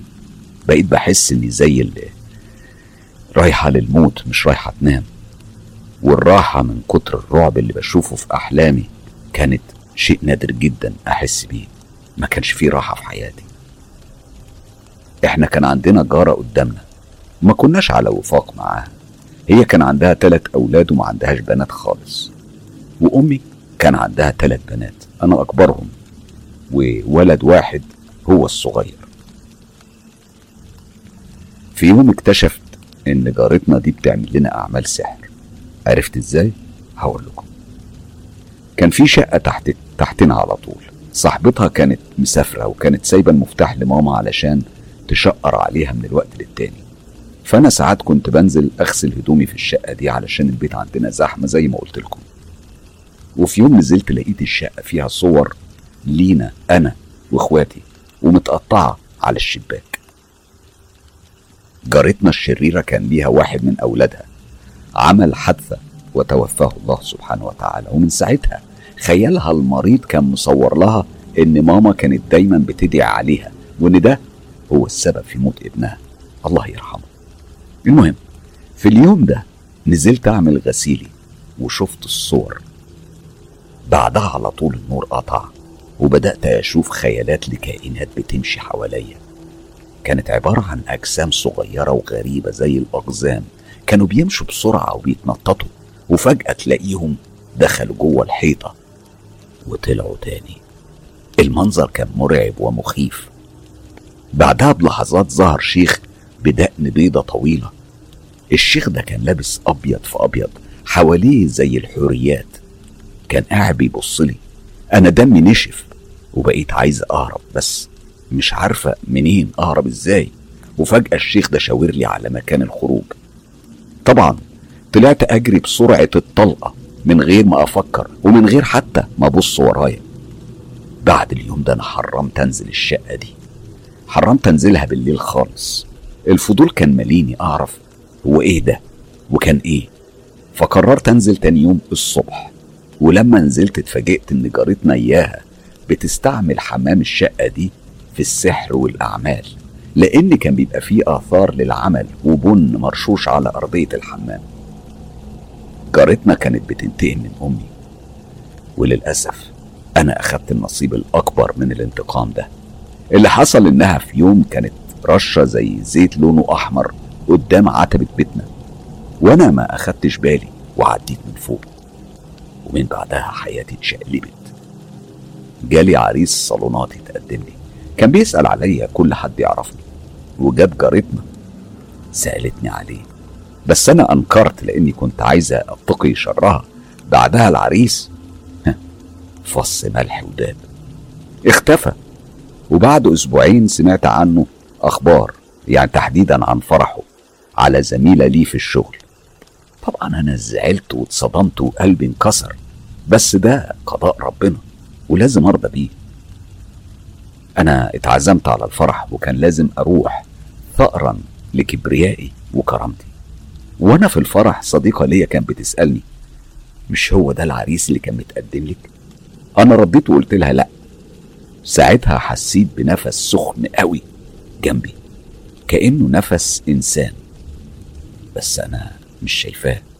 يوميها بالليل وأنا نايمة حسيت بفرش السرير بتاعي دافي كأن في حد نايم جنبي. لا لا لا ده كان فعلا في حد نايم جنبي. أنا شفته شفته وكأنه حقيقة. راجل بكل تفاصيله. أنا قمت مفزوعة بصرخ وبعيط من الخوف. وجريت بره الأوضة. كانت حالتي صعبة جدا. حكيت لأمي على اللي حصل. ماما جابت شيخ يرقي البيت وعرف إن فعلا كان في جن صغير. رجله كانت عاملة زي رجل البط. وصوابعه مشبكة بالجلد وشكله غريب ومرعب. الجن طلع صوته وهو بيقول أنا بحبها ولو طلبت نجمة من السماء هجيبها لها. هي بتاعتي. وفعلا أنا كنت وهو معايا مش عايزة أي حاجة. فلوس وذهب وكل ما أتمناه. لكن أول ما الشيخ عمل رقية وخرجه كل الرفاهية اللي كانت عندي دي راحت. ومن بعدها أحوالي اتغيرت وحياتي اتقلبت فوق لتحت. جارتنا كانت عاملة لنا عمل سفلي وأنا أكتر حد اتأذى. البدايات كانت لما ابتديت أسمع رجلين بتمشي على الأرض وما كنتش شايفة ولا حد. يعني أصوات وأشباح كانت بتظهر وتختفي. أمي في الأول كانت بتحاول ترقيني وتروح للشيوخ كتير وتقرأ الفنجان يمكن تعرف تفك العمل لكن مفيش فايدة.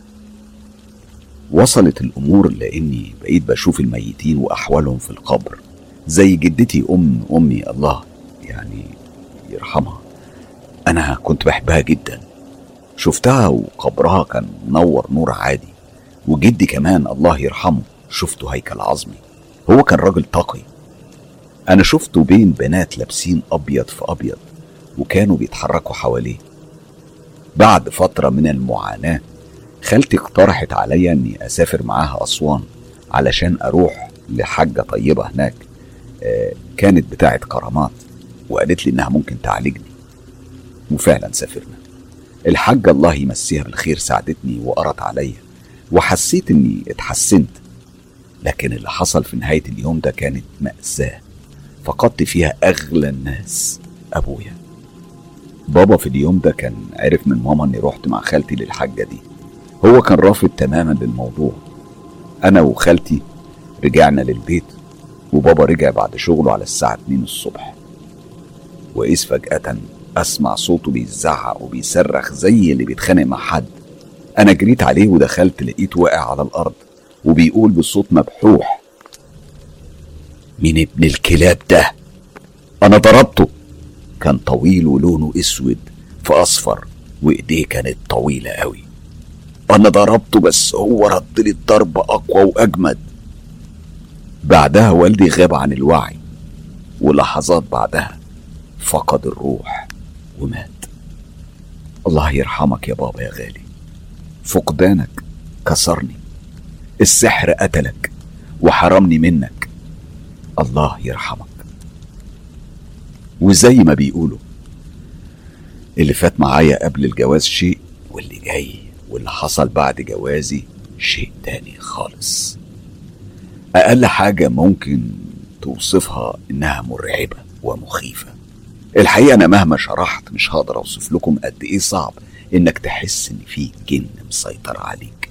وملازمك وملازم كل نفس في حياتك.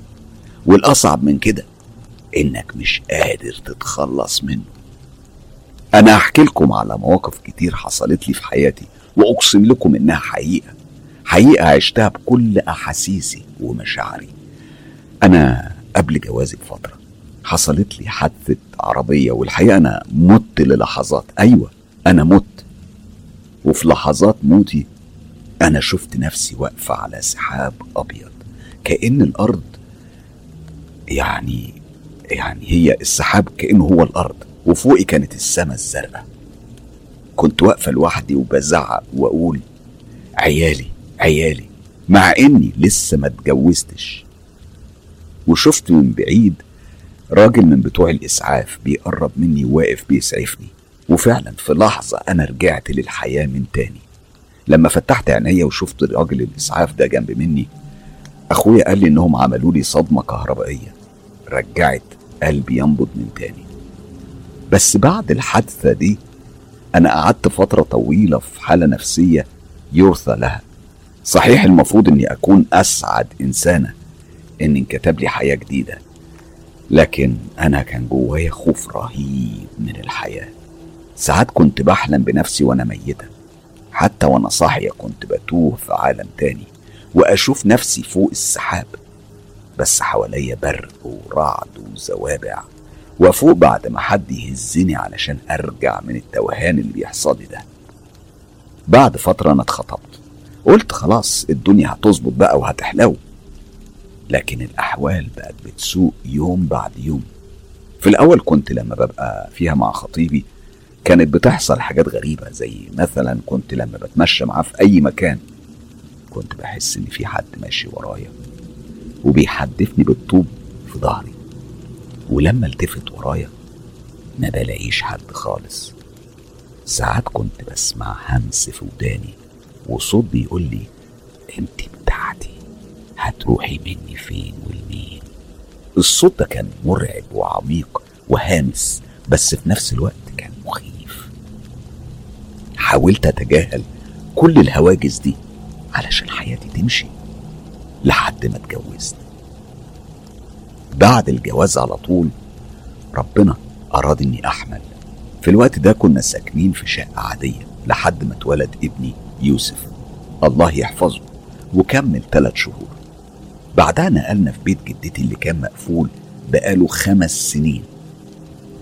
وبعد ما نقلنا بفترة ابتديت أشوف وأسمع خيالات وأصوات غريبة. ابني زي ما قلت لك كان عنده ثلاث شهور بس لكنه كان بيحس بالحاجات الغريبة دي وكان بيعيط كتير قوي. في ليلة من الليالي كنت نايمة وحلمت إني كنت منيمة ابني على رجلي وبحاول أسكته من العياط. وشفت في الحلم راجل عجوز لكنه كان قصير ومعاه شخص تاني صغير في السن وأطفال واقفين على باب الأوضة وبيكلموني بالإشارة كأنهم بيقولوا لي عايزين نلعب مع ابنك. أنا قلت لهم لما يكبر. بعدها على طول أنا قمت من نومي مفزوع على صوت ابني بيبكي ولقيته على الأرض.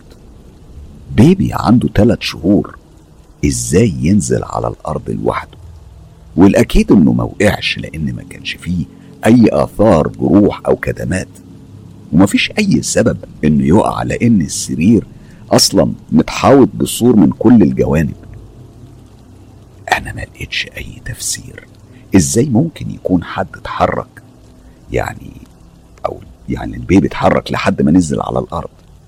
أنا طبعا بحمد يعني بحمد ربنا الحمد لله إنه كان سليم وما حصلوش أي حاجة. بس آه الخوف فضل ملازمني لدرجة إني ما بقتش عارفة أنام من بعدها. بعد كده ابني زي اللي حاسس وخايف من كل حاجة بتحصل. كنت كل ما أحاول أحطه في سريره وأسيبه كان بيتفطر من العياط زي اللي بيرفض إني أسيبه ينام لوحده. تاني يوم حاولت أنيم ابني على رجلي زي ما شفته في الحلم بس من غير ما أقصد علشان يطمن يعني. وأنا كنت نايمة في نص السرير علشان ما يتحركش ويقع. وبرضه حصل نفس اللي حصل امبارح. عينيا يا دوب يا دوب غفلت. صحيت مفزوع على صوت ابني بيعيط وهو على الأرض. قمت مخضوضة. جريت على ابني شلته واخدته في حضني وحاولت اهديه بس أنا نفسي كنت بترعش وعمال اعيط. مش لاقي اي تفسير للي بيحصل ده. والحقيقة ده كان راعبني ومخوفني أكتر. جوزي كان شغله شفتات مختلفة بين الليل والصبح وعلشان كده ما كنتش بحب احكي له على اللي بيحصل علشان ما زودش حالة القلق والخوف اللي بعيشهم. كبر ابني وبقى عنده سنتين. وبدأ يتكلم شوية كلمات. في الوقت ده أمي كانت مرضت وجبتها تقعد معايا. لكن ماما زي اللي مسها جن وعملت عهد مع الشيطان. ماما اتغيرت وبقت عنيفة حتى مع ابني أبو ثلاث سنين. بقت بتقرأ عليه كلام غريب لحد ما لبسته هو كمان جن. ابني بطل يتكلم من ساعتها بقى زي الأخرس. بيتكلم بعينيه وبالإشارة بإيديه. كل ده حصل وأنا مش عارفة حاجة ولا عمري كنت أتخيل إن ده يحصل. لحد ما بقى عنده 14 سنة. أختي هي اللي حكت لي بس هي عرفت إزاي أنا معرفش لما يوسف وصل لسن أربع أو خمس سنين كنت ساعات بنيمه وأروح السوق أشتري طلبات البيت بسرعة قبل ما يصحى. لكن كنت أول ما برجع ألاقي ابني صاحي وبيلعب قدام صورة قرآنية مقطوع منها جزء صغير. ولما كنت بسأله بتلعب مع مين يا حبيبي كان بيرد عليا بعينيه إنه بيلعب مع عمه وكان بيشرح لي بإيديه. أنا كنت بفهم من شرحه إن في شخص بيطلع له من الحيطة بيلعب معاه. أنا كنت بسمع أصوات خبط ودربكة في المطبخ ورجلين بتمشي في الحمام. وحد بيناديني باسمي وبيتكلم معايا.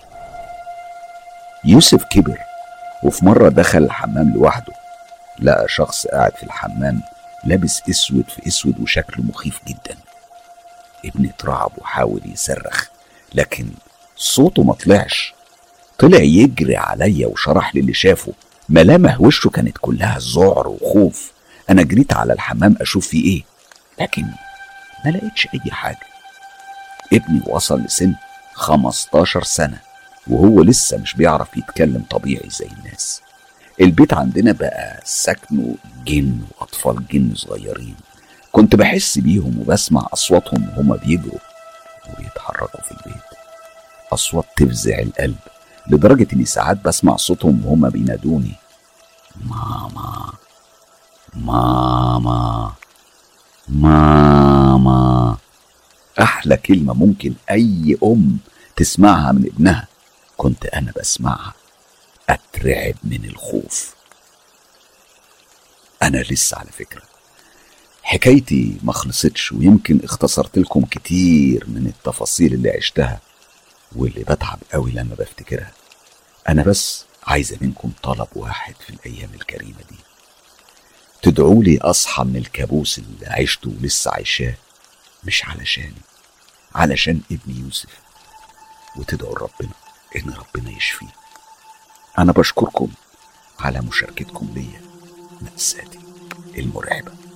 وشكرا مستر كايرو هيام قلبي معاكي. أكيد كل التفاصيل الغير منطقية والغير طبيعية والمرعبة اللي بتحكي عنها دي أكيد لو أي حد عاش حاجة شبهها أكيد حياته هتبقى حياة مش طبيعية. حياة كلها فزع وخوف ورهبة ووجع وألم. طبعا مش هقدر آه، أفوت الفرصة إن أنا أشكر شيري فرج على كتابتها السحرية وأسلوبها الجميل الراقي. القصة دي من القصص المرعبة قوي وتفاصيلها حقيقي مخيفة. آه، الحقيقة السبب في إن إحنا هنسمع القصة دي إن الصديق اللي بعتها بعتها لصديقتي الغالية والأدمن المتألقة فاطمة الزهراء.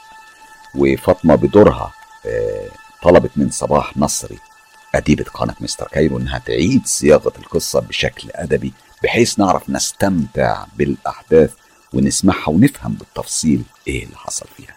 مش عايز أطول أكتر من كده. تعالوا مع بعض نسمع قصة يوسف القصة دي حصلت لي مع صاحبي أحمد أو معرفش مين هو بالظبط. أيوه أنا عارف إن الكلام غريب بس لما تسمعوا هتعرفوا أنا حاليا عندي 23 سنة والقصة اللي هحكيها دي حصلت بالظبط من تسع شهور من النهاردة. وقتها أنا كنت شغال فرد أمن في كومباوند سكني وكنت شغال شفت ليلي ولوحدي تماما. مفيش أي مساعد أو شخص معايا. ليلتها وللأسف النور كان قاطع خصوصا في المنطقة دي بتاعة أرض اللواء. المنطقة دي معروفة قوي علشان بيقطع فيها النور كتير وبالذات يعني في فترة الليل. واللي ساكنين في المنطقة دي وسامعيني دلوقتي أكيد عارفين كلامي ده كويس. في ليلة من الليالي الضلمة أنا كنت واقف بره علشان مكتبي كان مستحيل أقعد وأطول فيه بسبب الضلمة اللي محيطة بالمكان وبسبب قطع النور المستمر. فخرجت وقفت في الشارع علشان أشم شوية هوا بدل الخنقة والعتمة بتاعت المكتب. لما كنت واقف بره العمارة شفت واحد كان طويل قوي. أنا مش ببالغ على فكرة لما أقول إنه طويل. طوله أصله كان ملفت للنظر وقسما بالله طوله عدى الحديد بتاع مدخل العمارة. يعني أقصد إن راسه مرت واخترقت الباب من فوق وعدى عادي من الباب كأن الباب ده شيء مش موجود شيء خفي. أو الشخص ده ممكن يكون شفاف وبيمشي ودخل عادي.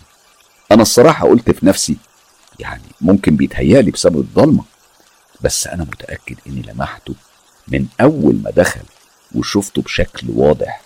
وفضلت أنده عليه كتير وأسأل فيه يا باشا استنى بس استنى أنت مين؟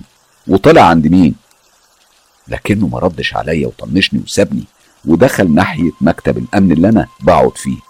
كان بيمشي من غير ما يتلفت ولا كأنه سمعني أو حتى شايفني لدرجة إني استغربت منه وارتبكت قوي وسألت نفسي وقلت يعني هو ممكن يكون الشخص ده زميلي مثلا وجاي يستلم مني دوره في الشغل؟ بس في لحظة أنا تيقنت إن زميلي مش طويل قوي كده ولا دي أوصافه. وبعدين المفروض إنه يجي يستلم مني الشغل الصبح مش بالليل. وفي الساعة دي بالذات. أنا وقتها كانت دماغي اتلخبطت. الأمور كانت ماشية من غير ترتيب وكانت غريبة. وأكيد أنا ما سكتش كان لازم أعرف مين الشخص ده. وكل اللي عملته إني فكرت إن أنا أدخل وراه. وأعرف هو عاوز مين وعاوز إيه. من قوة ارتباكي وقلقي منه خلتني أروح أفتش عليه. كنت ماسك المسدس بتاعي ده بس علشان التخويف بس خصوصا يعني لما ألاقي نفسي في وسط المواقف اللي زي دي أكيد المسدس بيكون أول حاجة بفكر فيها كراجل أمن. وبعدين أنا نورت كشاف الموبايل علشان أشوف كويس غرفة الأمن. كنت بوجه الكشاف في كل حتة لكني ما لقيتش حد. فكرت أدخل الجراج وأفتشه هو كمان. بصراحة الضلمة والرهبة بتاعت المكان خلوني ماسك السلاح كويس قوي ومستني ومستعد لأي حركة أو هجوم. من أي شخص ممكن يظهر لي فجأة. لكن برضه بعد التفتيش ما لقيتش حد خالص. شيء غريب قوي. الجراج طبعا كان مظلم قوي. ظلام شديد لدرجة ما تشوفش حتى كف إيديك. وبسبب الضلمة دي أنا كنت منور بكشاف الموبايل وحاسس إن الضلمة واكلة وبلعت نور الموبايل نفسه. نور الكشاف بطبيعته كان نور عادي بس وأنا في الجراج كانت الإضاءة بتاعته خافتة جدا. أنا بأعلى صوتي كنت بنده على الشخص اللي دخل بس مفيش حد. ما سمعتش ولا رد. ولما خرجت من الجراج سمعت صوت مألوف عندي. أيوه ده كان صوت الكراسي وتحديدا الكرسي اللي بقعد عليه في أوضة الأمن. صوت الكرسي ده أنا أعرفه لأن كان له صوت مميز وهو بيحك في الأرض. لما توجهت للأوضة قسما بالله كنت شايف الكرسي وهو بيتحرك لوحده زي ما يكون في حد قاعد عليه شخص غير مرئي. أنا ما قدرتش أشوفه بعينيا أنا وقفت متخشب ببص على الكرسي ومش فاهم حاجة. كنت لسه ماسك سلاحي ومستعد لأي تدخل من أي حد غريب. أكيد في طبعا اللي هيقول لي ممكن يكون الكرسي حركه الهوا. طب اسمحوا لي أقول لكم بقى طب إزاي يتحرك بالشكل ده وإحنا في أعز أيام الصيف في مصر؟ وكمان في عمارة جنبي. يعني إزاي ومنين هيدخل الهوا ويحرك ويهز الكرسي؟ نفترض مثلا إن في هوا. أكيد مش هيكون قوي وشديد لدرجة إنه يحرك الكرسي اللي هو أصلا وزنه تقيل وفي منه أجزاء من حديد. الموقف والمنظر ده وفي وسط الضلمة والساعة المتأخرة دي خلوني أقول أعوذ بالله من الشيطان الرجيم. أنا أول ما خلصت كلامي ده ورب العرش العظيم. لقيت الكرسي مرة واحدة وقع لوحده على الأرض.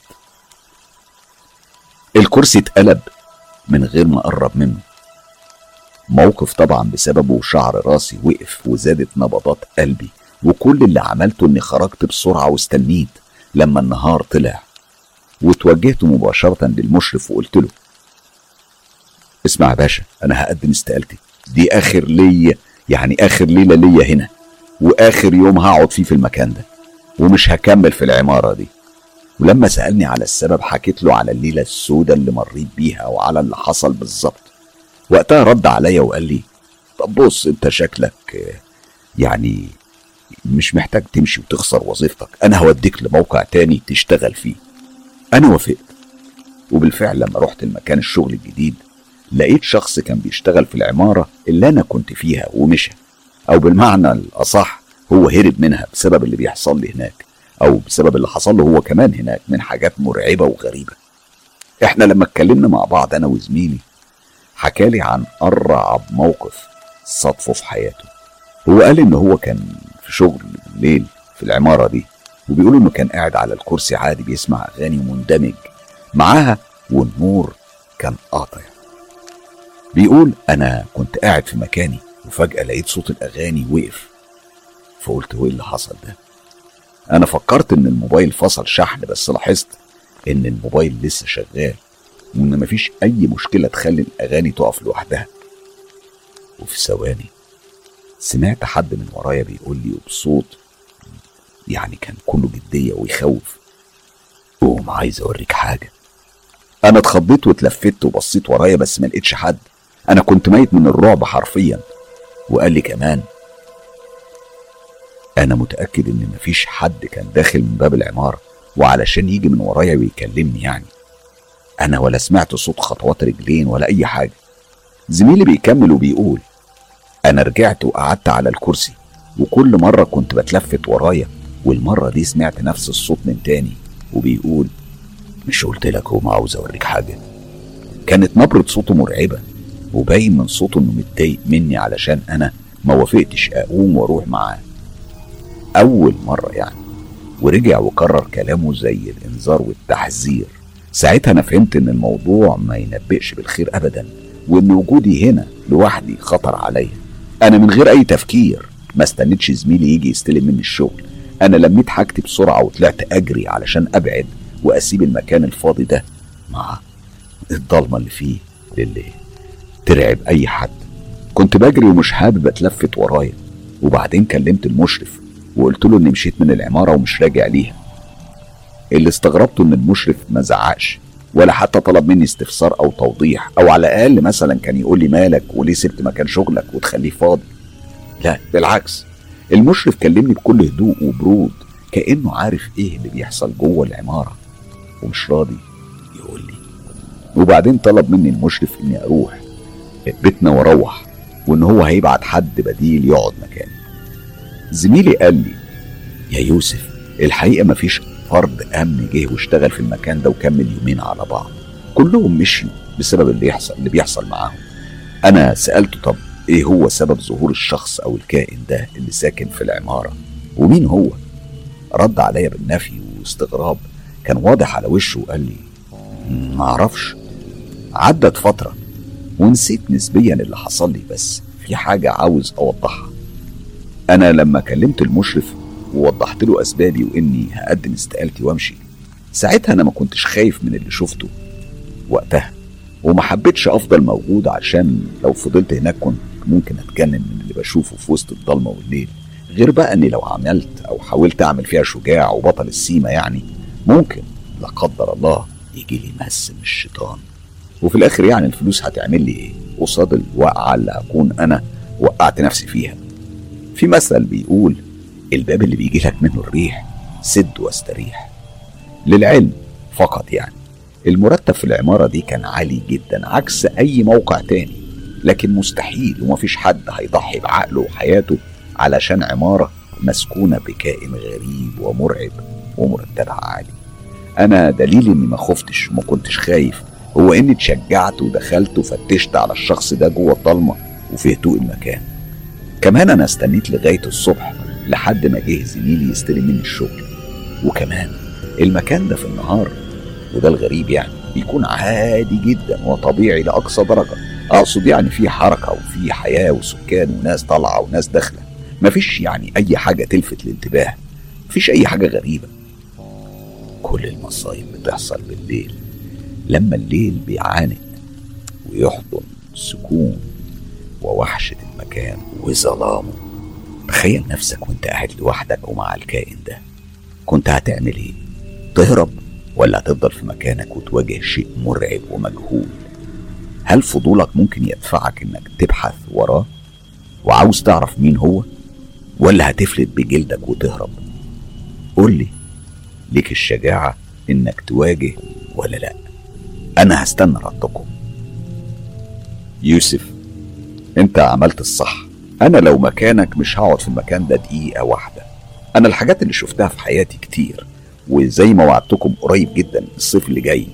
هحكي كل التجارب المرعبة صوت وصورة على قناة مستر كايرو.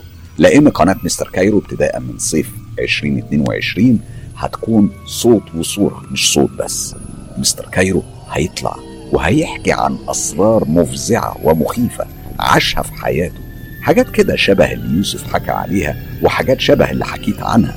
في حكايات شارع 101 وفي حكايات مسلسل صام والدم الملعون. أكيد كل التفاصيل اللي أنا عشتها هحكيها. تعالوا بقى ننقل على الساحر الأردني التائب. إيمان حسن القلم الذهبي لقناة مستر كايرو بتعيد صياغة القصة أو التجربة اللي بيبعتها لنا الساحر الأردني التائب تقريبا كل يوم سبت. الساحر الأردني التائب محمود أنا هقول اسمه لأول مرة بصراحة يعني. آه الحقيقة بيشاركنا دايما بأحداث هو عاصرها وقت آه لما كان بيشتغل في مجال السحر والشعوذة والدجل.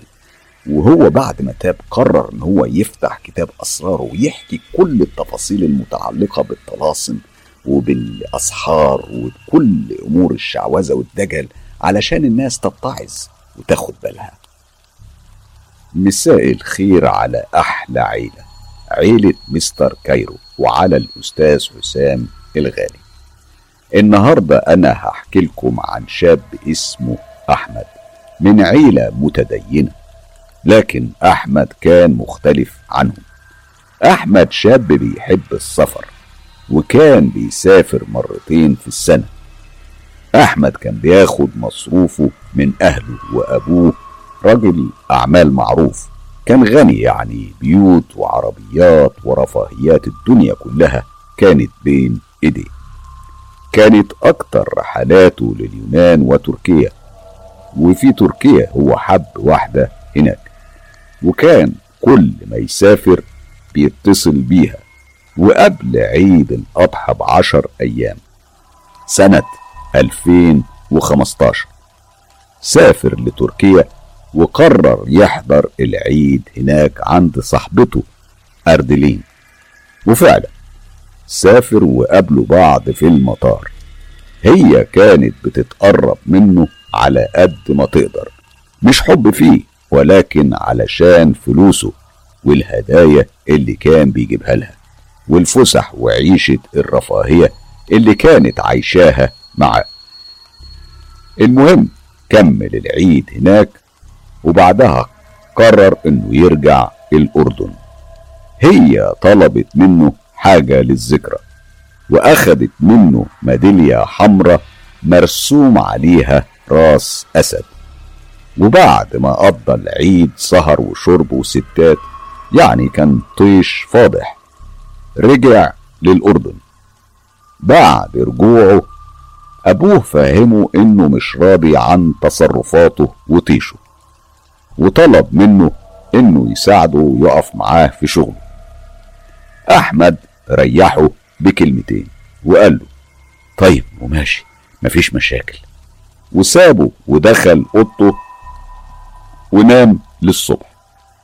تاني يوم فاق على صوت تليفونه. كانت أردلين من تركيا وكانت بتعيط وبصوت مبحوح. فضلت تقول له إنها في ورطة وإنها محتاجة فلوس لأن حصلت مشكلة كبيرة معاها. المبلغ كان مبلغ كبير. هو حاول يجمع لها المبلغ من أي حد. راح لأمه طلب منها فلوس لكنها رفضت وطلبت منه ينزل الشغل مع أبوه. هو قال لها ماشي هنزل بس اديني المبلغ اللي أنا محتاجه الأول وأنا هنزل معاه الشغل. فضل يعيط ويكذب على أمه والأول مرة كان يكذب عليها. وفعلا حول لها الفلوس اللي هي عايزاها. طبعا أردلين كانت سعيدة بالفلوس دي وكانت بتضحك عليه طبعا بعد أسبوعين اتصلت بيه من تاني وطلبت فلوس منه من جديد أحمد حاول يجمع الفلوس لكن أبوه وقف له وقال له أنت بتودي الفلوس دي فين يا ابني؟ بتضيعها على إيه؟ وفضل يزعق معاه ويقول له إن مفيش حد مسك فلوس زيك ومفيش أي حد بيضيع فلوس بالطريقة اللي أنت بتضيع بيها الفلوس دي. ولما اتصلت بيه أردلين تسأله على الفلوس اعتذر لها وقال لها إنه ما قدرش يدبر فلوس ليها. ومن هنا بدأت العلاقة تسوء بينهم. أردلين كان ليها زميلة من قرى الفلاحين في تركيا. سألتها مالك فيه إيه؟ احكي لي. حكت لها على المشكلة اللي معاها. صاحبتها كانت عارفة العلاقة اللي بينهم. كانت اسمها لوران. وقالت لها إيه رأيك إن الحل عندي؟ أردلين طلبت منها تقول لها الحل ده بسرعة. قالت لها أنا أعرف ست كبيرة شاطرة وبتفتح الفنجان والودع وبتقرأ الطالع. إيه رأيك نروح لها؟ استغربت وقالت لها طيب ودي هتفيدني بإيه؟ ردت عليها وقالت لها أنت مش عايزة أحمد ده يبقى خاتم في إيديكي. ردت عليها أردلين وقالت لها إزاي يعني هو ده ممكن يحصل؟ فردت عليها لوران وأكدت لها انه هيحصل وفعلا راحوا للست دي وحكت لها عن قصتها وإيه اللي هي عاوزاه من أحمد. سألتها الست العجوزة معاكي أي حاجة منه زي أثر؟ سكتت أردلين وافتكرت الميدالية. وقالت لها عليها وهل تنفع ولا لأ؟ قالت لها طبعا تنفع هاتيها وهاتي معاكي فلوس دفعة أولى. وبعد نجاح العمل تديني ضعفه. تاني يوم راحت لها ومعاها الميدالية والفلوس اللي اتفقوا عليها. وبالفعل الست الساحرة عملت العمل. على الجانب التاني أحمد كان بدأ يحس بشعور غريب. أحلام مزعجة إنه بيقع من فوق جبل وبتعابين وأفاعي. كان بيصحى كل يوم مفزوع. كان النوم ما بيعرفش ينامه والأمور كانت بتزيد لحد ما بقى بيخرج بالليل الساعة 12 ويرجع على الفجر. بطل ياكل وحالته سائد بقى عايش على المية. وبقى بيحس بوجع في جسمه كله وكمان بقى بيشوف خيالات كلاب ضخمة بعيون زي الجمر. كان بيصرخ وهو في الشارع ويشتم. الناس بقت مستغربة هو بيشتم مين وليه بيشتم بالشكل ده؟ الكل بقى شايفه مجنون. أهله أخدوه للدكتور. اللي أكد لهم إنه سليم وما فيهوش أي مرض. الأب والأم كانوا مستغربين من حالته والدكتور نصحهم إنهم يروحوا لدكتور نفساني لأن كل الإشارات بتقول إنه في حالة نفسية هستيرية. والدكتور النفساني أكد بعد يومين من الجلسات والفحوصات إن أحمد بيعاني من اضطرابات نفسية من الحرمان. بعد ما راحوا البيت أبوه قال له إنه مش محروم من حاجة وإنه هيديله الفلوس اللي هو عايزها وأكتر كمان. وراقبه وشافه وهو رايح على مكتب الصرافة ومن قلة أكله أحمد وقع بعد ما خرج من المكتب. الناس اتلمت عليه. وكان من الناحية التانية راجل عجوز سأل على أحمد وأهله وراح لأبوه وقال له ابنك مش مريض. ابنك مسحور. دور له على شيخ يعالجه ويرقيه. أبوه كان حاسس بكده برضه علشان كده قال لنفسه ليه لأ؟ وفعلا دور على شيخ يقدر يساعده. لحد ما وصل لشيخ شاب في التلاتين من عمره. شكله كان كويس عنده دقن سودا وصاحب وقار وصلاح. راح له وحكاله على اللي حصل لأحمد. وقال له تمام بعد صلاة العشاء هجيلك وفعلا حضر وبدأ يقرأ عليه ساعتين. وهو بيمشي بيمشي إيديه على أطرافه. ومن راسه لغاية رجليه. ولما وصل لمنطقة الصدر والبطن حس بوجع بس من غير ما يتحرك. كان عاجز عن الحركة. كانوا أهله بيغيروا له هدومه زي الأطفال. بقى يتبول لا إراديا على نفسه. حالته النفسية أكتر دمار من الأول لدرجة إنه بقى يتمنى الموت لنفسه ويفضل يعيط. وهنا فضل الشيخ يقرأ لحد ما أحمد رجع مية صفرة ريحتها نتنة. الشيخ شربه مية مقري عليها وبعدها رجع كتلة بحجم حبة التمر. كان كلها دم وريحتها ملت المكان كله قذاره طلب الشيخ مية وملح. لقى حتة حلاوة صغيرة وخيوط. بدأ يفكها ويرميها في المية ويقرأ ويكتر في القراية لحد ساعتين. أحمد حس بنار بتجري في بطنه وصدره. كانت الريحة بتزيد وحاجات غريبة بتخرج من بقه. الشيخ سابه وقال له إن شاء الله بكرة هنكمل. وفعلا تاني يوم الشيخ كمل وبدأ معاه بمية زمزم مقري عليها. فضل أحمد يرجع ويخرج كل اللي في بطنه لحد ما أغمى عليه. الأب خاف والشيخ طمنه وقال له خليه يرتاح. سألوا أبوه كان ماله يا شيخ؟ رد عليه وقال له ابنك اتعمل له عمل بالخضوع والطاعة. والسحر ده لو ما كانش اتفك كان قضى حياة ابنك. بإما بالموت أو الجنون.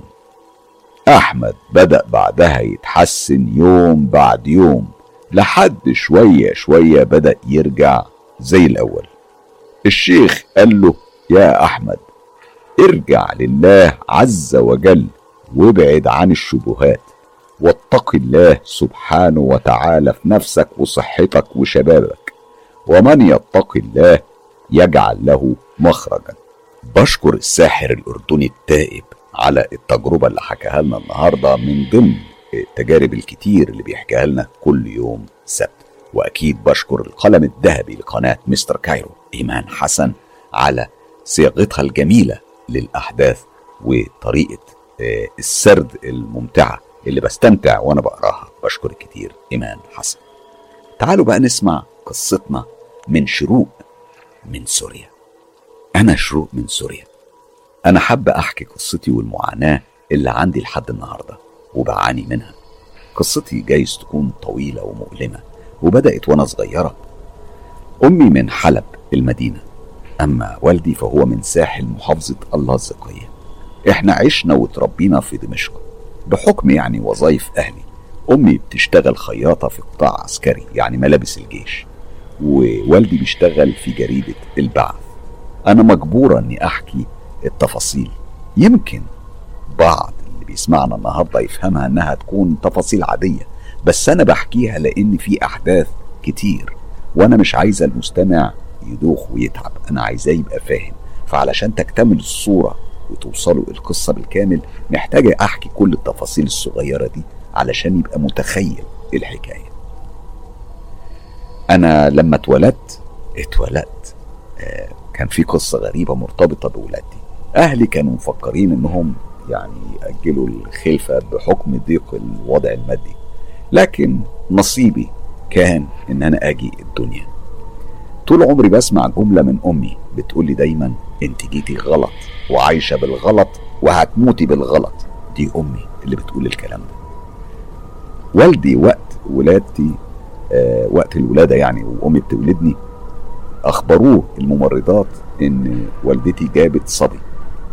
أبويا على طول من غير ما يفكر سماني شادي. وهو كان مع أمي في المستشفى.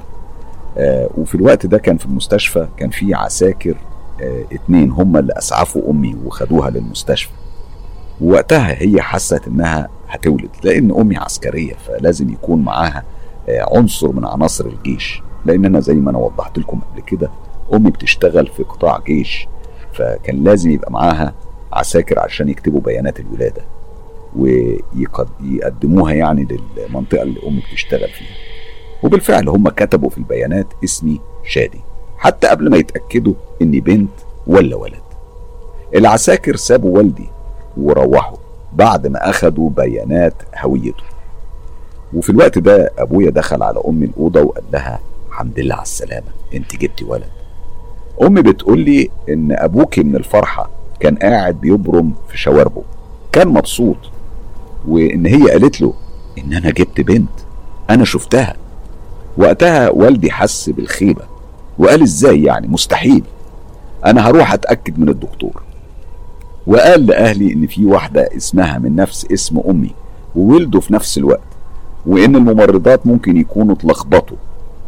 لكن بعدها والدي اتأكد إني أنا بنته. وبعد إجراءات وتحاليل أبي رفض إنه يغير اسمي. يعني خلاني اسمي شادي.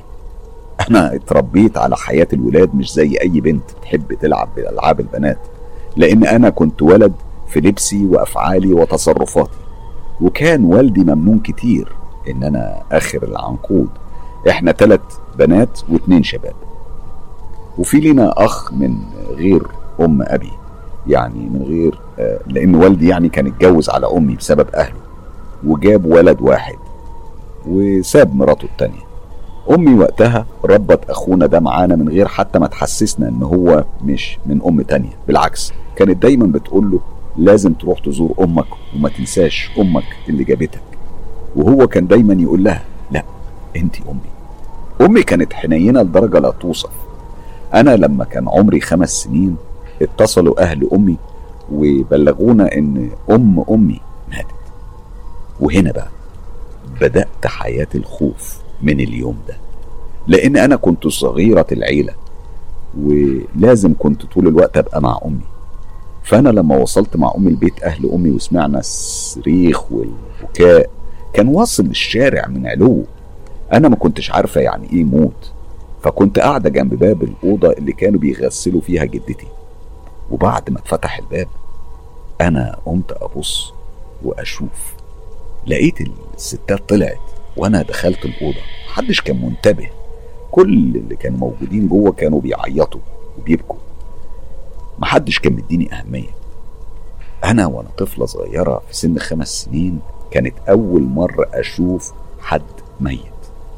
شفت ترابيزة وعليها جدتي متكفنة.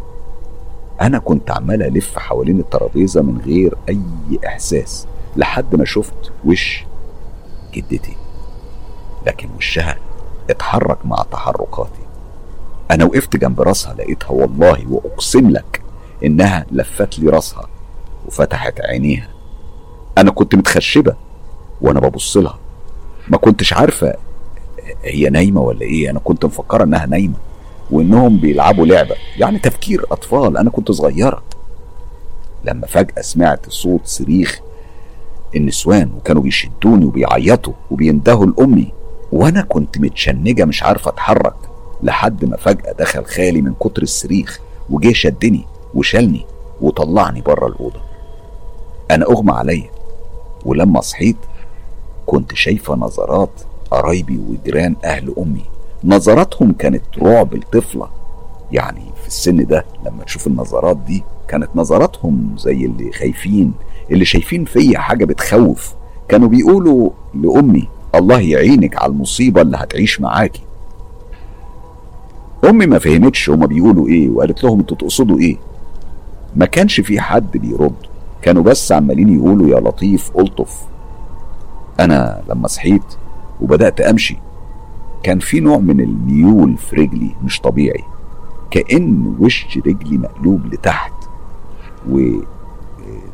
وأسفل رجلي كان لفوق.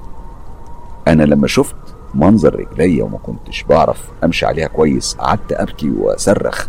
أمي من الرعب ومن المنظر اللي شافته أغمى عليها. أنا وقتها مسكني خالي وجرى بيا على المستشفى. بعد تصوير وتحاليل عجزوا الدكاترة إنهم يحلوا أو يفسروا وضع رجلي. كلهم قالوا مستحيل اللي إحنا شايفينه ده. دي عندها التواء بالقدم مستحيل لأي حادث إنه يعمل كده في طفلة في رجل طفلة. طبعا آه، كانوا مش مصدقين القصة اللي حكاها خالي. بعض الدكاترة قالوا إن دي حاجة يعني عيب خلقي. وإن إحنا أو خالي يعني بيألف قصص. وبعض الدكاترة التانيين قالوا ممكن محتاجة عملية. والبعض التاني عجز تماما عن تفسير حالتي.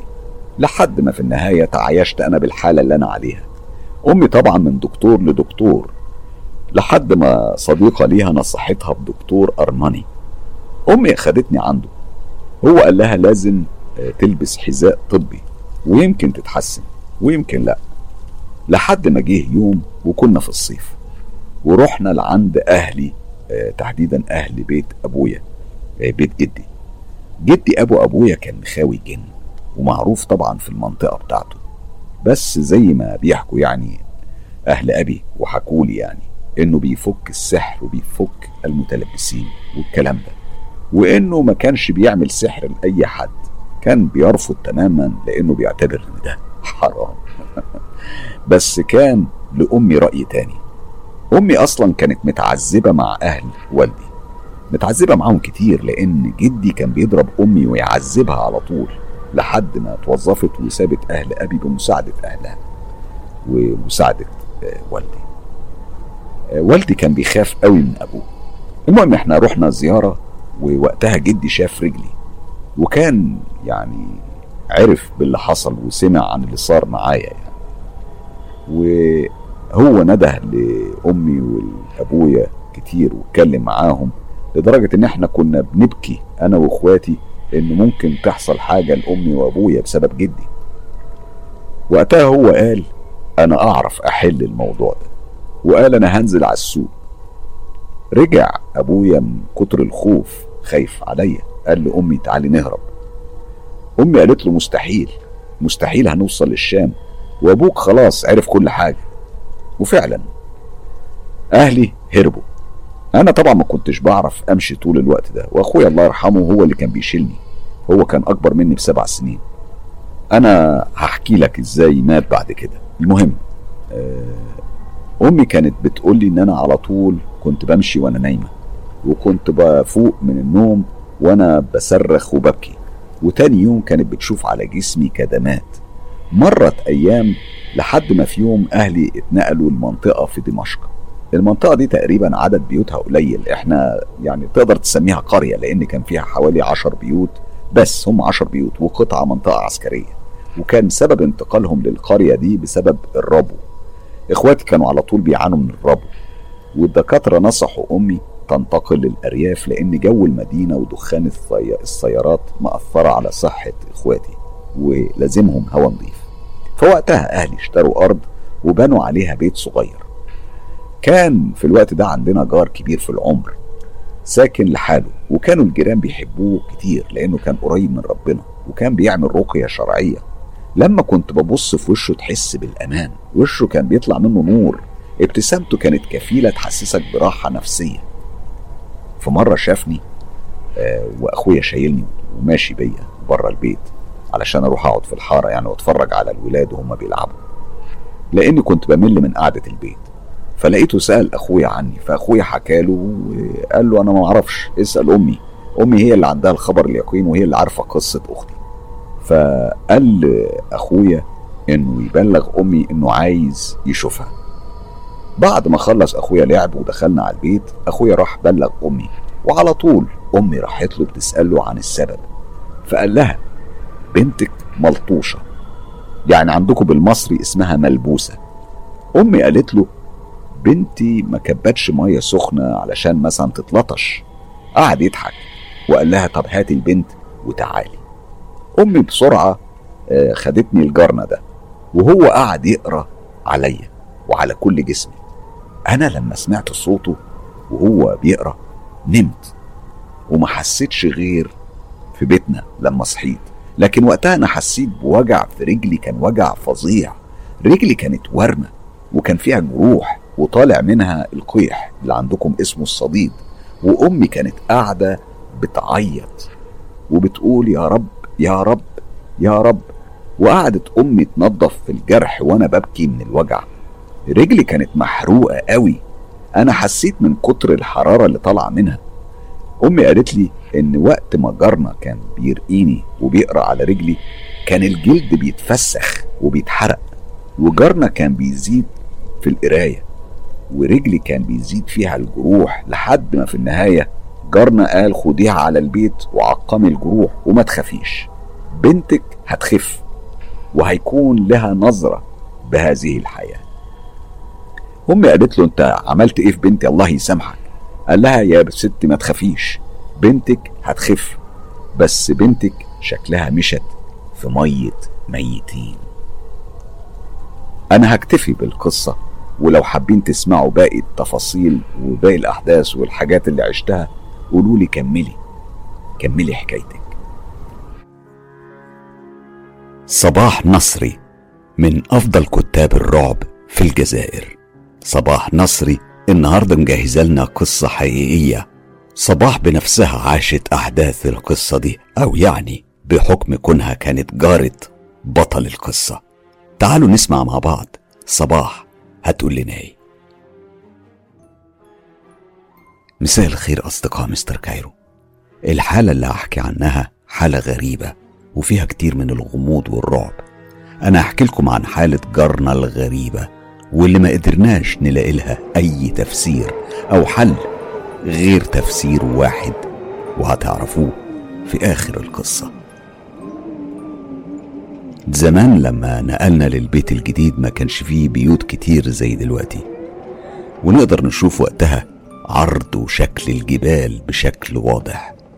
منطقتنا هادية جدا وما فيهاش سكان كتير. أنا عملت صداقات مع أطفال الجيران. وكونت مجموعة هايلة وكنت أنا في قائمة المجموعة دي أعتبر الأولى بدون منازع. كان اللعب بشروط اللي يخسر يشتري لنا حلويات ولو رفض بنخرجه من المجموعة. تفكير أطفال. وغيرها بقى كتير من المشاكسات والمغامرات الطفولية. في الوقت ده كان في بيت قصاد بيتنا. العمال كانوا خلاص خلصوا المباني والدهان. بعدها بأسبوع اتنقلت عيلة جديدة. العيلة دي كانت عيلة ريفية باين عليهم ناس على قد حالهم ومش عارفين حاجة عن الحياة. الغريبة إن هم ما دخلوش مدارس ولا يعرفوا يكتبوا حرف واحد. وكمان المشكلة انهم ما عندهمش تواريخ ميلاد ولا حتى مسجلين في البلدية. الموضوع مش غريب في الوقت ده بالنسبة لينا إحنا لأن معظم العائلات كانت كده. حياة العيلة من زمن الأجداد وهم عايشين في الريف وعلى نفس النمط ومن غير تغيير. العيلة بقى أول ما اتنقلت كل الجيران بما فيهم أنا والأطفال كانت أنظارنا موجهة ليهم وتحديدا لأطفال جيراننا الجداد. هم كانوا بنفس سننا. إحنا حاولنا نندمج معاهم لكن لعبهم كان قليل قوي. بسبب أبوهم اللي كان مانع عليهم الخروج واللعب والاختلاط. في مرة جم اتنين من رجالة عيلة الأب. واحد كان أخوه والتاني قريبه وكانوا بيتناقشوا بالصوت بره قدام البيت. المناقشة كانت واضحة ومفهومة. العم كان طلب من أخوه إنه يدخل أولاده المدرسة ويسجل أسمائهم وتاريخ ميلادهم في البلدية. وطلب منه كمان إن هو يديهم حريتهم وحقهم في الحياة. أول ما سمع الأب الكلام ده نط من مكانه وصرخ بأعلى صوته وقال مستحيل أخلي ولادي يروحوا المدارس ويختلطوا بالناس. بص بص هم اشتكوا لك ولا إيه؟ وما تكررش الموضوع ده قدامي. ولادي أنا عارف مصلحتهم أكتر منك.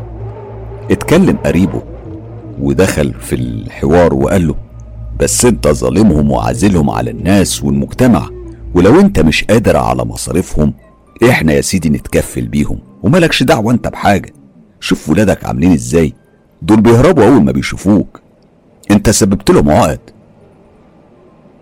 بعد ما تبادلوا الكلام العقيم والرفض الشديد اللي كان من طرف الأب فضل مسيطر على كلامه. لكن في النهاية هو قبل إن هو ينفذ طلب العم لكن قبوله كان بشرط. هو إنه يخلي البنت الصغيرة بس هي اللي تدخل المدرسة. أما باقي العيال ممنوع عليهم. ولحد دلوقتي هما مش متعلمين إلا البنت دي وكانت ناجحة. في يوم كان تقريبا وقت الظهرية وحرارة الشمس كانت مأثرة على الجميع ومستحيل كنت تلاقي حد بره في الوقت ده بالذات. كان ابن جارنا ده وخلينا نسميه بشير. كان واقف قدام باب بيته من غير العادة يعني. كان واقف ساكت كده. وفجأة قرر إنه يبعد عن البيت. بس هو بدل ما يروح يلف قدام البيوت فكر إنه يطلع الجبل ويشوف الجو والبلد من هناك. وما قالش لأي حد إنه رايح. والوقت اللي اختاره بشير ما كانش مناسب خالص لإنه يطلع الجبل. عدت حوالي عشرين دقيقة وفجأة بدأنا نسمع صوت صريخ. الصريخ ده كان عبارة عن صرخات كسرت جو الهدوء والصمت وحولتهم في ثواني للاستغراب وللتساؤل. معظم الجيران خرجت يوميها بما فيهم إخواتي وكل واحد كان بيبص للتاني ومش فاهمين حاجة. كانوا عايزين يحددوا مصدر الصوت والصريخ ده جاي منين. لغاية ما اكتشفوا إنه بشير في الجبل وعمال بيصرخ بشكل جامد جدا. خلى صوت الصدى بتاعه كان بيدوي معاه وبيساعده على توصيل الصريخ لينا. صريخ كان غير عادي. حالة من الرعب والخوف اتملكت من الناس وقرروا يجروا بسرعة علشان يشوفوا حصل إيه لبشير. وهم في الطريق أخدوا معاهم عصيان وقطع حديد تحسبا يعني لأي هجوم من الحيوانات اللي ممكن تكون موجودة في الجبل أو يمكن يكون في أشخاص أشرار مثلا يعني ويدافعوا بالحديد أو بالعصيان دي عن نفسهم. الجيران أول ما وصلوا للمكان شافوا منظر فظيع. منظر خلى أبو بشير حس بالخجل والفضيحة وما قدرش يبص في الناس. هم شافوا بشير عريان تماما من تحت ومن غير بنطلون أو أي حاجة تستره. كان قاعد على الأرض وبيعيط وحاضن رجليه على صدره وإيديه كانت فوق راسه. وفي نفس الوقت شافوا شخص مرمي على الأرض قدامه والشخص التاني ده هرب وطلع يجري بسرعة في المنحدر الجبلي اللي ورا. اتضح إنهم شباب من الثكنة العسكرية اللي تحت المنحدر. وما قدروش يلحقوه أو يعرفوا هو مين وشكله إيه. العسكري كان بيجري كأنه شاف حاجة. أو في يعني شخص بيجري وراه أو حس بالخطر يعني. الشاب العسكري كان مجروح في رجليه وكتافه أخدوه للمستشفى وخلوا هيئة العسكر هي اللي تحقق معاه. الشاب باين إنه مصدوم ومش قادر يتكلم لكن ده ما يمنعش إنه راح. يعني هيفلت بعملته من العدالة. ابدا بالعكس هيتحاكم. بشير طبعا اتعاقب أشد العقاب من أبوه وسمعه أبشع الألفاظ وضربه قدام الناس من غير ما يفهم ابنه حصل له إيه. لبسه هدومه وكنا كلنا واقفين مذهولين من المشهد. أنا كنت فوق السطح علشان أقدر أشوف كويس. أخويا قال لي إن بشير ما تكلمش خالص وما قالش ولا كلمة وما دافعش عن نفسه على الأقل حتى يفهمنا إيه اللي حصل. روح بشير وكان أبوه بيجرجر فيه وبيهين فيه بالرغم من محاولات الناس إنه ما يضربوش إلا إنه أصر وفضل يضرب فيه ضرب جامد جدا وقال له أنت السبب لو ما طلعتش الجبل كان زمانك دلوقتي كويس وما فضحتنيش قدامهم. وجهز نفسك علشان لما هترجع معايا الريف هعزلك عن الناس. ولو قدرت كمان هعزل نور ربنا عليك. عقابك إن أنا مش عارف أبدأ منين وإزاي. يلا قوم دلوقتي. قوم حالا. يلا يا بغل. راح بشير مع أبوه للريف. كان ساكت خالص زي ما يكون حجر. كأنه مش متأثر بكلام وضرب أبوه ليه ولا بنظرات الناس. عدت الأيام والشهور والسنين. ونسينا بشير. لكن في يوم لاحظت إن في عربية ركنت قدام بيتهم ونزل منها بشير وأبوه وعمه. أنا من دهشتي واستغرابي بلعت ريقي وعينيا وسعت بسبب شكل ومنظر بشير اللي كان بيوحي إنه بيعاني كتير. بشير كان كبر مرة واحدة أسنانه اللي قدام كانت وقعت بالكامل. الشيب أكل راسه كان بيمشي بصعوبة تحس إن رجليه مربوطين بحبل. عمه كان بيساعده على المشي. أما أبوه دخل لبيته ولا كأن في حد وراه وما كانش مهتم بابنه خالص. تقريبا مر أسبوع وما ظهرش بشير. وبعدين لاحظت إنه خرج وقعد قدام باب بيته. كان بيقعد يوم كامل بنفس الوضعية. وكل يوم ولحد دلوقتي في وقتنا الحالي. هو كان دايما بيبص للأطفال وهم بيلعبوا. الحاجة الوحيدة اللي بيحركها هي راسه. كان بيحرك راسه في كل مكان خصوصا مكان تواجد الأطفال. وكان بيضحك عليهم وساعات كنا نلاحظ إن ملامح وشه بتتغير لغضب شديد. إحنا اتعودنا عليه على أساس إنه شخص مش تمام يعني. بشير أصلا تحس إن عقله توقف في سن 11 سنة من وقت حادثة الجبل. وبالرغم من كبر سنه وحجمه إلا إنه بيتكلم وبيتعامل زي الأطفال بالظبط. كان كل ما يشوفني دايما يرمي عليا السلام. ومش ليا بس سلامه كان لكل الناس. حتى العيال انتبهت وبقى بتتريق عليه وتقول له السلام عليكم ويضحكوا عليه. واللي ما يردش عليه السلام يا ويله. والله نط عليه زي ما نط عليا ورعبني لأني ما رضيتش أرد عليه السلام. الصراحة أنا ساعتها كنت روحت للبيت متعصبة شوية وأول ما صادفني وشفته في طريقي ورمى عليا السلام أنا اتجاهلته. لكن هو بقى كان ورايا ومصمم بيعيد في نفس الكلمة السلام عليكم السلام عليكم. ولما ما يعني ما, كانش فيه أي رد مني هو غضب جدا وحاول يتهجم عليا. ساعتها أنا خفت واتنفضت ورديت عليه السلام زي ما أكون كده اديته مهدئ. ورجع بشير لحالته الطبيعية. وأنا روحت بسرعة أحسن يغير رأيه. ويا ريت المشكلة توقفت على رد السلام وبس. مع الأيام سمعنا شكاوي كتير من أولياء التلاميذ اللي في الابتدائي في المدارس واللي كانت بتقول إن في شخص بيستدرج الأطفال ويعريهم وينزع منهم سراويلهم بالقوة. الشيء ده طبعا أثار أثار استياء الناس وخوفهم. الكل أصبح خايف وبيراقب ابنه ويوصله المدرسة ويرجعه البيت بإيديه المهم بعد مدة الناس نسيت الموضوع وما تكلموش عنه خالص لغاية ما اتفاجئوا بولد صغير بيجري وهو من غير سروال وبيعيط بشدة. لما جريوا عليه الناس والرعب أكل قلوبهم سألوه مين اللي عمل فيك كده؟ رد الطفل وقال بشير.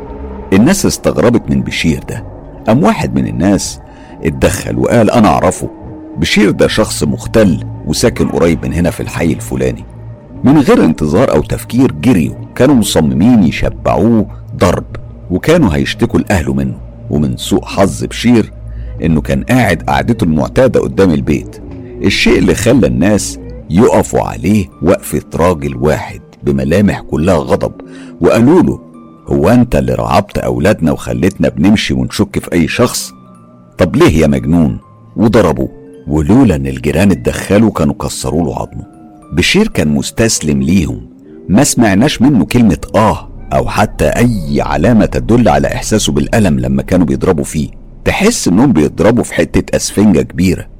المهم من غير ما أطول في التفاصيل بشير أخد نصيبه. أخد نصيبه كمان من الضرب والشتيمة من أبوه اللي اعتذر للناس وخاف إنهم يروح يشتكوا في الشرطة يعني. طلب منهم يسامحوه ووضح لهم مرضه وقال لهم أنتوا شايفين حالته.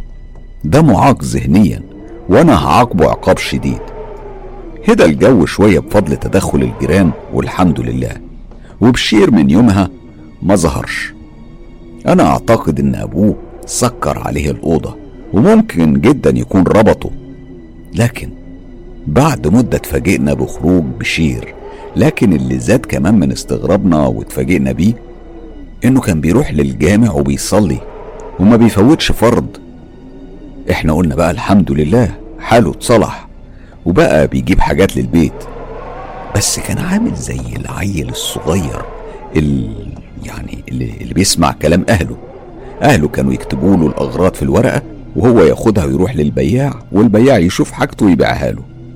استمر الحال كده لغاية في يوم كان في راجل بيشتكي للناس في الجامع وفي كل مكان بيقول إن في ديب أو كلب بيدخل من تحت السياج الحديدي ياخد لحم الدجاج ويقطع رؤوسهم ويرميهم وما بياكلهاش.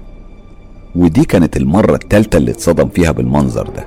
الناس استغربت وقالت مستحيل لو ده حيوان كنت على الأقل هتلاقي بقايا للأكل واختفاء الدجاج بالكامل لكن بالمنظر ده لا يبقى في حاجة تانية. فنصحوه إنه يراقب المكان بالليل. المسافة اللي بتفصل ما بين الغابة وبيت الراجل اللي هو عنده الدجاج حوالي عشر أمتار وفي نور عمود كهرباء واحد بيضوي الطريق وينوره.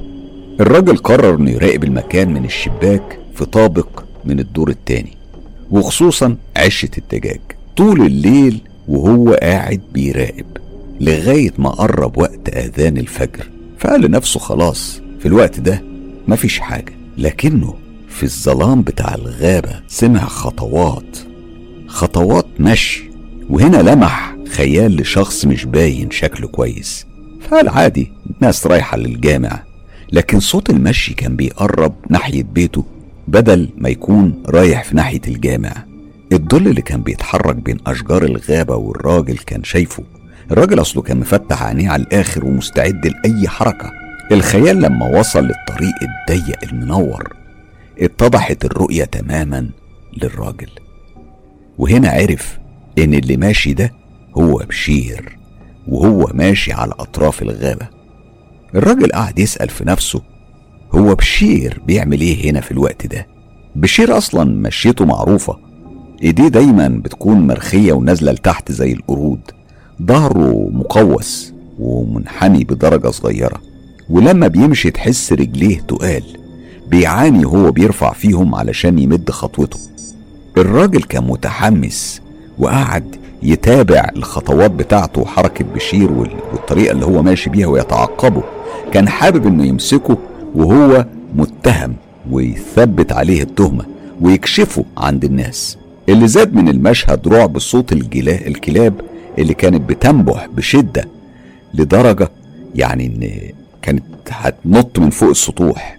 وبالفعل بشير وصل لحد السياج ووقف جنبه وبدأ يبص في كل الاتجاهات علشان يتأكد إن مفيش حد. وبعدين طلع السور بقوة رهيبة وشده وعدى من تحت السلك بكل سهولة واتجه للحظيرة بتاعت الدجاج وخرج واحدة منهم وبص فيها وبدأ يتكلم معاها. كان بيقول للفرخة شش ما تخافيش أنا مش هاكلك أنا هقتلك بس وأرميكي. اسكتي ما أحبش أسمع صوتك. كانت إيديه ماسكة ظهر الفرخة والإيد التانية ماسكة راسها وفجأة وبكل قوة وغضب قطع وفصل راسها عن جسمها بإيديه وبعدين قال لها سكتي دلوقتي وخرج من تحت السياج زي ما دخل. وطلع ناحية الطريق اللي بتودي للجامع. الراجل فضل متسمر في مكانه ما قدرش حتى ينزل ويواجهه. الخوف تملكه بالكامل بالرغم إنه من شوية كان بيهدد ويتوعد. ما كانش مصدق إنه بشير إن يعني يكون هو اللي ورا اللي بيحصل معاه وإن شكله اتغير تماما. وقت ما دخل حظيرة الدواجن. أول ما طلع النهار الراجل توجه لأبو بشير وحكى له على كل حاجة وطلب منه إنه يتدخل ويتكلم مع ابنه لا إما هيروح يشتكي ابنه في اسم الشرطة. أبو بشير ما كانش مصدق اللي سمعه كان فاتح بقه من الدهشة والإحراج ومبرق عينيه وكان عمال يبص في وش الراجل وهو مش مستوعب اللي بيسمعه. طلب من الراجل إنه يسامحه. وإن دي آخر مرة هيحصل حاجة زي دي. وقال له أنا مستعد أدفع لك فلوس بسبب خسارتك للدجاج. الراجل حط إيديه على كتف الأب وقال له أنا مش محتاج تعويض. اللي محتاجه منك إنك تاخد بنصيحتي وتجيب في أسرع وقت راقي لابنك لأن اللي أنا شفته وسمعته عينيا مش مصدقاه لحد دلوقتي. لما دخل الأب كان باين عليه الإرهاق والخوف كمان. هو حس إن بشير ممكن يعمل له هو حاجة مع تطور حالته للأسوأ وكان ممكن يعني يحصل نوع من الضرب أو الشتيمة. يعني بالمعنى نقدر نقول إن هو خاف يقرب لابنه. كان عمال يفكر في كلام الراجل وإنه لازم يجيب راقي ويشوف حالة ابنه. الصراحة مش أنا لوحدي اللي كنت براقب الراقي وهو داخل بيت بشير. معظم الجيران كانوا بيراقبوا مستنيين يعرفوا هيحصل إيه؟ الراقي جاب معاه صديقه علشان يساعده والأب جاب معاه أخوه. وأول ما دخلوا الصالة المفروض يعني كانوا يقولوا السلام عليكم أو أي حاجة لكنهم اتفاجئوا إن بشير هو اللي بيلقي عليهم السلام من غير حتى ما يبص لهم. كان مبحلق في الأرض وكأنه بيفتش على حاجة ضايعة منه. ثواني من الصمت مرت عليهم. الراقي إحنا عارفينه يعني هو مش متعود على جلسات المس والجن لأن معظم رقيته كانت للأطفال وعمره ما شاف شخص ملبوس قدامه. اتقدم الراقي وحط إيديه على كتف بشير وطلب منه إنه يرفع راسه وقال له إزيك؟ أنت بخير؟ رفع بشير راسه وكان بقه شبه يعني شبه مفتوح واللعاب سايل منه. وبص بصة مخيفة قوي على ايد الراقي اللي حطها على كتفه وبعدين مسكها وشالها من عليه. هما كلهم ارتبكوا من تصرف بشير. أما الراقي فضل إن هو يبدأ شغله فحط إيديه على راس بشير وبدأ يقرأ ويقرأ. هنا بشير بدأ يتحرك ويتهز ويبص يمين وشمال عمل إشارة براسه معناها أيوه كأنه بيرد على حد. وبعدين لف راسه للراقي وانفجر في الضحك لدرجة إن وش الراقي اتبل من كترة اللعاب وقام مسح وشه واتلفت لصاحبه وهمس له وقال له أظن في حضور ولازم نستمر. كمل الراقي القراية ولاحظ إن بشير بدأ يتحول ويحرك في راسه ويميل زي التعبان كأنه هيتحول لكائن تاني. اتكلم الراقي وإيديه بترتعش وقال له قول لي اسمك إيه؟ بين نفسك انطق. لو ما نطقتش أنا هحرقك. هنا اتفاجئوا كلهم بمنظر تاني لبشير غير الأولاني. شافوا إنه دلدل راسه ووطاه على الأرض وحضن جسمه بالكامل. كان بيرتعش كأنه خايف أو بردان. وقال اسأل أبويا أنا اسمي إيه. أنا تايه ومش عارف اسمي. وبص في أبوه بنص عين وهو على نفس الوضعية. اتلفت الراقي لأبوه وقال له معنى إيه الكلام ده؟ هو اسم ابنك إيه؟ الأب اتلعثم وبدأ يتهته في الكلام وقعد يقول اسمه اسمه اسمه بشير ومفيش اسم تاني. في نفس الوقت اتخضوا كلهم لما بشير نطق وبصوت كان كله جدية وواضح وهو بنفس الوضعية. مدلدل راسه وإيديه كانت محضنة بطنه كأنها بتحافظ عليها من الوجع. أنا إثمي بغل. مش كده يا بابا؟ بغل. وعمري عمري ما سمعتك بتنطق اسمي حتى بالغلط. كلهم سكتوا بما فيهم الراقي اللي تقريبا فهم الموضوع.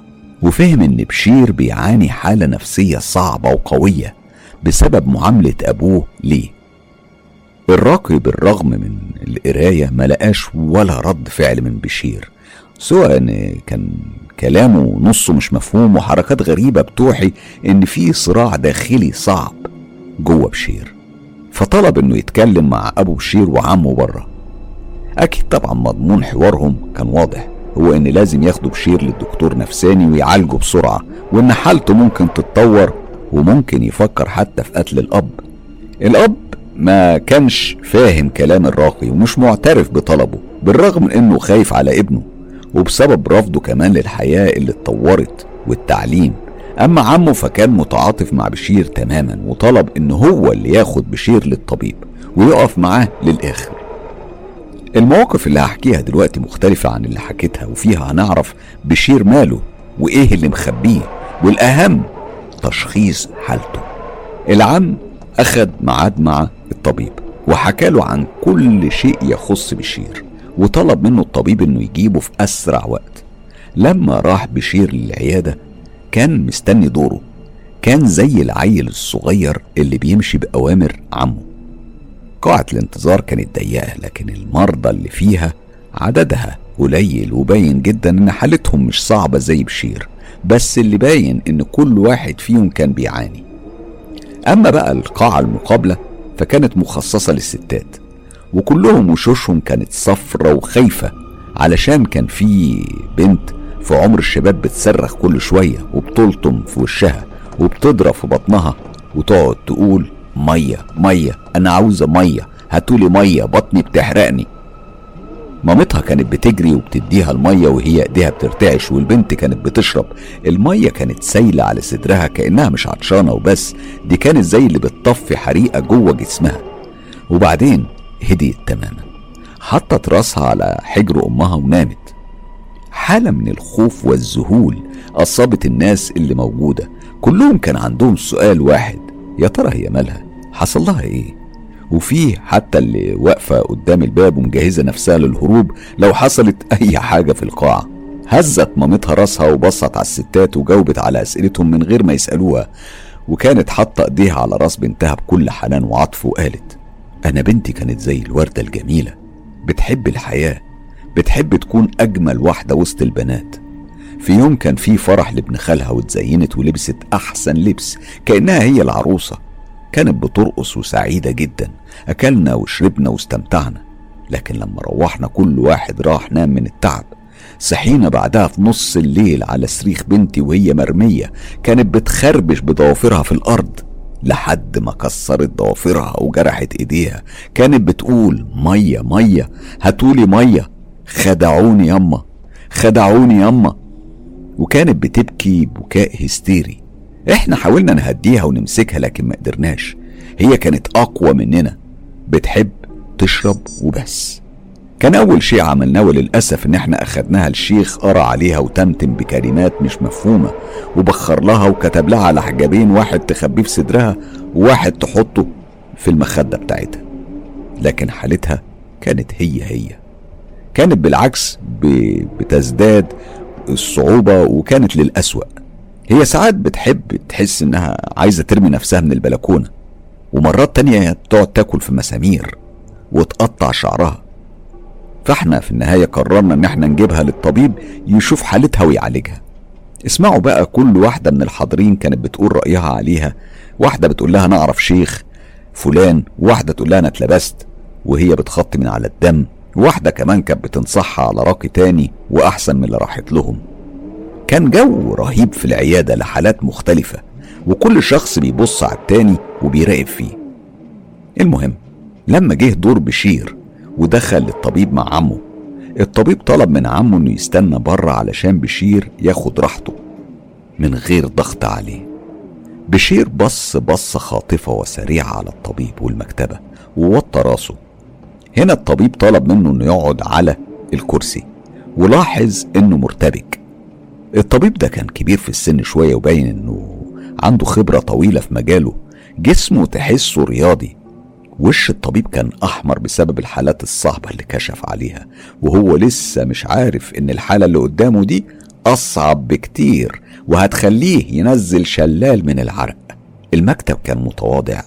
مفهوش حاجة تلفت الانتباه. مكتب كلاسيكي كده مصنوع من الخشب. في كمان زي صالة صغيرة فيها كراسي من الجلد كان لونها أسود وترابيزة وساعة خشبية معلقة على الحيط صوتها بيمشي مع دقات القلب. ثواني مرت على الطبيب وهو بيفكر إزاي يبدأ الكلام مع بشير ويحاول يحسسه بالأمان والراحة. بعدين سأله قال له إيه تحب نقعد هنا ولا نروح الجهة التانية أحسن؟ بس بشير ما اتحركش وما نطقش بكلمة واحدة.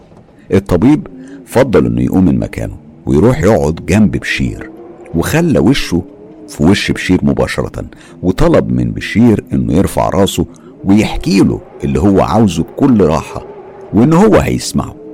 وقال له أنا عارف بمشاكلك لكني حبيت أسمع منك. أنت احكي لي واعتبرني صاحبك. بشير من غير ما يرفع راسه قال له بس أنت مش صديقي. أنا في حياتي كسبت صديقين بس واثق فيهم. هما بس. الطبيب حس إنه كده مسك راس الخيط وقال له جميل جدا.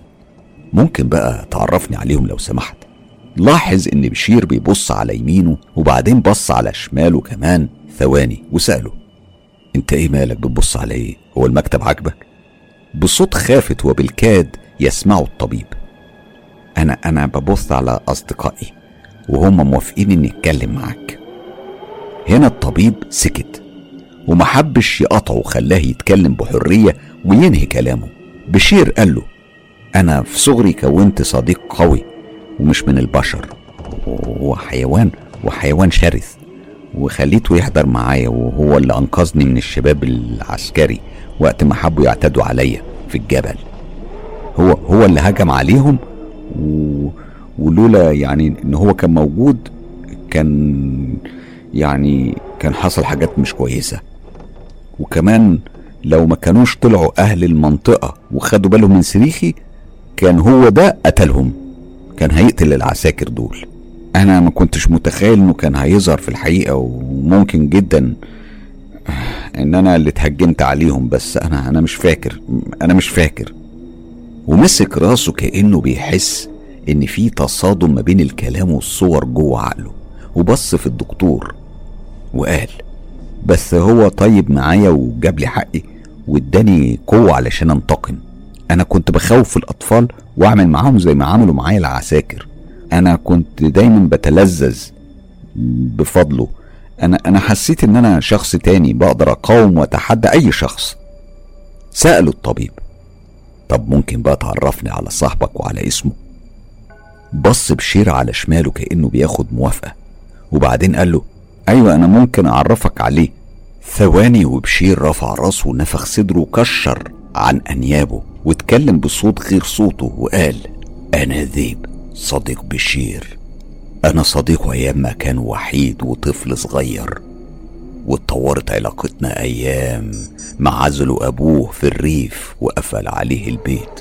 أنا صديقه في ضعفه وظلمته. ووقت الانتقام ووقت ما كان محتاج للمساعدة. ومستحيل أستغنى عنه.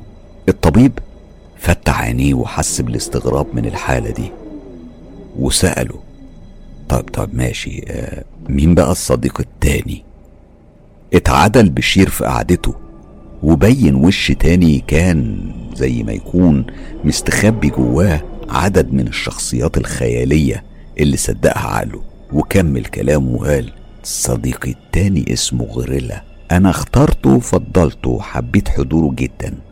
وبص على يمينه. هو مش راضي يتكلم بس هو صديق رائع بيخليني أتلذذ وبيحرضني على الخنق. هو كان بيجهزني لحاجات تانية زي القتل. هو على فكرة اللي شجعني إني أقتل الفراخ والقطط وأفصل رأسهم. وقال المرة اللي جاية هخليك تفصل رؤوس البشر. شوف يا دكتور دول أصدقائي الوحيدين في حياتي ومستحيل أتراجع وأديهم ظهري أبدا. وسكت بشير ثواني وفجأة رجع لحالته الطبيعية وشكله المعتاد وبدأ يبكي ويقول أبويا أبويا السبب هو اللي عزلني عن الناس لسنين كتيرة جوه بيت مبني بالطين وخلاني أكون في صوابعي من الوحدة والحرمان والخوف من الظلمة. في حضور أصحابي دول أنا حسيت بالونس والسعادة معاهم. أنا كان ممنوع عليا حتى ألعب أو أجري بحرية زي الأطفال. منكرش إن أنا اتفقت آخر مرة يعني. اتفقت معاهم على إني أقتل أبويا وأفصل راسه هو كمان. أنا مش عايز أسمع كلامه ولا صوته ولا حتى أشوفه. وشوية وقام بشير واتنرفز خلى الطبيب انصدم ونط من مكانه حس إن بشير ممكن يتهجم عليه زي الوحش. فبسرعة فتح الطبيب الباب ونده على الممرض وعم بشير وحاول يهديه شوية. الطبيب وهو مصدوم طلب من عمه إنه يجيب أبو بشير حالا. بعدها روح بشير طلب عمه من أخوه إنهم يروحوا بكرة للطبيب لأنه عاوزنا ضروري. بعد دراسة الطبيب لحالة بشير فهم كل حاجة. الكلام كان واضح بالنسبة له. هو فسره طبعا بالأسلوب اللي يقدروا أهل بشير إنهم يفهموه ويدخل في دماغهم. بشير بيعاني من حالة نفسية صعبة جدا. إحنا بقى كأطباء نفسيين بنسميها الطلبة وهي السبب اللي خلاه يحضر أو يحضر ويشكل مخلوقات وهمية في راسه. المخلوقات دي بتكون قوية ومتمكنة من عقله وتفكيره لدرجة إنه قادر يتعامل معاهم ويتكلم معاهم عادي. حالة الطلبة دي خلت ابنكم يدخل في مرحلة انفصام الشخصية ويجسد وجوه مرعبة وخيالية في عقله كانت ملازماه في حياته. التفت الطبيب لأبو بشير وكمل كلامه وقال له دي نتيجة معاملتك وعزلك لابنك وإنك حرمته من أبسط حق وحرمته من كل عطف كان يستحقه. وبكل صراحة حالته وصلت لأقصى درجات العنف وخرجت عن السيطرة وأصبح ليه كيانين في جسم واحد وللأسف بشير ممكن يوصل للجنون التام. علشان كده أنا هكتب رسالة هوضح فيها طلبي وحالة بشير وإني لازم أدخله مصحة نفسية في أقرب وقت. وأنا اللي هكون مشرف عليه والطبيب الوحيد اللي هيعالجه. وبالفعل تم نقل بشير للمصحة إحنا في منطقتنا بنسميها العثمانية بشير كان تحت مراقبة شديدة جدا من طرف العمال والممرضين زي ما يكون وحش دخل عليهم في النهار. يخرجوه للجنينة ويقعد لوحده ويتكلم ويبتسم مع نفسه. مستحيل تلاقي شخص تاني مريض قاعد معاه. وده على فكرة مش بسبب الخوف لأ ده بسبب إنه ما بيتكلمش معاهم وما بيتحركش. قاعد زي الإنسان الآلي بالرغم من محاولتهم علشان يندمج معاهم لكنهم ما قدروش. هو حاسس إنه فقد حريته وأهدافه في القتل والانتقام لكن طبيبه كان موصي الممرضين إنهم يراقبوه وينيموه لوحده بالليل بعد ما يدوه دواء مهدئ ويقفلوا عليه الأوضة. الغريب أن بشير كان بيصحى بالليل ويصحي معاه المرضى والعمال وكانوا بيسمعوه وهو بيتكلم. وساعات بيعوي زي الديب كأنه بيبكي. واللي رعبهم أكتر إنه كان بيخبط في صدره جامد وبقوة زي الغوريلا. في مرة دخل عليه الممرض وهنا أمره بكل غضب إنه ينام ويبطل إزعاج وكفاية هبل بقى حسب كلام الممرض. بشير كان ساعتها واقف ومديله ظهره وبدأ يطلع منه صوت مخيف صوت زي ما يكون حد هيهاجم حد. وقال له بصوت مرعب تخطي خطوة بس خطوة واحدة وأنا هقطعك هقطعك حتت وهاكلك. واتلفت للممرض اللي حس بالخطر ووقف عن الحركة وتراجع لورا بنفس الخطوة لأنه اترعب من شكل وش بشير. هو لاحظ إن وشه انكمش أنيابه كانت بارزة وشكله اتغير تماما. وشه أخد ملامح شيطانية غريبة. بسرعة قام وقفل عليه الباب واتصل بالطبيب وحكاله أظن بشير حضر مخلوق تاني وضافه لقائمة الأصدقاء. الطبيب كان بيزوره دايما وما بيسيبهوش ولا لحظة ومهما كانت خطورة حالته كان الطبيب معاه. عدى على الموضوع ده تقريبا سنتين. اتفاجئنا ببشير روح لبيته.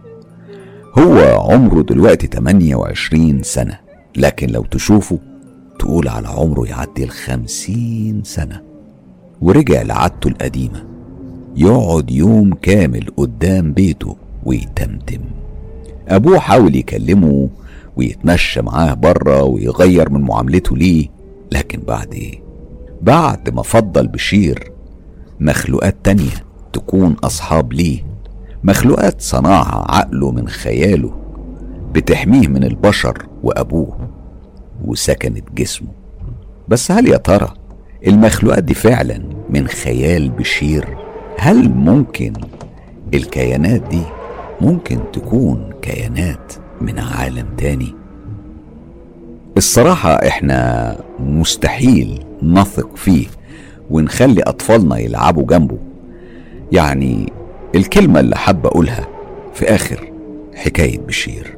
أنا عايز أطلب من كل أب وأم إنهم يلتفتوا لأطفالهم يقعدوا معاهم يحسسوهم بالحماية والأمان والحنان علشان العقل الباطن ما يفكرش تفكير سلبي. والأطفال دي يا عالم ممكن تقع ضحية لكيانات في خيالهم أو كيانات من عوالم تانية محيطة بينا وإحنا. مش داريين بيها. بشير قلبي معاك يا بشير وصباح نصري بشكرك على صياغة الأحداث اللي انت عايشتيها وحضرتي جانب كبير جدا منها. الحقيقة دايما أسلوب صباح بينقلك للحدث وبينقلك للقصة بكل تفاصيلها وأحداثها وأبطالها. أنا حاسس إن أنا أعرف بشير من سنين طويلة بسبب أسلوب صباح الجميل في الكتابة. أتمنى تكون القصة عجبتكم. هي التفاصيل قد ما هي قاسية ومرعبة وموجعة على قد ما إحنا فعلا محتاجين نتعلم العظة اللي موجودة في الحكاية. الفتى الطائش ده اسم الأكاونت اللي بعت القصة أو التجربة الحقيقية اللي عاشها بكل تفاصيلها. وحكالنا قبل كده في حلقة من الحلقات إن هو له علاقة بعالم الجن. هي علاقة غريبة جدا. هو اتكلم عنها بتفصيل لكن النهاردة هو قرر إنه يحكي تفاصيل أكتر بناء على رغبة أصدقاء مستر كايرو. الفتى الطائش بيقول اولا أحب أشكر مستر كايرو لتوفير الفرصة دي والشكر والتقدير لك شخصيا. هبدأ القصة كل إنسان عنده بوابات من العالم الآخر بتتفتح بثلاث طرق. اولا عن طريق القصد وهي إنك بتكون عايز تفتحها وبيتم فتحها عن طريق الأوراد أو الأذكار أو عن طريق الطلاسم. الطريقة التانية بتكون من غير قصد. يعني أنت بتعمل أوراد وطلاسم وأسماء معينة بعدد معين وبتفتح معاك بس أنت مش قصدك تفتحها. أما الطريقة التالته بيفتحها الجن علشان يتواصل معاك. أنا متأكد إن في ناس كتير مش بتؤمن بالجن والشياطين والعوالم الأخرى. قصتي ممكن تكون تجربة نادرة. هي تجربة مع ملك من ملوك الجن. لما تكون طفل صغير في السن وبيتم التعامل معاك بقسوة من أسرتك وأحبابك والمجتمع اللي أنت عايش فيه وأنت في نفس الوقت محتاج حنانهم وقربهم منك. هو ده بالظبط اللي حصل لي. أنا لما كنت في عمر الخمس سنين كنت بشوف أطياف سودة وبيضة وأحيانا كنت بشوف أشكال غريبة وأي شيء بحلم بيه أو بتخيله بيصير على أرض الواقع حقيقة. أول حلم حلمته كان إني شفت شخص في غاية الجمال كان لابس جلابية وعمة وسبحة وكان معاها عصاية. وكان بيقول لي ما تخافش ولا تشيل هم الدنيا ولا تزعل أنا معاك وهغير حياتك للأفضل. بعدها أنا لما صحيت كنت شايف الليل زي سقف البيت من قربه ليا. القمر والنجوم كان ممكن ألمسهم بإيديا. النور كان بيروح وبيجي وأنا كنت بصرخ وبعيط. وكانت أمي ربنا يديها العافية والصحة وطولة العمر تيجي جري عليا وتاخدني في حضنها.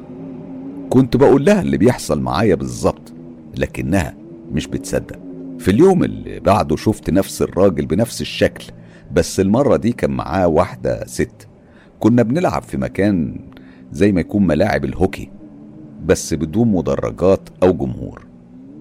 باقي أحلامي كانت عادية وجميلة وكانت كلها بتتحقق. في يوم بقى أنا كنت نايم وشفت إن عندي جاري هيموت في حادثة. وكل التفاصيل ومراسم الدفن أنا شفتها. ورحت حكيت لأسرتي وباقي أصحابي لكن محدش فيهم صدق. بعد تلات أيام حصل بالظبط اللي أنا شفته في النوم بكل تفاصيله بعد الموضوع ده أنا بقيت بشوف خيالات كتيرة جدا في الأوضة. وكمان أحيانا في البيت وأحيانا تانية بشوفها في الشارع وفي كل مكان. بعد ما كنت بخاف أنام وكنت باخد المصحف في حضني وأنام.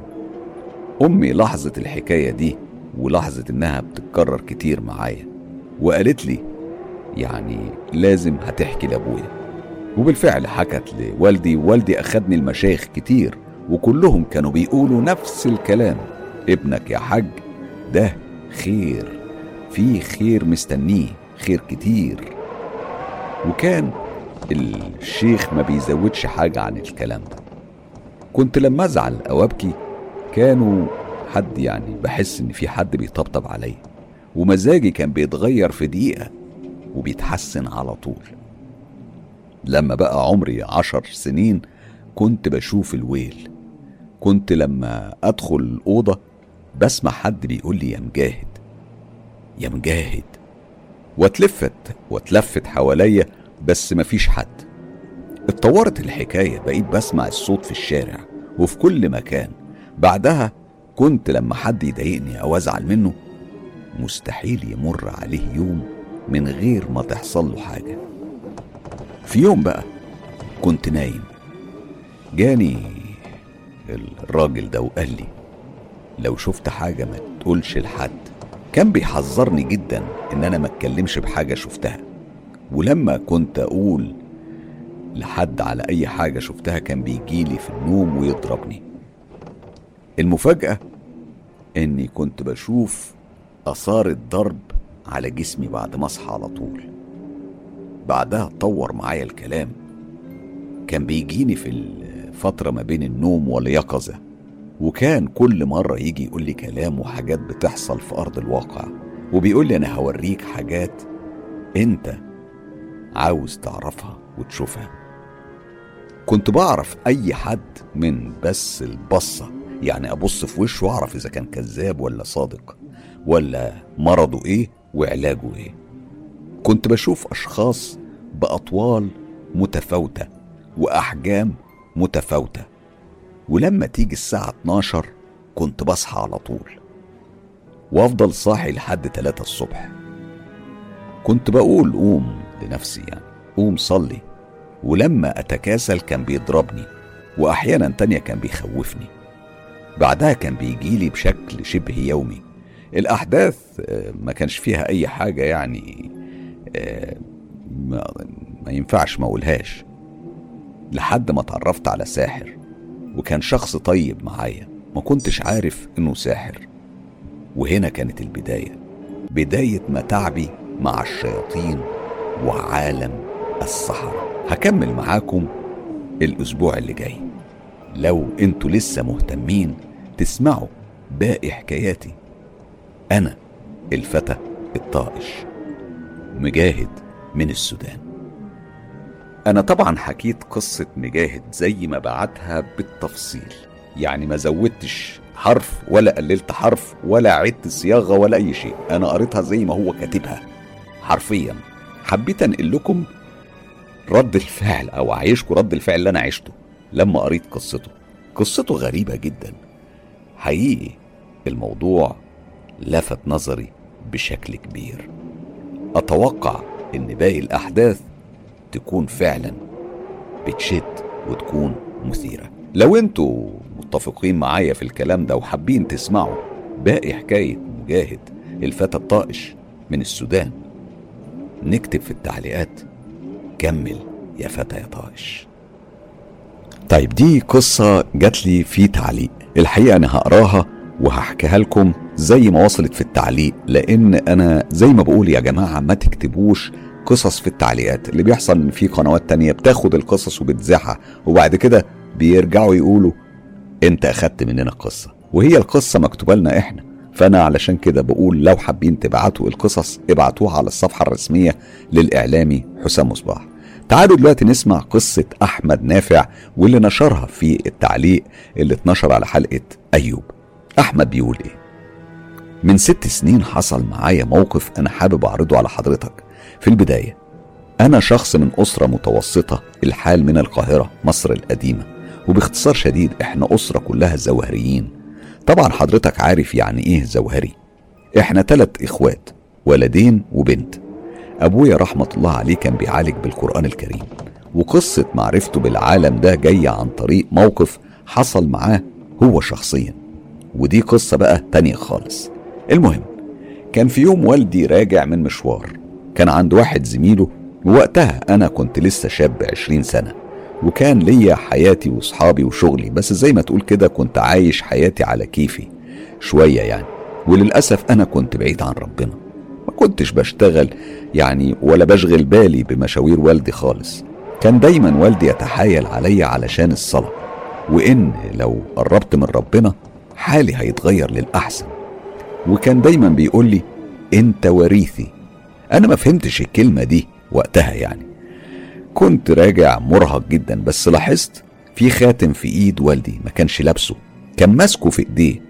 الخاتم كان فضة وفيه جوهرة من الياقوت الأحمر العالي الجودة وكان مرسوم عليه من الجنبين رسمة غريبة. ما كنتش فاهم الرسمة وقتها بس بعد كده فهمتها. قعد والدي على الكرسي المعتاد بتاعه وطلب مني فنجال القهوة المعتاد بتاعه.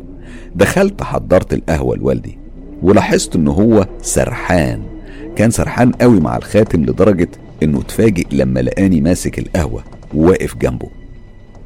اخد مني القهوة وقال لي تسلم إيديك. أنا دخلت أوضتي وسبت والدي وبعد شوية سمعته داخل ينام. قمت من مكاني علشان أخش الحمام. وأنا خارج من الأوضة بتاعتي بدل ما أمشي على طول وأدخل على الحمام دخلت مطرح ما أبويا كان قاعد. وفعلا لقيت اللي كنت بدور عليه الخاتم. الخاتم اللي ما راحش من بالي طول ما أنا كنت لوحدي. مسكت الخاتم ووقفت أتفرج عليه بكل انبهار. الخاتم فعلا كان جميل بطريقة مقلقه في النهاية أنا لبست الخاتم ودخلت الحمام وأنا في الحمام لفتت انتباهي في الخاتم حاجة غريبة. الفص بتاعه كان نقي بطريقة رائعة. بس وأنا في الحمام كمان لاحظت إن النقاء بتاع الحجر ظهر فيه داخل الحجر شق أسود بالطول. ومش ده الغريب. الغريب إن الشق بدأ يتحرك جوه الحجر مش بس كده. ده بدأ الشق يتشكل قدامي شكل زي جسم نحيل جدا وكل مدى كان بيوضح أكتر. راسه زي المثلث المقلوب عينيه مسحوبة ولونها أحمر لون الدم وله وله قرون زي قرون الجدي. كان قاعد مقرفص وباصص ناحيتي. معرفش قد إيه يعني فضلت باصص في الخاتم أو قعدت قد إيه في الحمام معرفش ما فوقنيش غير لما حسيت اني مش لوحدي في الحمام. أيوه ده حقيقي. أنا ما كنتش لوحدي. كنت حاسس ان ستارة البانيو كأن في وراها ظل رفيع نحيل. حسيت بدوخة خفيفة. لحقت نفسي وخرجت جري من الحمام. قلعت الخاتم بصعوبة شديدة على عكس ما لبسته. وشلته مكان ما والدي كان حاطه. ودخلت نمت. في الليلة دي كان النوم حالف ما يعرف طريقي. فضلت صاحي لحد الفجر. صحى والدي علشان يصلي الفجر وبعد الصلاة قعد مكانه ومسك سبحته وقعد يذكر ربنا. ومرة واحدة لقيته بينده عليا. خرجت أشوفه لقيته كان زعلان من حاجة. بعدها سألني سؤال. أنت لبست الخاتم ده؟ ولقيته بيشاور على الخاتم. مرة واحدة أنا اتلجلجت وما كنتش عارف أقول له إيه وبالفعل قابلت موجة تعنيف من والدي وانتهى بإن ما جيش جنب أي حاجة من حاجة والدي تاني أبدا. طبعا بعد كده فهمني أبويا هو ليه عمل معايا كده وحكالي قصة الخاتم ده وفك السحر اللي, اللي عليه. والدي كان دايما بيسعى في العلاج لوجه الله تعالى بدون أجر وكان بيعالج بكلام ربنا. وربنا جعله سبب لناس كتير. ربنا يجعل آه، الكلام ده في ميزان حسناته. أحمد نافع بشكرك كتير على القصة آه، أو على ال comment اللي هو عبارة عن قصة في comment. وأتمنى بعد كده لو حد حابب يبعت قصة ابعتوها على الصفحة الرسمية للإعلامي حسام مصباح. بلاش في الكومنتات يا جماعة. ليه تشترك في قناة مستر كايرو؟ أكيد علشان توصلك آخر المعلومات. اللي ممكن تفيدك وتحميك انت وأسرتك من عالم السحر والسحرة وكمان علشان تكون ملم بعالم الجن والعوالم الغامضة اللي بتشاركنا حياتنا. لو عندكم تجارب حقيقية وحصلت بالفعل ليكم أو لحد من أصحابكم وحابين تشاركوا بيها أصدقاء مستر كايرو ابعتوا التجارب على الصفحة الرسمية للإعلامي حسام مصباح على موقع التواصل الاجتماعي فيسبوك كمان ممكن تبعتوها على موقع صراحة أو تطبيق تيليجرام. كل الروابط دي هتلاقوها موجودة هنا تحت في خانة الوصف.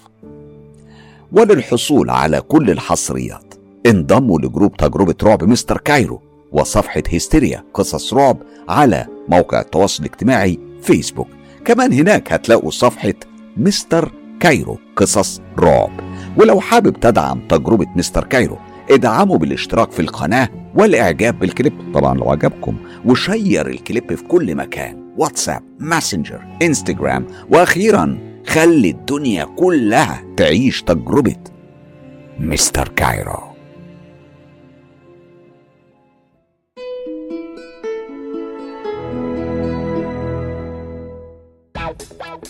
Wow.